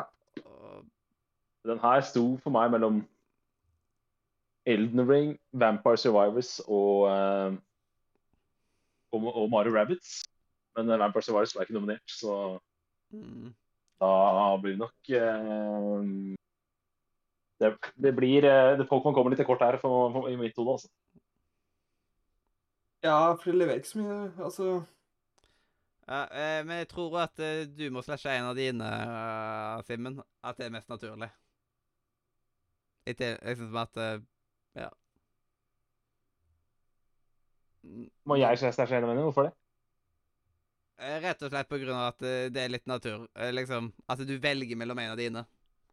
Når vi uansett må bare sitte med én med to. Og du får Det liksom Ja ja, det er greit, det. Men uh, poenget er at jeg vil jo stæsje Ja, Pokémon. Skal uavhengig til Violet hva- er slasha nå. Ja, greit. Eh, Jeg, jeg, Det. Av de to som du sitter med, så stemmer jeg for å slashe uh, Carjark. Ja, det Jeg slang med Karchak fordi det var et spill som overraska meg veldig positivt gameplay-messig. Men uh, de har jo de har ikke den dybden uh, i gameplay som eh, Mario Rabbids har. Og Mario Rabbids, som du sa mens jeg hadde en liten, eh, liten pause der, så sa du at jeg er glad i Mario Rabbids. Ja, det, det er jeg faktisk. Jeg syns det er uh, et av de bedre Det er. Eh, ja, det er, det, det er et av de bedre spillene det er, så Jeg har blitt veldig glad i de spillene. Både Sparks of Hope og, Ja, og Kingdom Battle. et, men, et, et, eh, et, la, et lavterskel XCOM-aktig spill. Ja, det blir det. er eh, jeg klarer ikke å forsvare prisen, for jeg tror jeg, jeg er usikker hva vi likte. Men, men det som er med Øystein, at jeg tenkte litt på det når jeg satte opp lista her. At eh, jeg og Øystein vi har jo veldig mye Vi er veldig mye enige om, om store spill. Og det er liksom, ikke- vi har ikke sånn veldig mange ting vi er uenige om. Men akkurat når det kommer til sånn XCOM-aktig gameplay, der er vi uenige. For det, du er jo ikke noe fan av disse spillene her, men uh, jeg har blitt veldig glad i det. Mm. Det er. Og da er det jo bare rett og slett bare eh, å kakeboksen igjen, siden vi sliter med Elden Ring og Mario pluss Rabbids uh, her. Ja. Uh, og det er jo ikke noe spørsmål hva Øystein stemmer på her. Nei, altså Det er ikke noe spørsmål. Jeg elsker Elden Ring sitt gameplay, og det er veldig dypt og har alt. Så jeg skulle ønske et spill, så Altså, jeg er ikke glad i Mario Rabbit sin, så Eh, Men Nei, eh, for min del så elsker jeg sånn type eh, gameplay. Og derfor er liksom Mario pluss Rabbids Spark så får opp Der min stemme går. jeg føler jo at eh, det egentlig er Elden Ring som fortjener prisen her. Men eh, jeg må, siden jeg f.eks. mista Cardshark i stad, så må jeg, når jeg får mulighet til å gi priser til min mine hjertebarn, så må jeg, kan jeg ikke la den sjansen gå fra meg. Så jeg må eh, jeg må, eh, må rett og slett uh, gi den her til Mario Rabbits. Det kommer, uh, Elden Ring kommer ikke til å gå tomhendt hjemme i kveld uansett. Mm. Ja, siden Mario Rabbids er vel ikke nevnt noe tidligere i dag. Det var det første Det tror jeg ikke. Ja. Og da kan vi gå videre til årets stemmeskuespill. Uh, et, noe jeg ikke tror du har Mario Rabbids på. Det er riktig. Jeg har jo stemmeskuespill, det òg. Ja, jeg, jeg, jeg kan begynne, siden jeg har blankt. litt for mye stemmeskuespill. Ja. Masse stemmeskuespill, ja, jeg, jeg begynner med at jeg har blankt her. Så Oi. da er liksom deres to Skal jeg spoile en ting? Jeg hadde Ja. Vi har det samme. Ja, vi har samme. Har dere Så er det kun hadde, én hadde, nominasjon? Du har kun én, og jeg har kun én, og vi har den samme, så det er ikke så veldig spennende. OK. Så da Og vinner Hvem er det som vinner på Alan Walkover? Det er War beste, Ragnarok. jeg kan si da, at på beste Martian så skrev jeg Elden Ring uh, utropstegn. For jeg mente den var klink, men den her er enda mer klink. Det er den, det er den klareste uh, nominasjonen for meg. Klareste, Ja. klareste det, det, Dette var den letteste eh, kategorien. Og det er jo lett for eh, Ja, altså eh, altså, Guder og sånt, de kan jo gå på hverandre, så her blir det eh, vindig på eh, walkover. Rett og slett. Det er riktig. Og Ja. da er det årets puzzle som er neste kategori. Eh, og eh, Hæ? Den er også klink. For deg, ja? Yes. Hva er din uh, Der, Finn, du er jo Det er din tur til å starte. Så. Nei, altså Problemet her er jo at uh, det blir alltid nominert ting som ikke er puzzlespill i, uh, i uh, denne kategorien. Men nå har jo du endelig spilt et, et spill i jula som faktisk er et puzzlespill. Og jeg har ikke spilt det sjøl, men du sier at det er bra, så da bare stoler jeg på deg. Og det, var, det er et spill jeg har vært hypa på helt siden jeg så det første gang for halvannet år Mm. siden. Så jeg stoler på deg at uh, A Little to Left er årets puzzlespill. så det er din nominasjon? Det er min nominasjon. Yes. Din eh, da, Øystein? Min, øh, min var, er et spill som ble anbefalt av Rune Fjell Olsen. På hans, han hadde jo tre spill han anbefalte i sommer. Eh, og en av dem her Cardshark var et av de. Cardshark var et av de, Øystein. Det kan, det kan hende, men jeg husker ikke i den videoen. Han hadde tre Men uansett, det jeg plukka opp fra den lista, er Freshly Frosted. Det er det puzzle-spillet hvor man Ja, eh, det der. Det er kakes- kakespill, ikke sant? Ja, donut-spillet. Du skal liksom uh, lage en uh, Hva heter det sånn der uh, Bånd. Sånn rullebånd. eh, for å få eh, liksom donutsa til å ha riktig uh, strøtsel og sånt. Og så blir det veldig mye dypere etter hvert. Yes. Og begge det... de to spillene som er nominert til nå, ble- var på Holsom Direct i sommer. Ja, Ja. det Og eh, er faktisk et spill. eh, Ja, faktisk, faktisk. Eh, og eh, når jeg åpna det, eh, når jeg spilte første gang Jeg ante virkelig ikke at det skulle være puslespill, men det viser seg å være det er litt Left som er min uh, nominasjon nå, og uh, Det starter ganske greit med at uh, siden Å ja, du skal jo bare gjøre litt sånn for, for dit på. Men etter hvert så blir det sånn Oi, her er det jo mønster på dem, så her skal vi sortere dem etter mønster.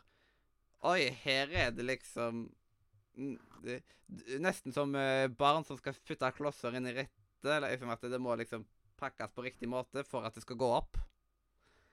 Eller Mm. eh, Ja, man må finne ut hva de egentlig vil.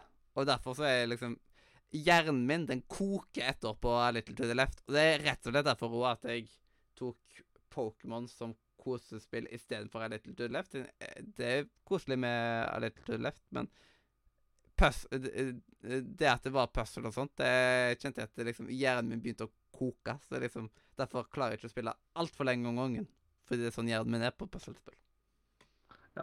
Nei, Freshly Frosted også har masse puzzle. Det starter veldig simpelt, men senere får du veldig mange forskjellige strøtseltyper og veldig mange forskjellige bånd du skal liksom starte fra. Og så må liksom hele løypa funke. Så det er alltid gøy å, å finne ut. Men er det A Little to Left som blir årets puzzle... Bare Ja. Ja. ja. Eh, Fint med de som Nei, jeg- Det jeg kan si om eh, Freshly Frosted, eller hva det heter, det er at uh, siden Rune anbefalte å være Cardshark i den sommervideoen, så tipper jeg at Freshly Frosted også er veldig bra spill, siden Cardshark var så veldig bra. Mm. Og neste er jo årets eh, Glemme tiden. Eh, og der så er liksom eh, Den kan minne litt om nikotinprisen på én måte. Ja. Men samtidig så kan det være veldig annerledes. At liksom siden når du glemmer tiden, så er det liksom noe å sette ned med og så bare plutselig ser på klokka Oi, shit! Uh, jeg, tenker, jeg tenker at nikotin kan jo være noe sånn spill som du på en måte plukker opp sånn av og til. Sånn derre at du aldri du klarer ikke å legge det Du må liksom fortsette, fortsette, fortsette. Ja. Mens, Mens klementiden er sånne lange sessions, på en måte. Og eh, Ja ø- ø, Da er det vel Øystein som har første glemmetiden. Ja, jeg kan sikkert ta den først. Uh, min eh, går til det spillet jeg har desidert hatt uh, lengst sessions med, og klarte ikke å legge fra meg før jeg hadde platinum to ganger på rad. og det er da Elden Ring. Mm. Jeg føler uh, Elden Ring er the obvious choice i den uh, kategorien her. Uh, men samtidig så har jeg Vampire Survivors, som jeg syns fortjener enten den prisen her eller Årets nikotin. Og da syns jeg det er litt vanskelig å sette den Jeg vet liksom ikke hvem den fortjener mest, men ja, hva er det jeg har nominert egentlig, Øystein? Horizon Forbidden West, Cult of the Lamp, Elden Ring og Vampire Survivors. Ja, ikke sant? Mm. Nå venter vi i spenning. Det er vel din tur, er det ikke det? Uh, ja, uh, men så dine var Cult of the Lamb, Ellen Ring of Vampire Survivor. Kan vi gjøre det litt enkelt med at du går videre med en av de? Bare som at uh, Ja. Siden vi må jo slashe noe uansett etter hvert.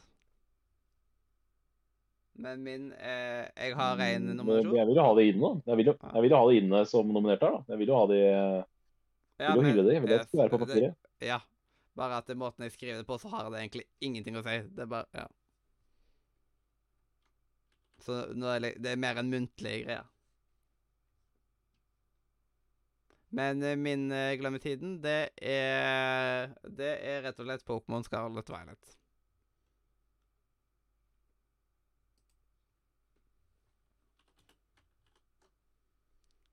Pokémon Violet. Mm. Mm.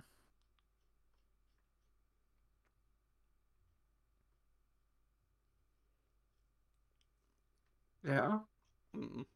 Eller så kan sånn eh, Ja. eh, eventuelt så kan vi bare ta og gi Elden Ring den pri... Siden begge dere har nominert Elden Ring.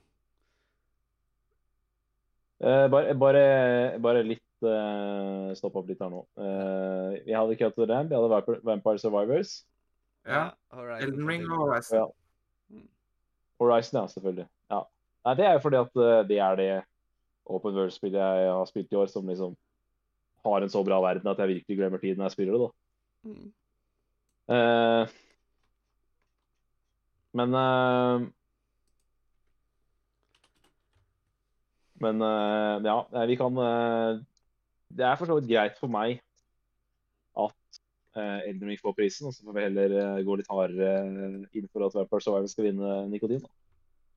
Det er for så vidt jeg er ikke noe veldig imot det. Jeg syns Elden Ring er den ob the obvious choice her, så det er greit. det. Eh, hva blir Honorable Mention her, mon tro? Ja, må jo bli enig om det, da. Vampire Survivors og Horizon Forbidden West. Ja, det er vanskelig å si. Altså, jeg har ikke spilt Vampire Survivors, så jeg har kun sett uh, et par timer med livestreams fra det. Ja. Så det er vanskelig å si uh, noe på det, personlig. Eh, og både Jeg vet, jeg vet ikke om eh, Vampire Survivors vil vinne nikotin, og da tror jeg at jeg har lyst til at det skal få en honorable mention her. Altså. Det er greit for min del.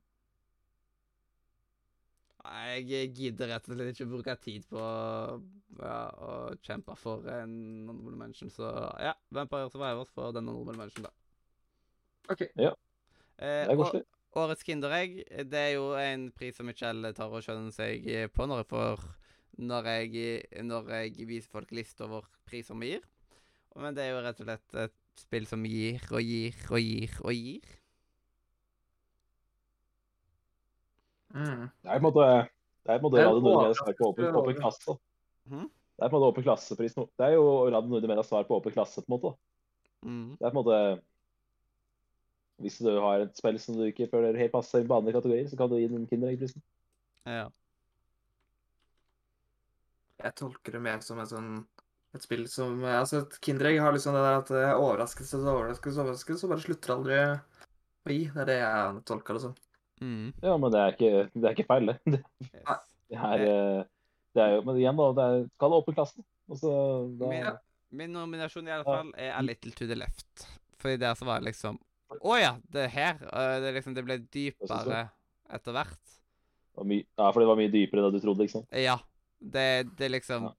Så det var øh, Det var litt sånn overraskende. liksom bare What? Jeg tenkte bare Nå skal jeg sitte og liksom justere på disse blyantene og Men nei, altså Oi, shit. Altså plutselig så får man Wow. Jeg, man, jeg fikk mange sånn oh shit moments.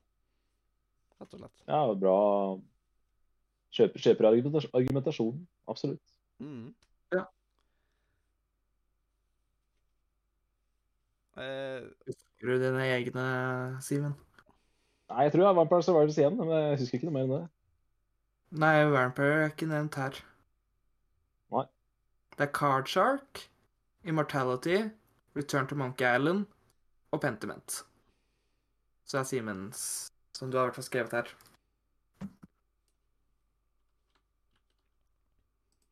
Ja, vil du nevne noe om noen av dem?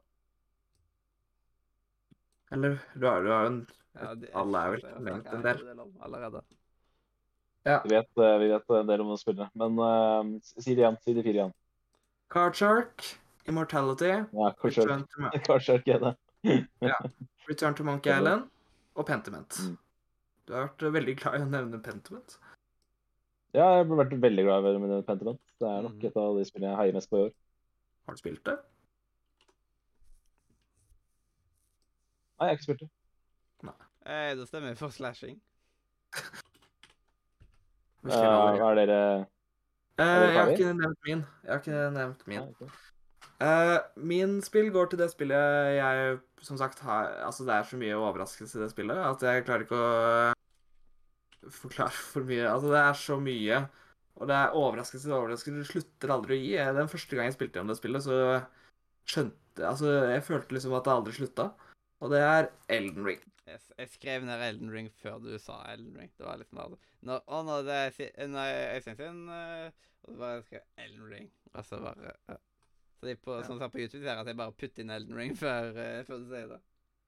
Ja, for det er bare et eller annet med det spillet som bare Altså, hvordan det var å utforske det spillet, det Mm. er eh, Altså øh, Det er definisjonen på liksom det å Altså, det blir bare større og større.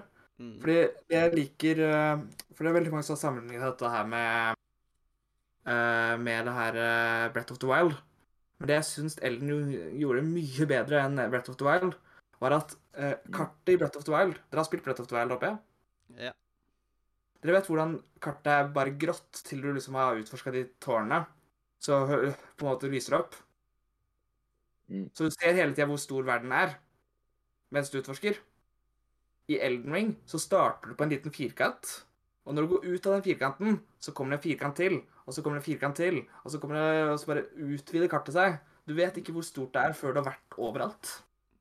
Og det er så mye hemmeligheter bak hemmeligheter at uh, Altså det er, det er for eksempel en Det er et område som man kan se helt til starten av spillet. Men for å komme seg dit, så må du liksom ba, finne masse hemmeligheter bak andre hemmeligheter. Du må liksom virkelig orke å liksom, utforske det. Og det er liksom definisjonen på et liksom Det, det er det første open world-spillet jeg følte var, var open world, på en måte. Så ja. Eh, og da må vi jo begynne å slashe her.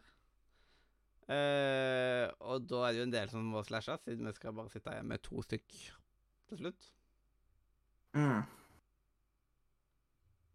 Uh, du hadde Little Reft, Eh, ja. og jeg hadde fire spill. Uh, Monkey Island er jo en uh, Den er jo liksom eh, hvis, det, hvis ikke det er en overraskelse, så vet ikke jeg. For hvis noen har sagt til meg i januar 2022 at eh, Monkey Island 3 skal komme ut i i 2022, så hadde jeg ikke trodd på det. Så det var en stor overraskelse. Eh, Immortality ble utrolig mye større enn jeg hadde trodd det skulle bli.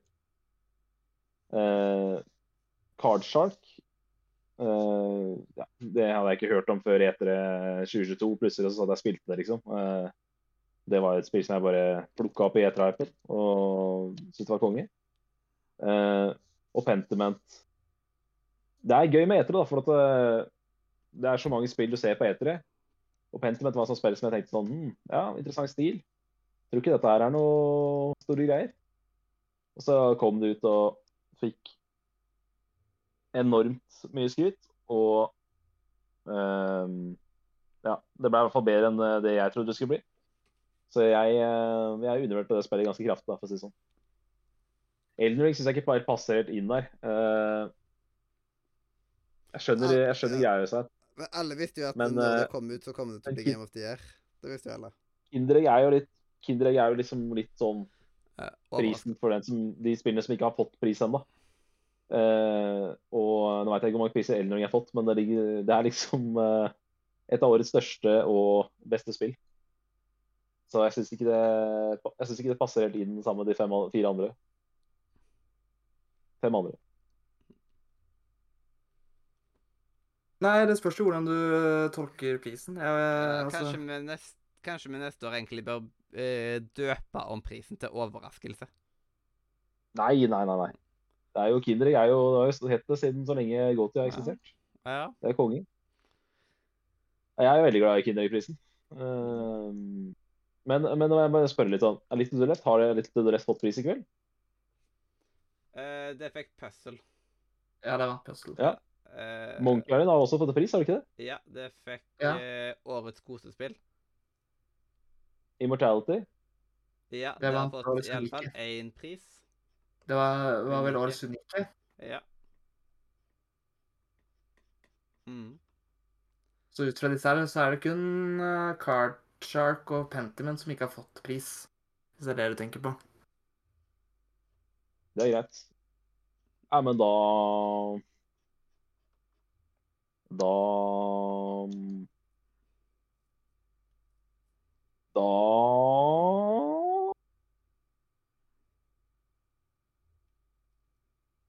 Da stemmer jeg på A Little to the Left og Pentum etter finalen.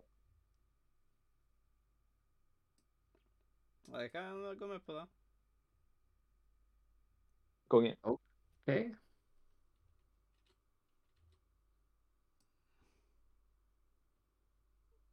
Sånn. Eh, skal vi bare hive hver vår stemme, da? Ja. Ta en stemme på Little to the Left. Jeg tror ikke det er noen hemmelighet hvor min stemme går. Pentiment, eller? Det er riktig. Det er riktig. Ja, det er. Øystein? Nei, altså ut fra disse her, så må jeg gi min stemme til Pentiment også. Yes. Eh, da gikk årets Du skal stemme på din. Eh, Jeg har gjort det. Jeg sa det med en gang. Ah, ja, OK. Da fikk jeg det ikke med meg. Årets Kinderegg gikk til Pentiment, og så Honorable Mention gikk til A Little to the Left. A little to the left. Og da er den siste Nice. prisen for uh, Spillkveldprisen. Uh, og det er årets nikotin. Mm. Uh, og det er Glatyboy, hva er det du har på årets nikotin? Jeg har i hvert fall Vampire Survivors, men jeg er usikker på om jeg har noe med. Det er kun Vampires. Så det er Vampire Survivors. Vampire Survivors er et spill, ikke sant? Ja, du har Mm. kun Vampire Survivors. Den er grei. Ja. Øystein? Ja, Elden Ring. Yes, den kunne jeg nesten se komme. Og jeg har Pokémon Scarlet Violet. Og vi har jo snakka mye om alle spillene nå uansett. Nei, altså um,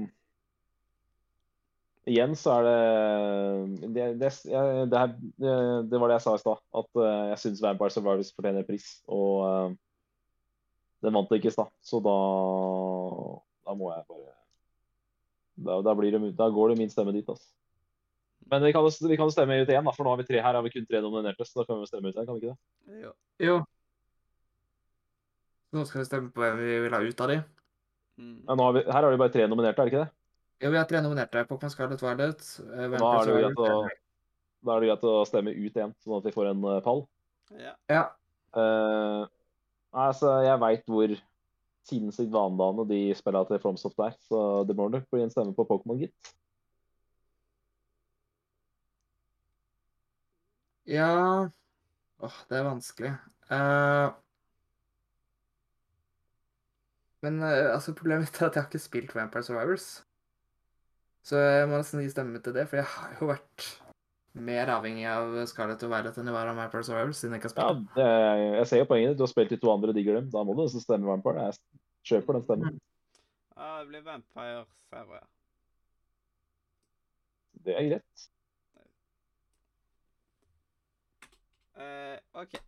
Da En av de skal få nikotin, og en av de blir honorable mention. Jeg, eh, jeg føler at det er Elden Ring som ligger an til å bli nikotin. Det er ikke, siden Det er vel, Jeg vet hva det er vel ingen hemmelighet at uh, Det er vel ingen hemmelighet at min, uh, min stemme avgjør her. Ja, altså Hva, hva er nikotin?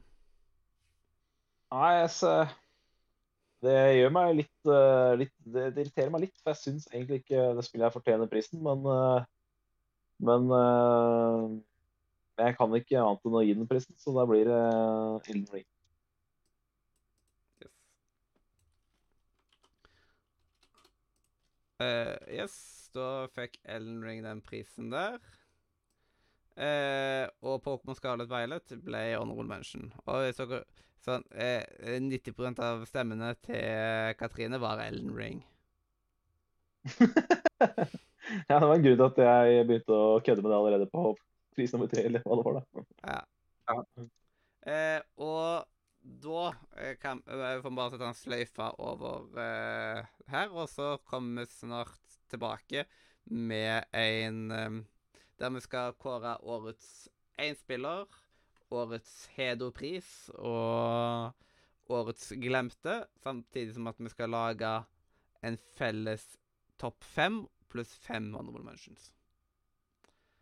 Og da er det liksom bare å si velkommen tilbake når eh, den tid eh, kommer, vet du.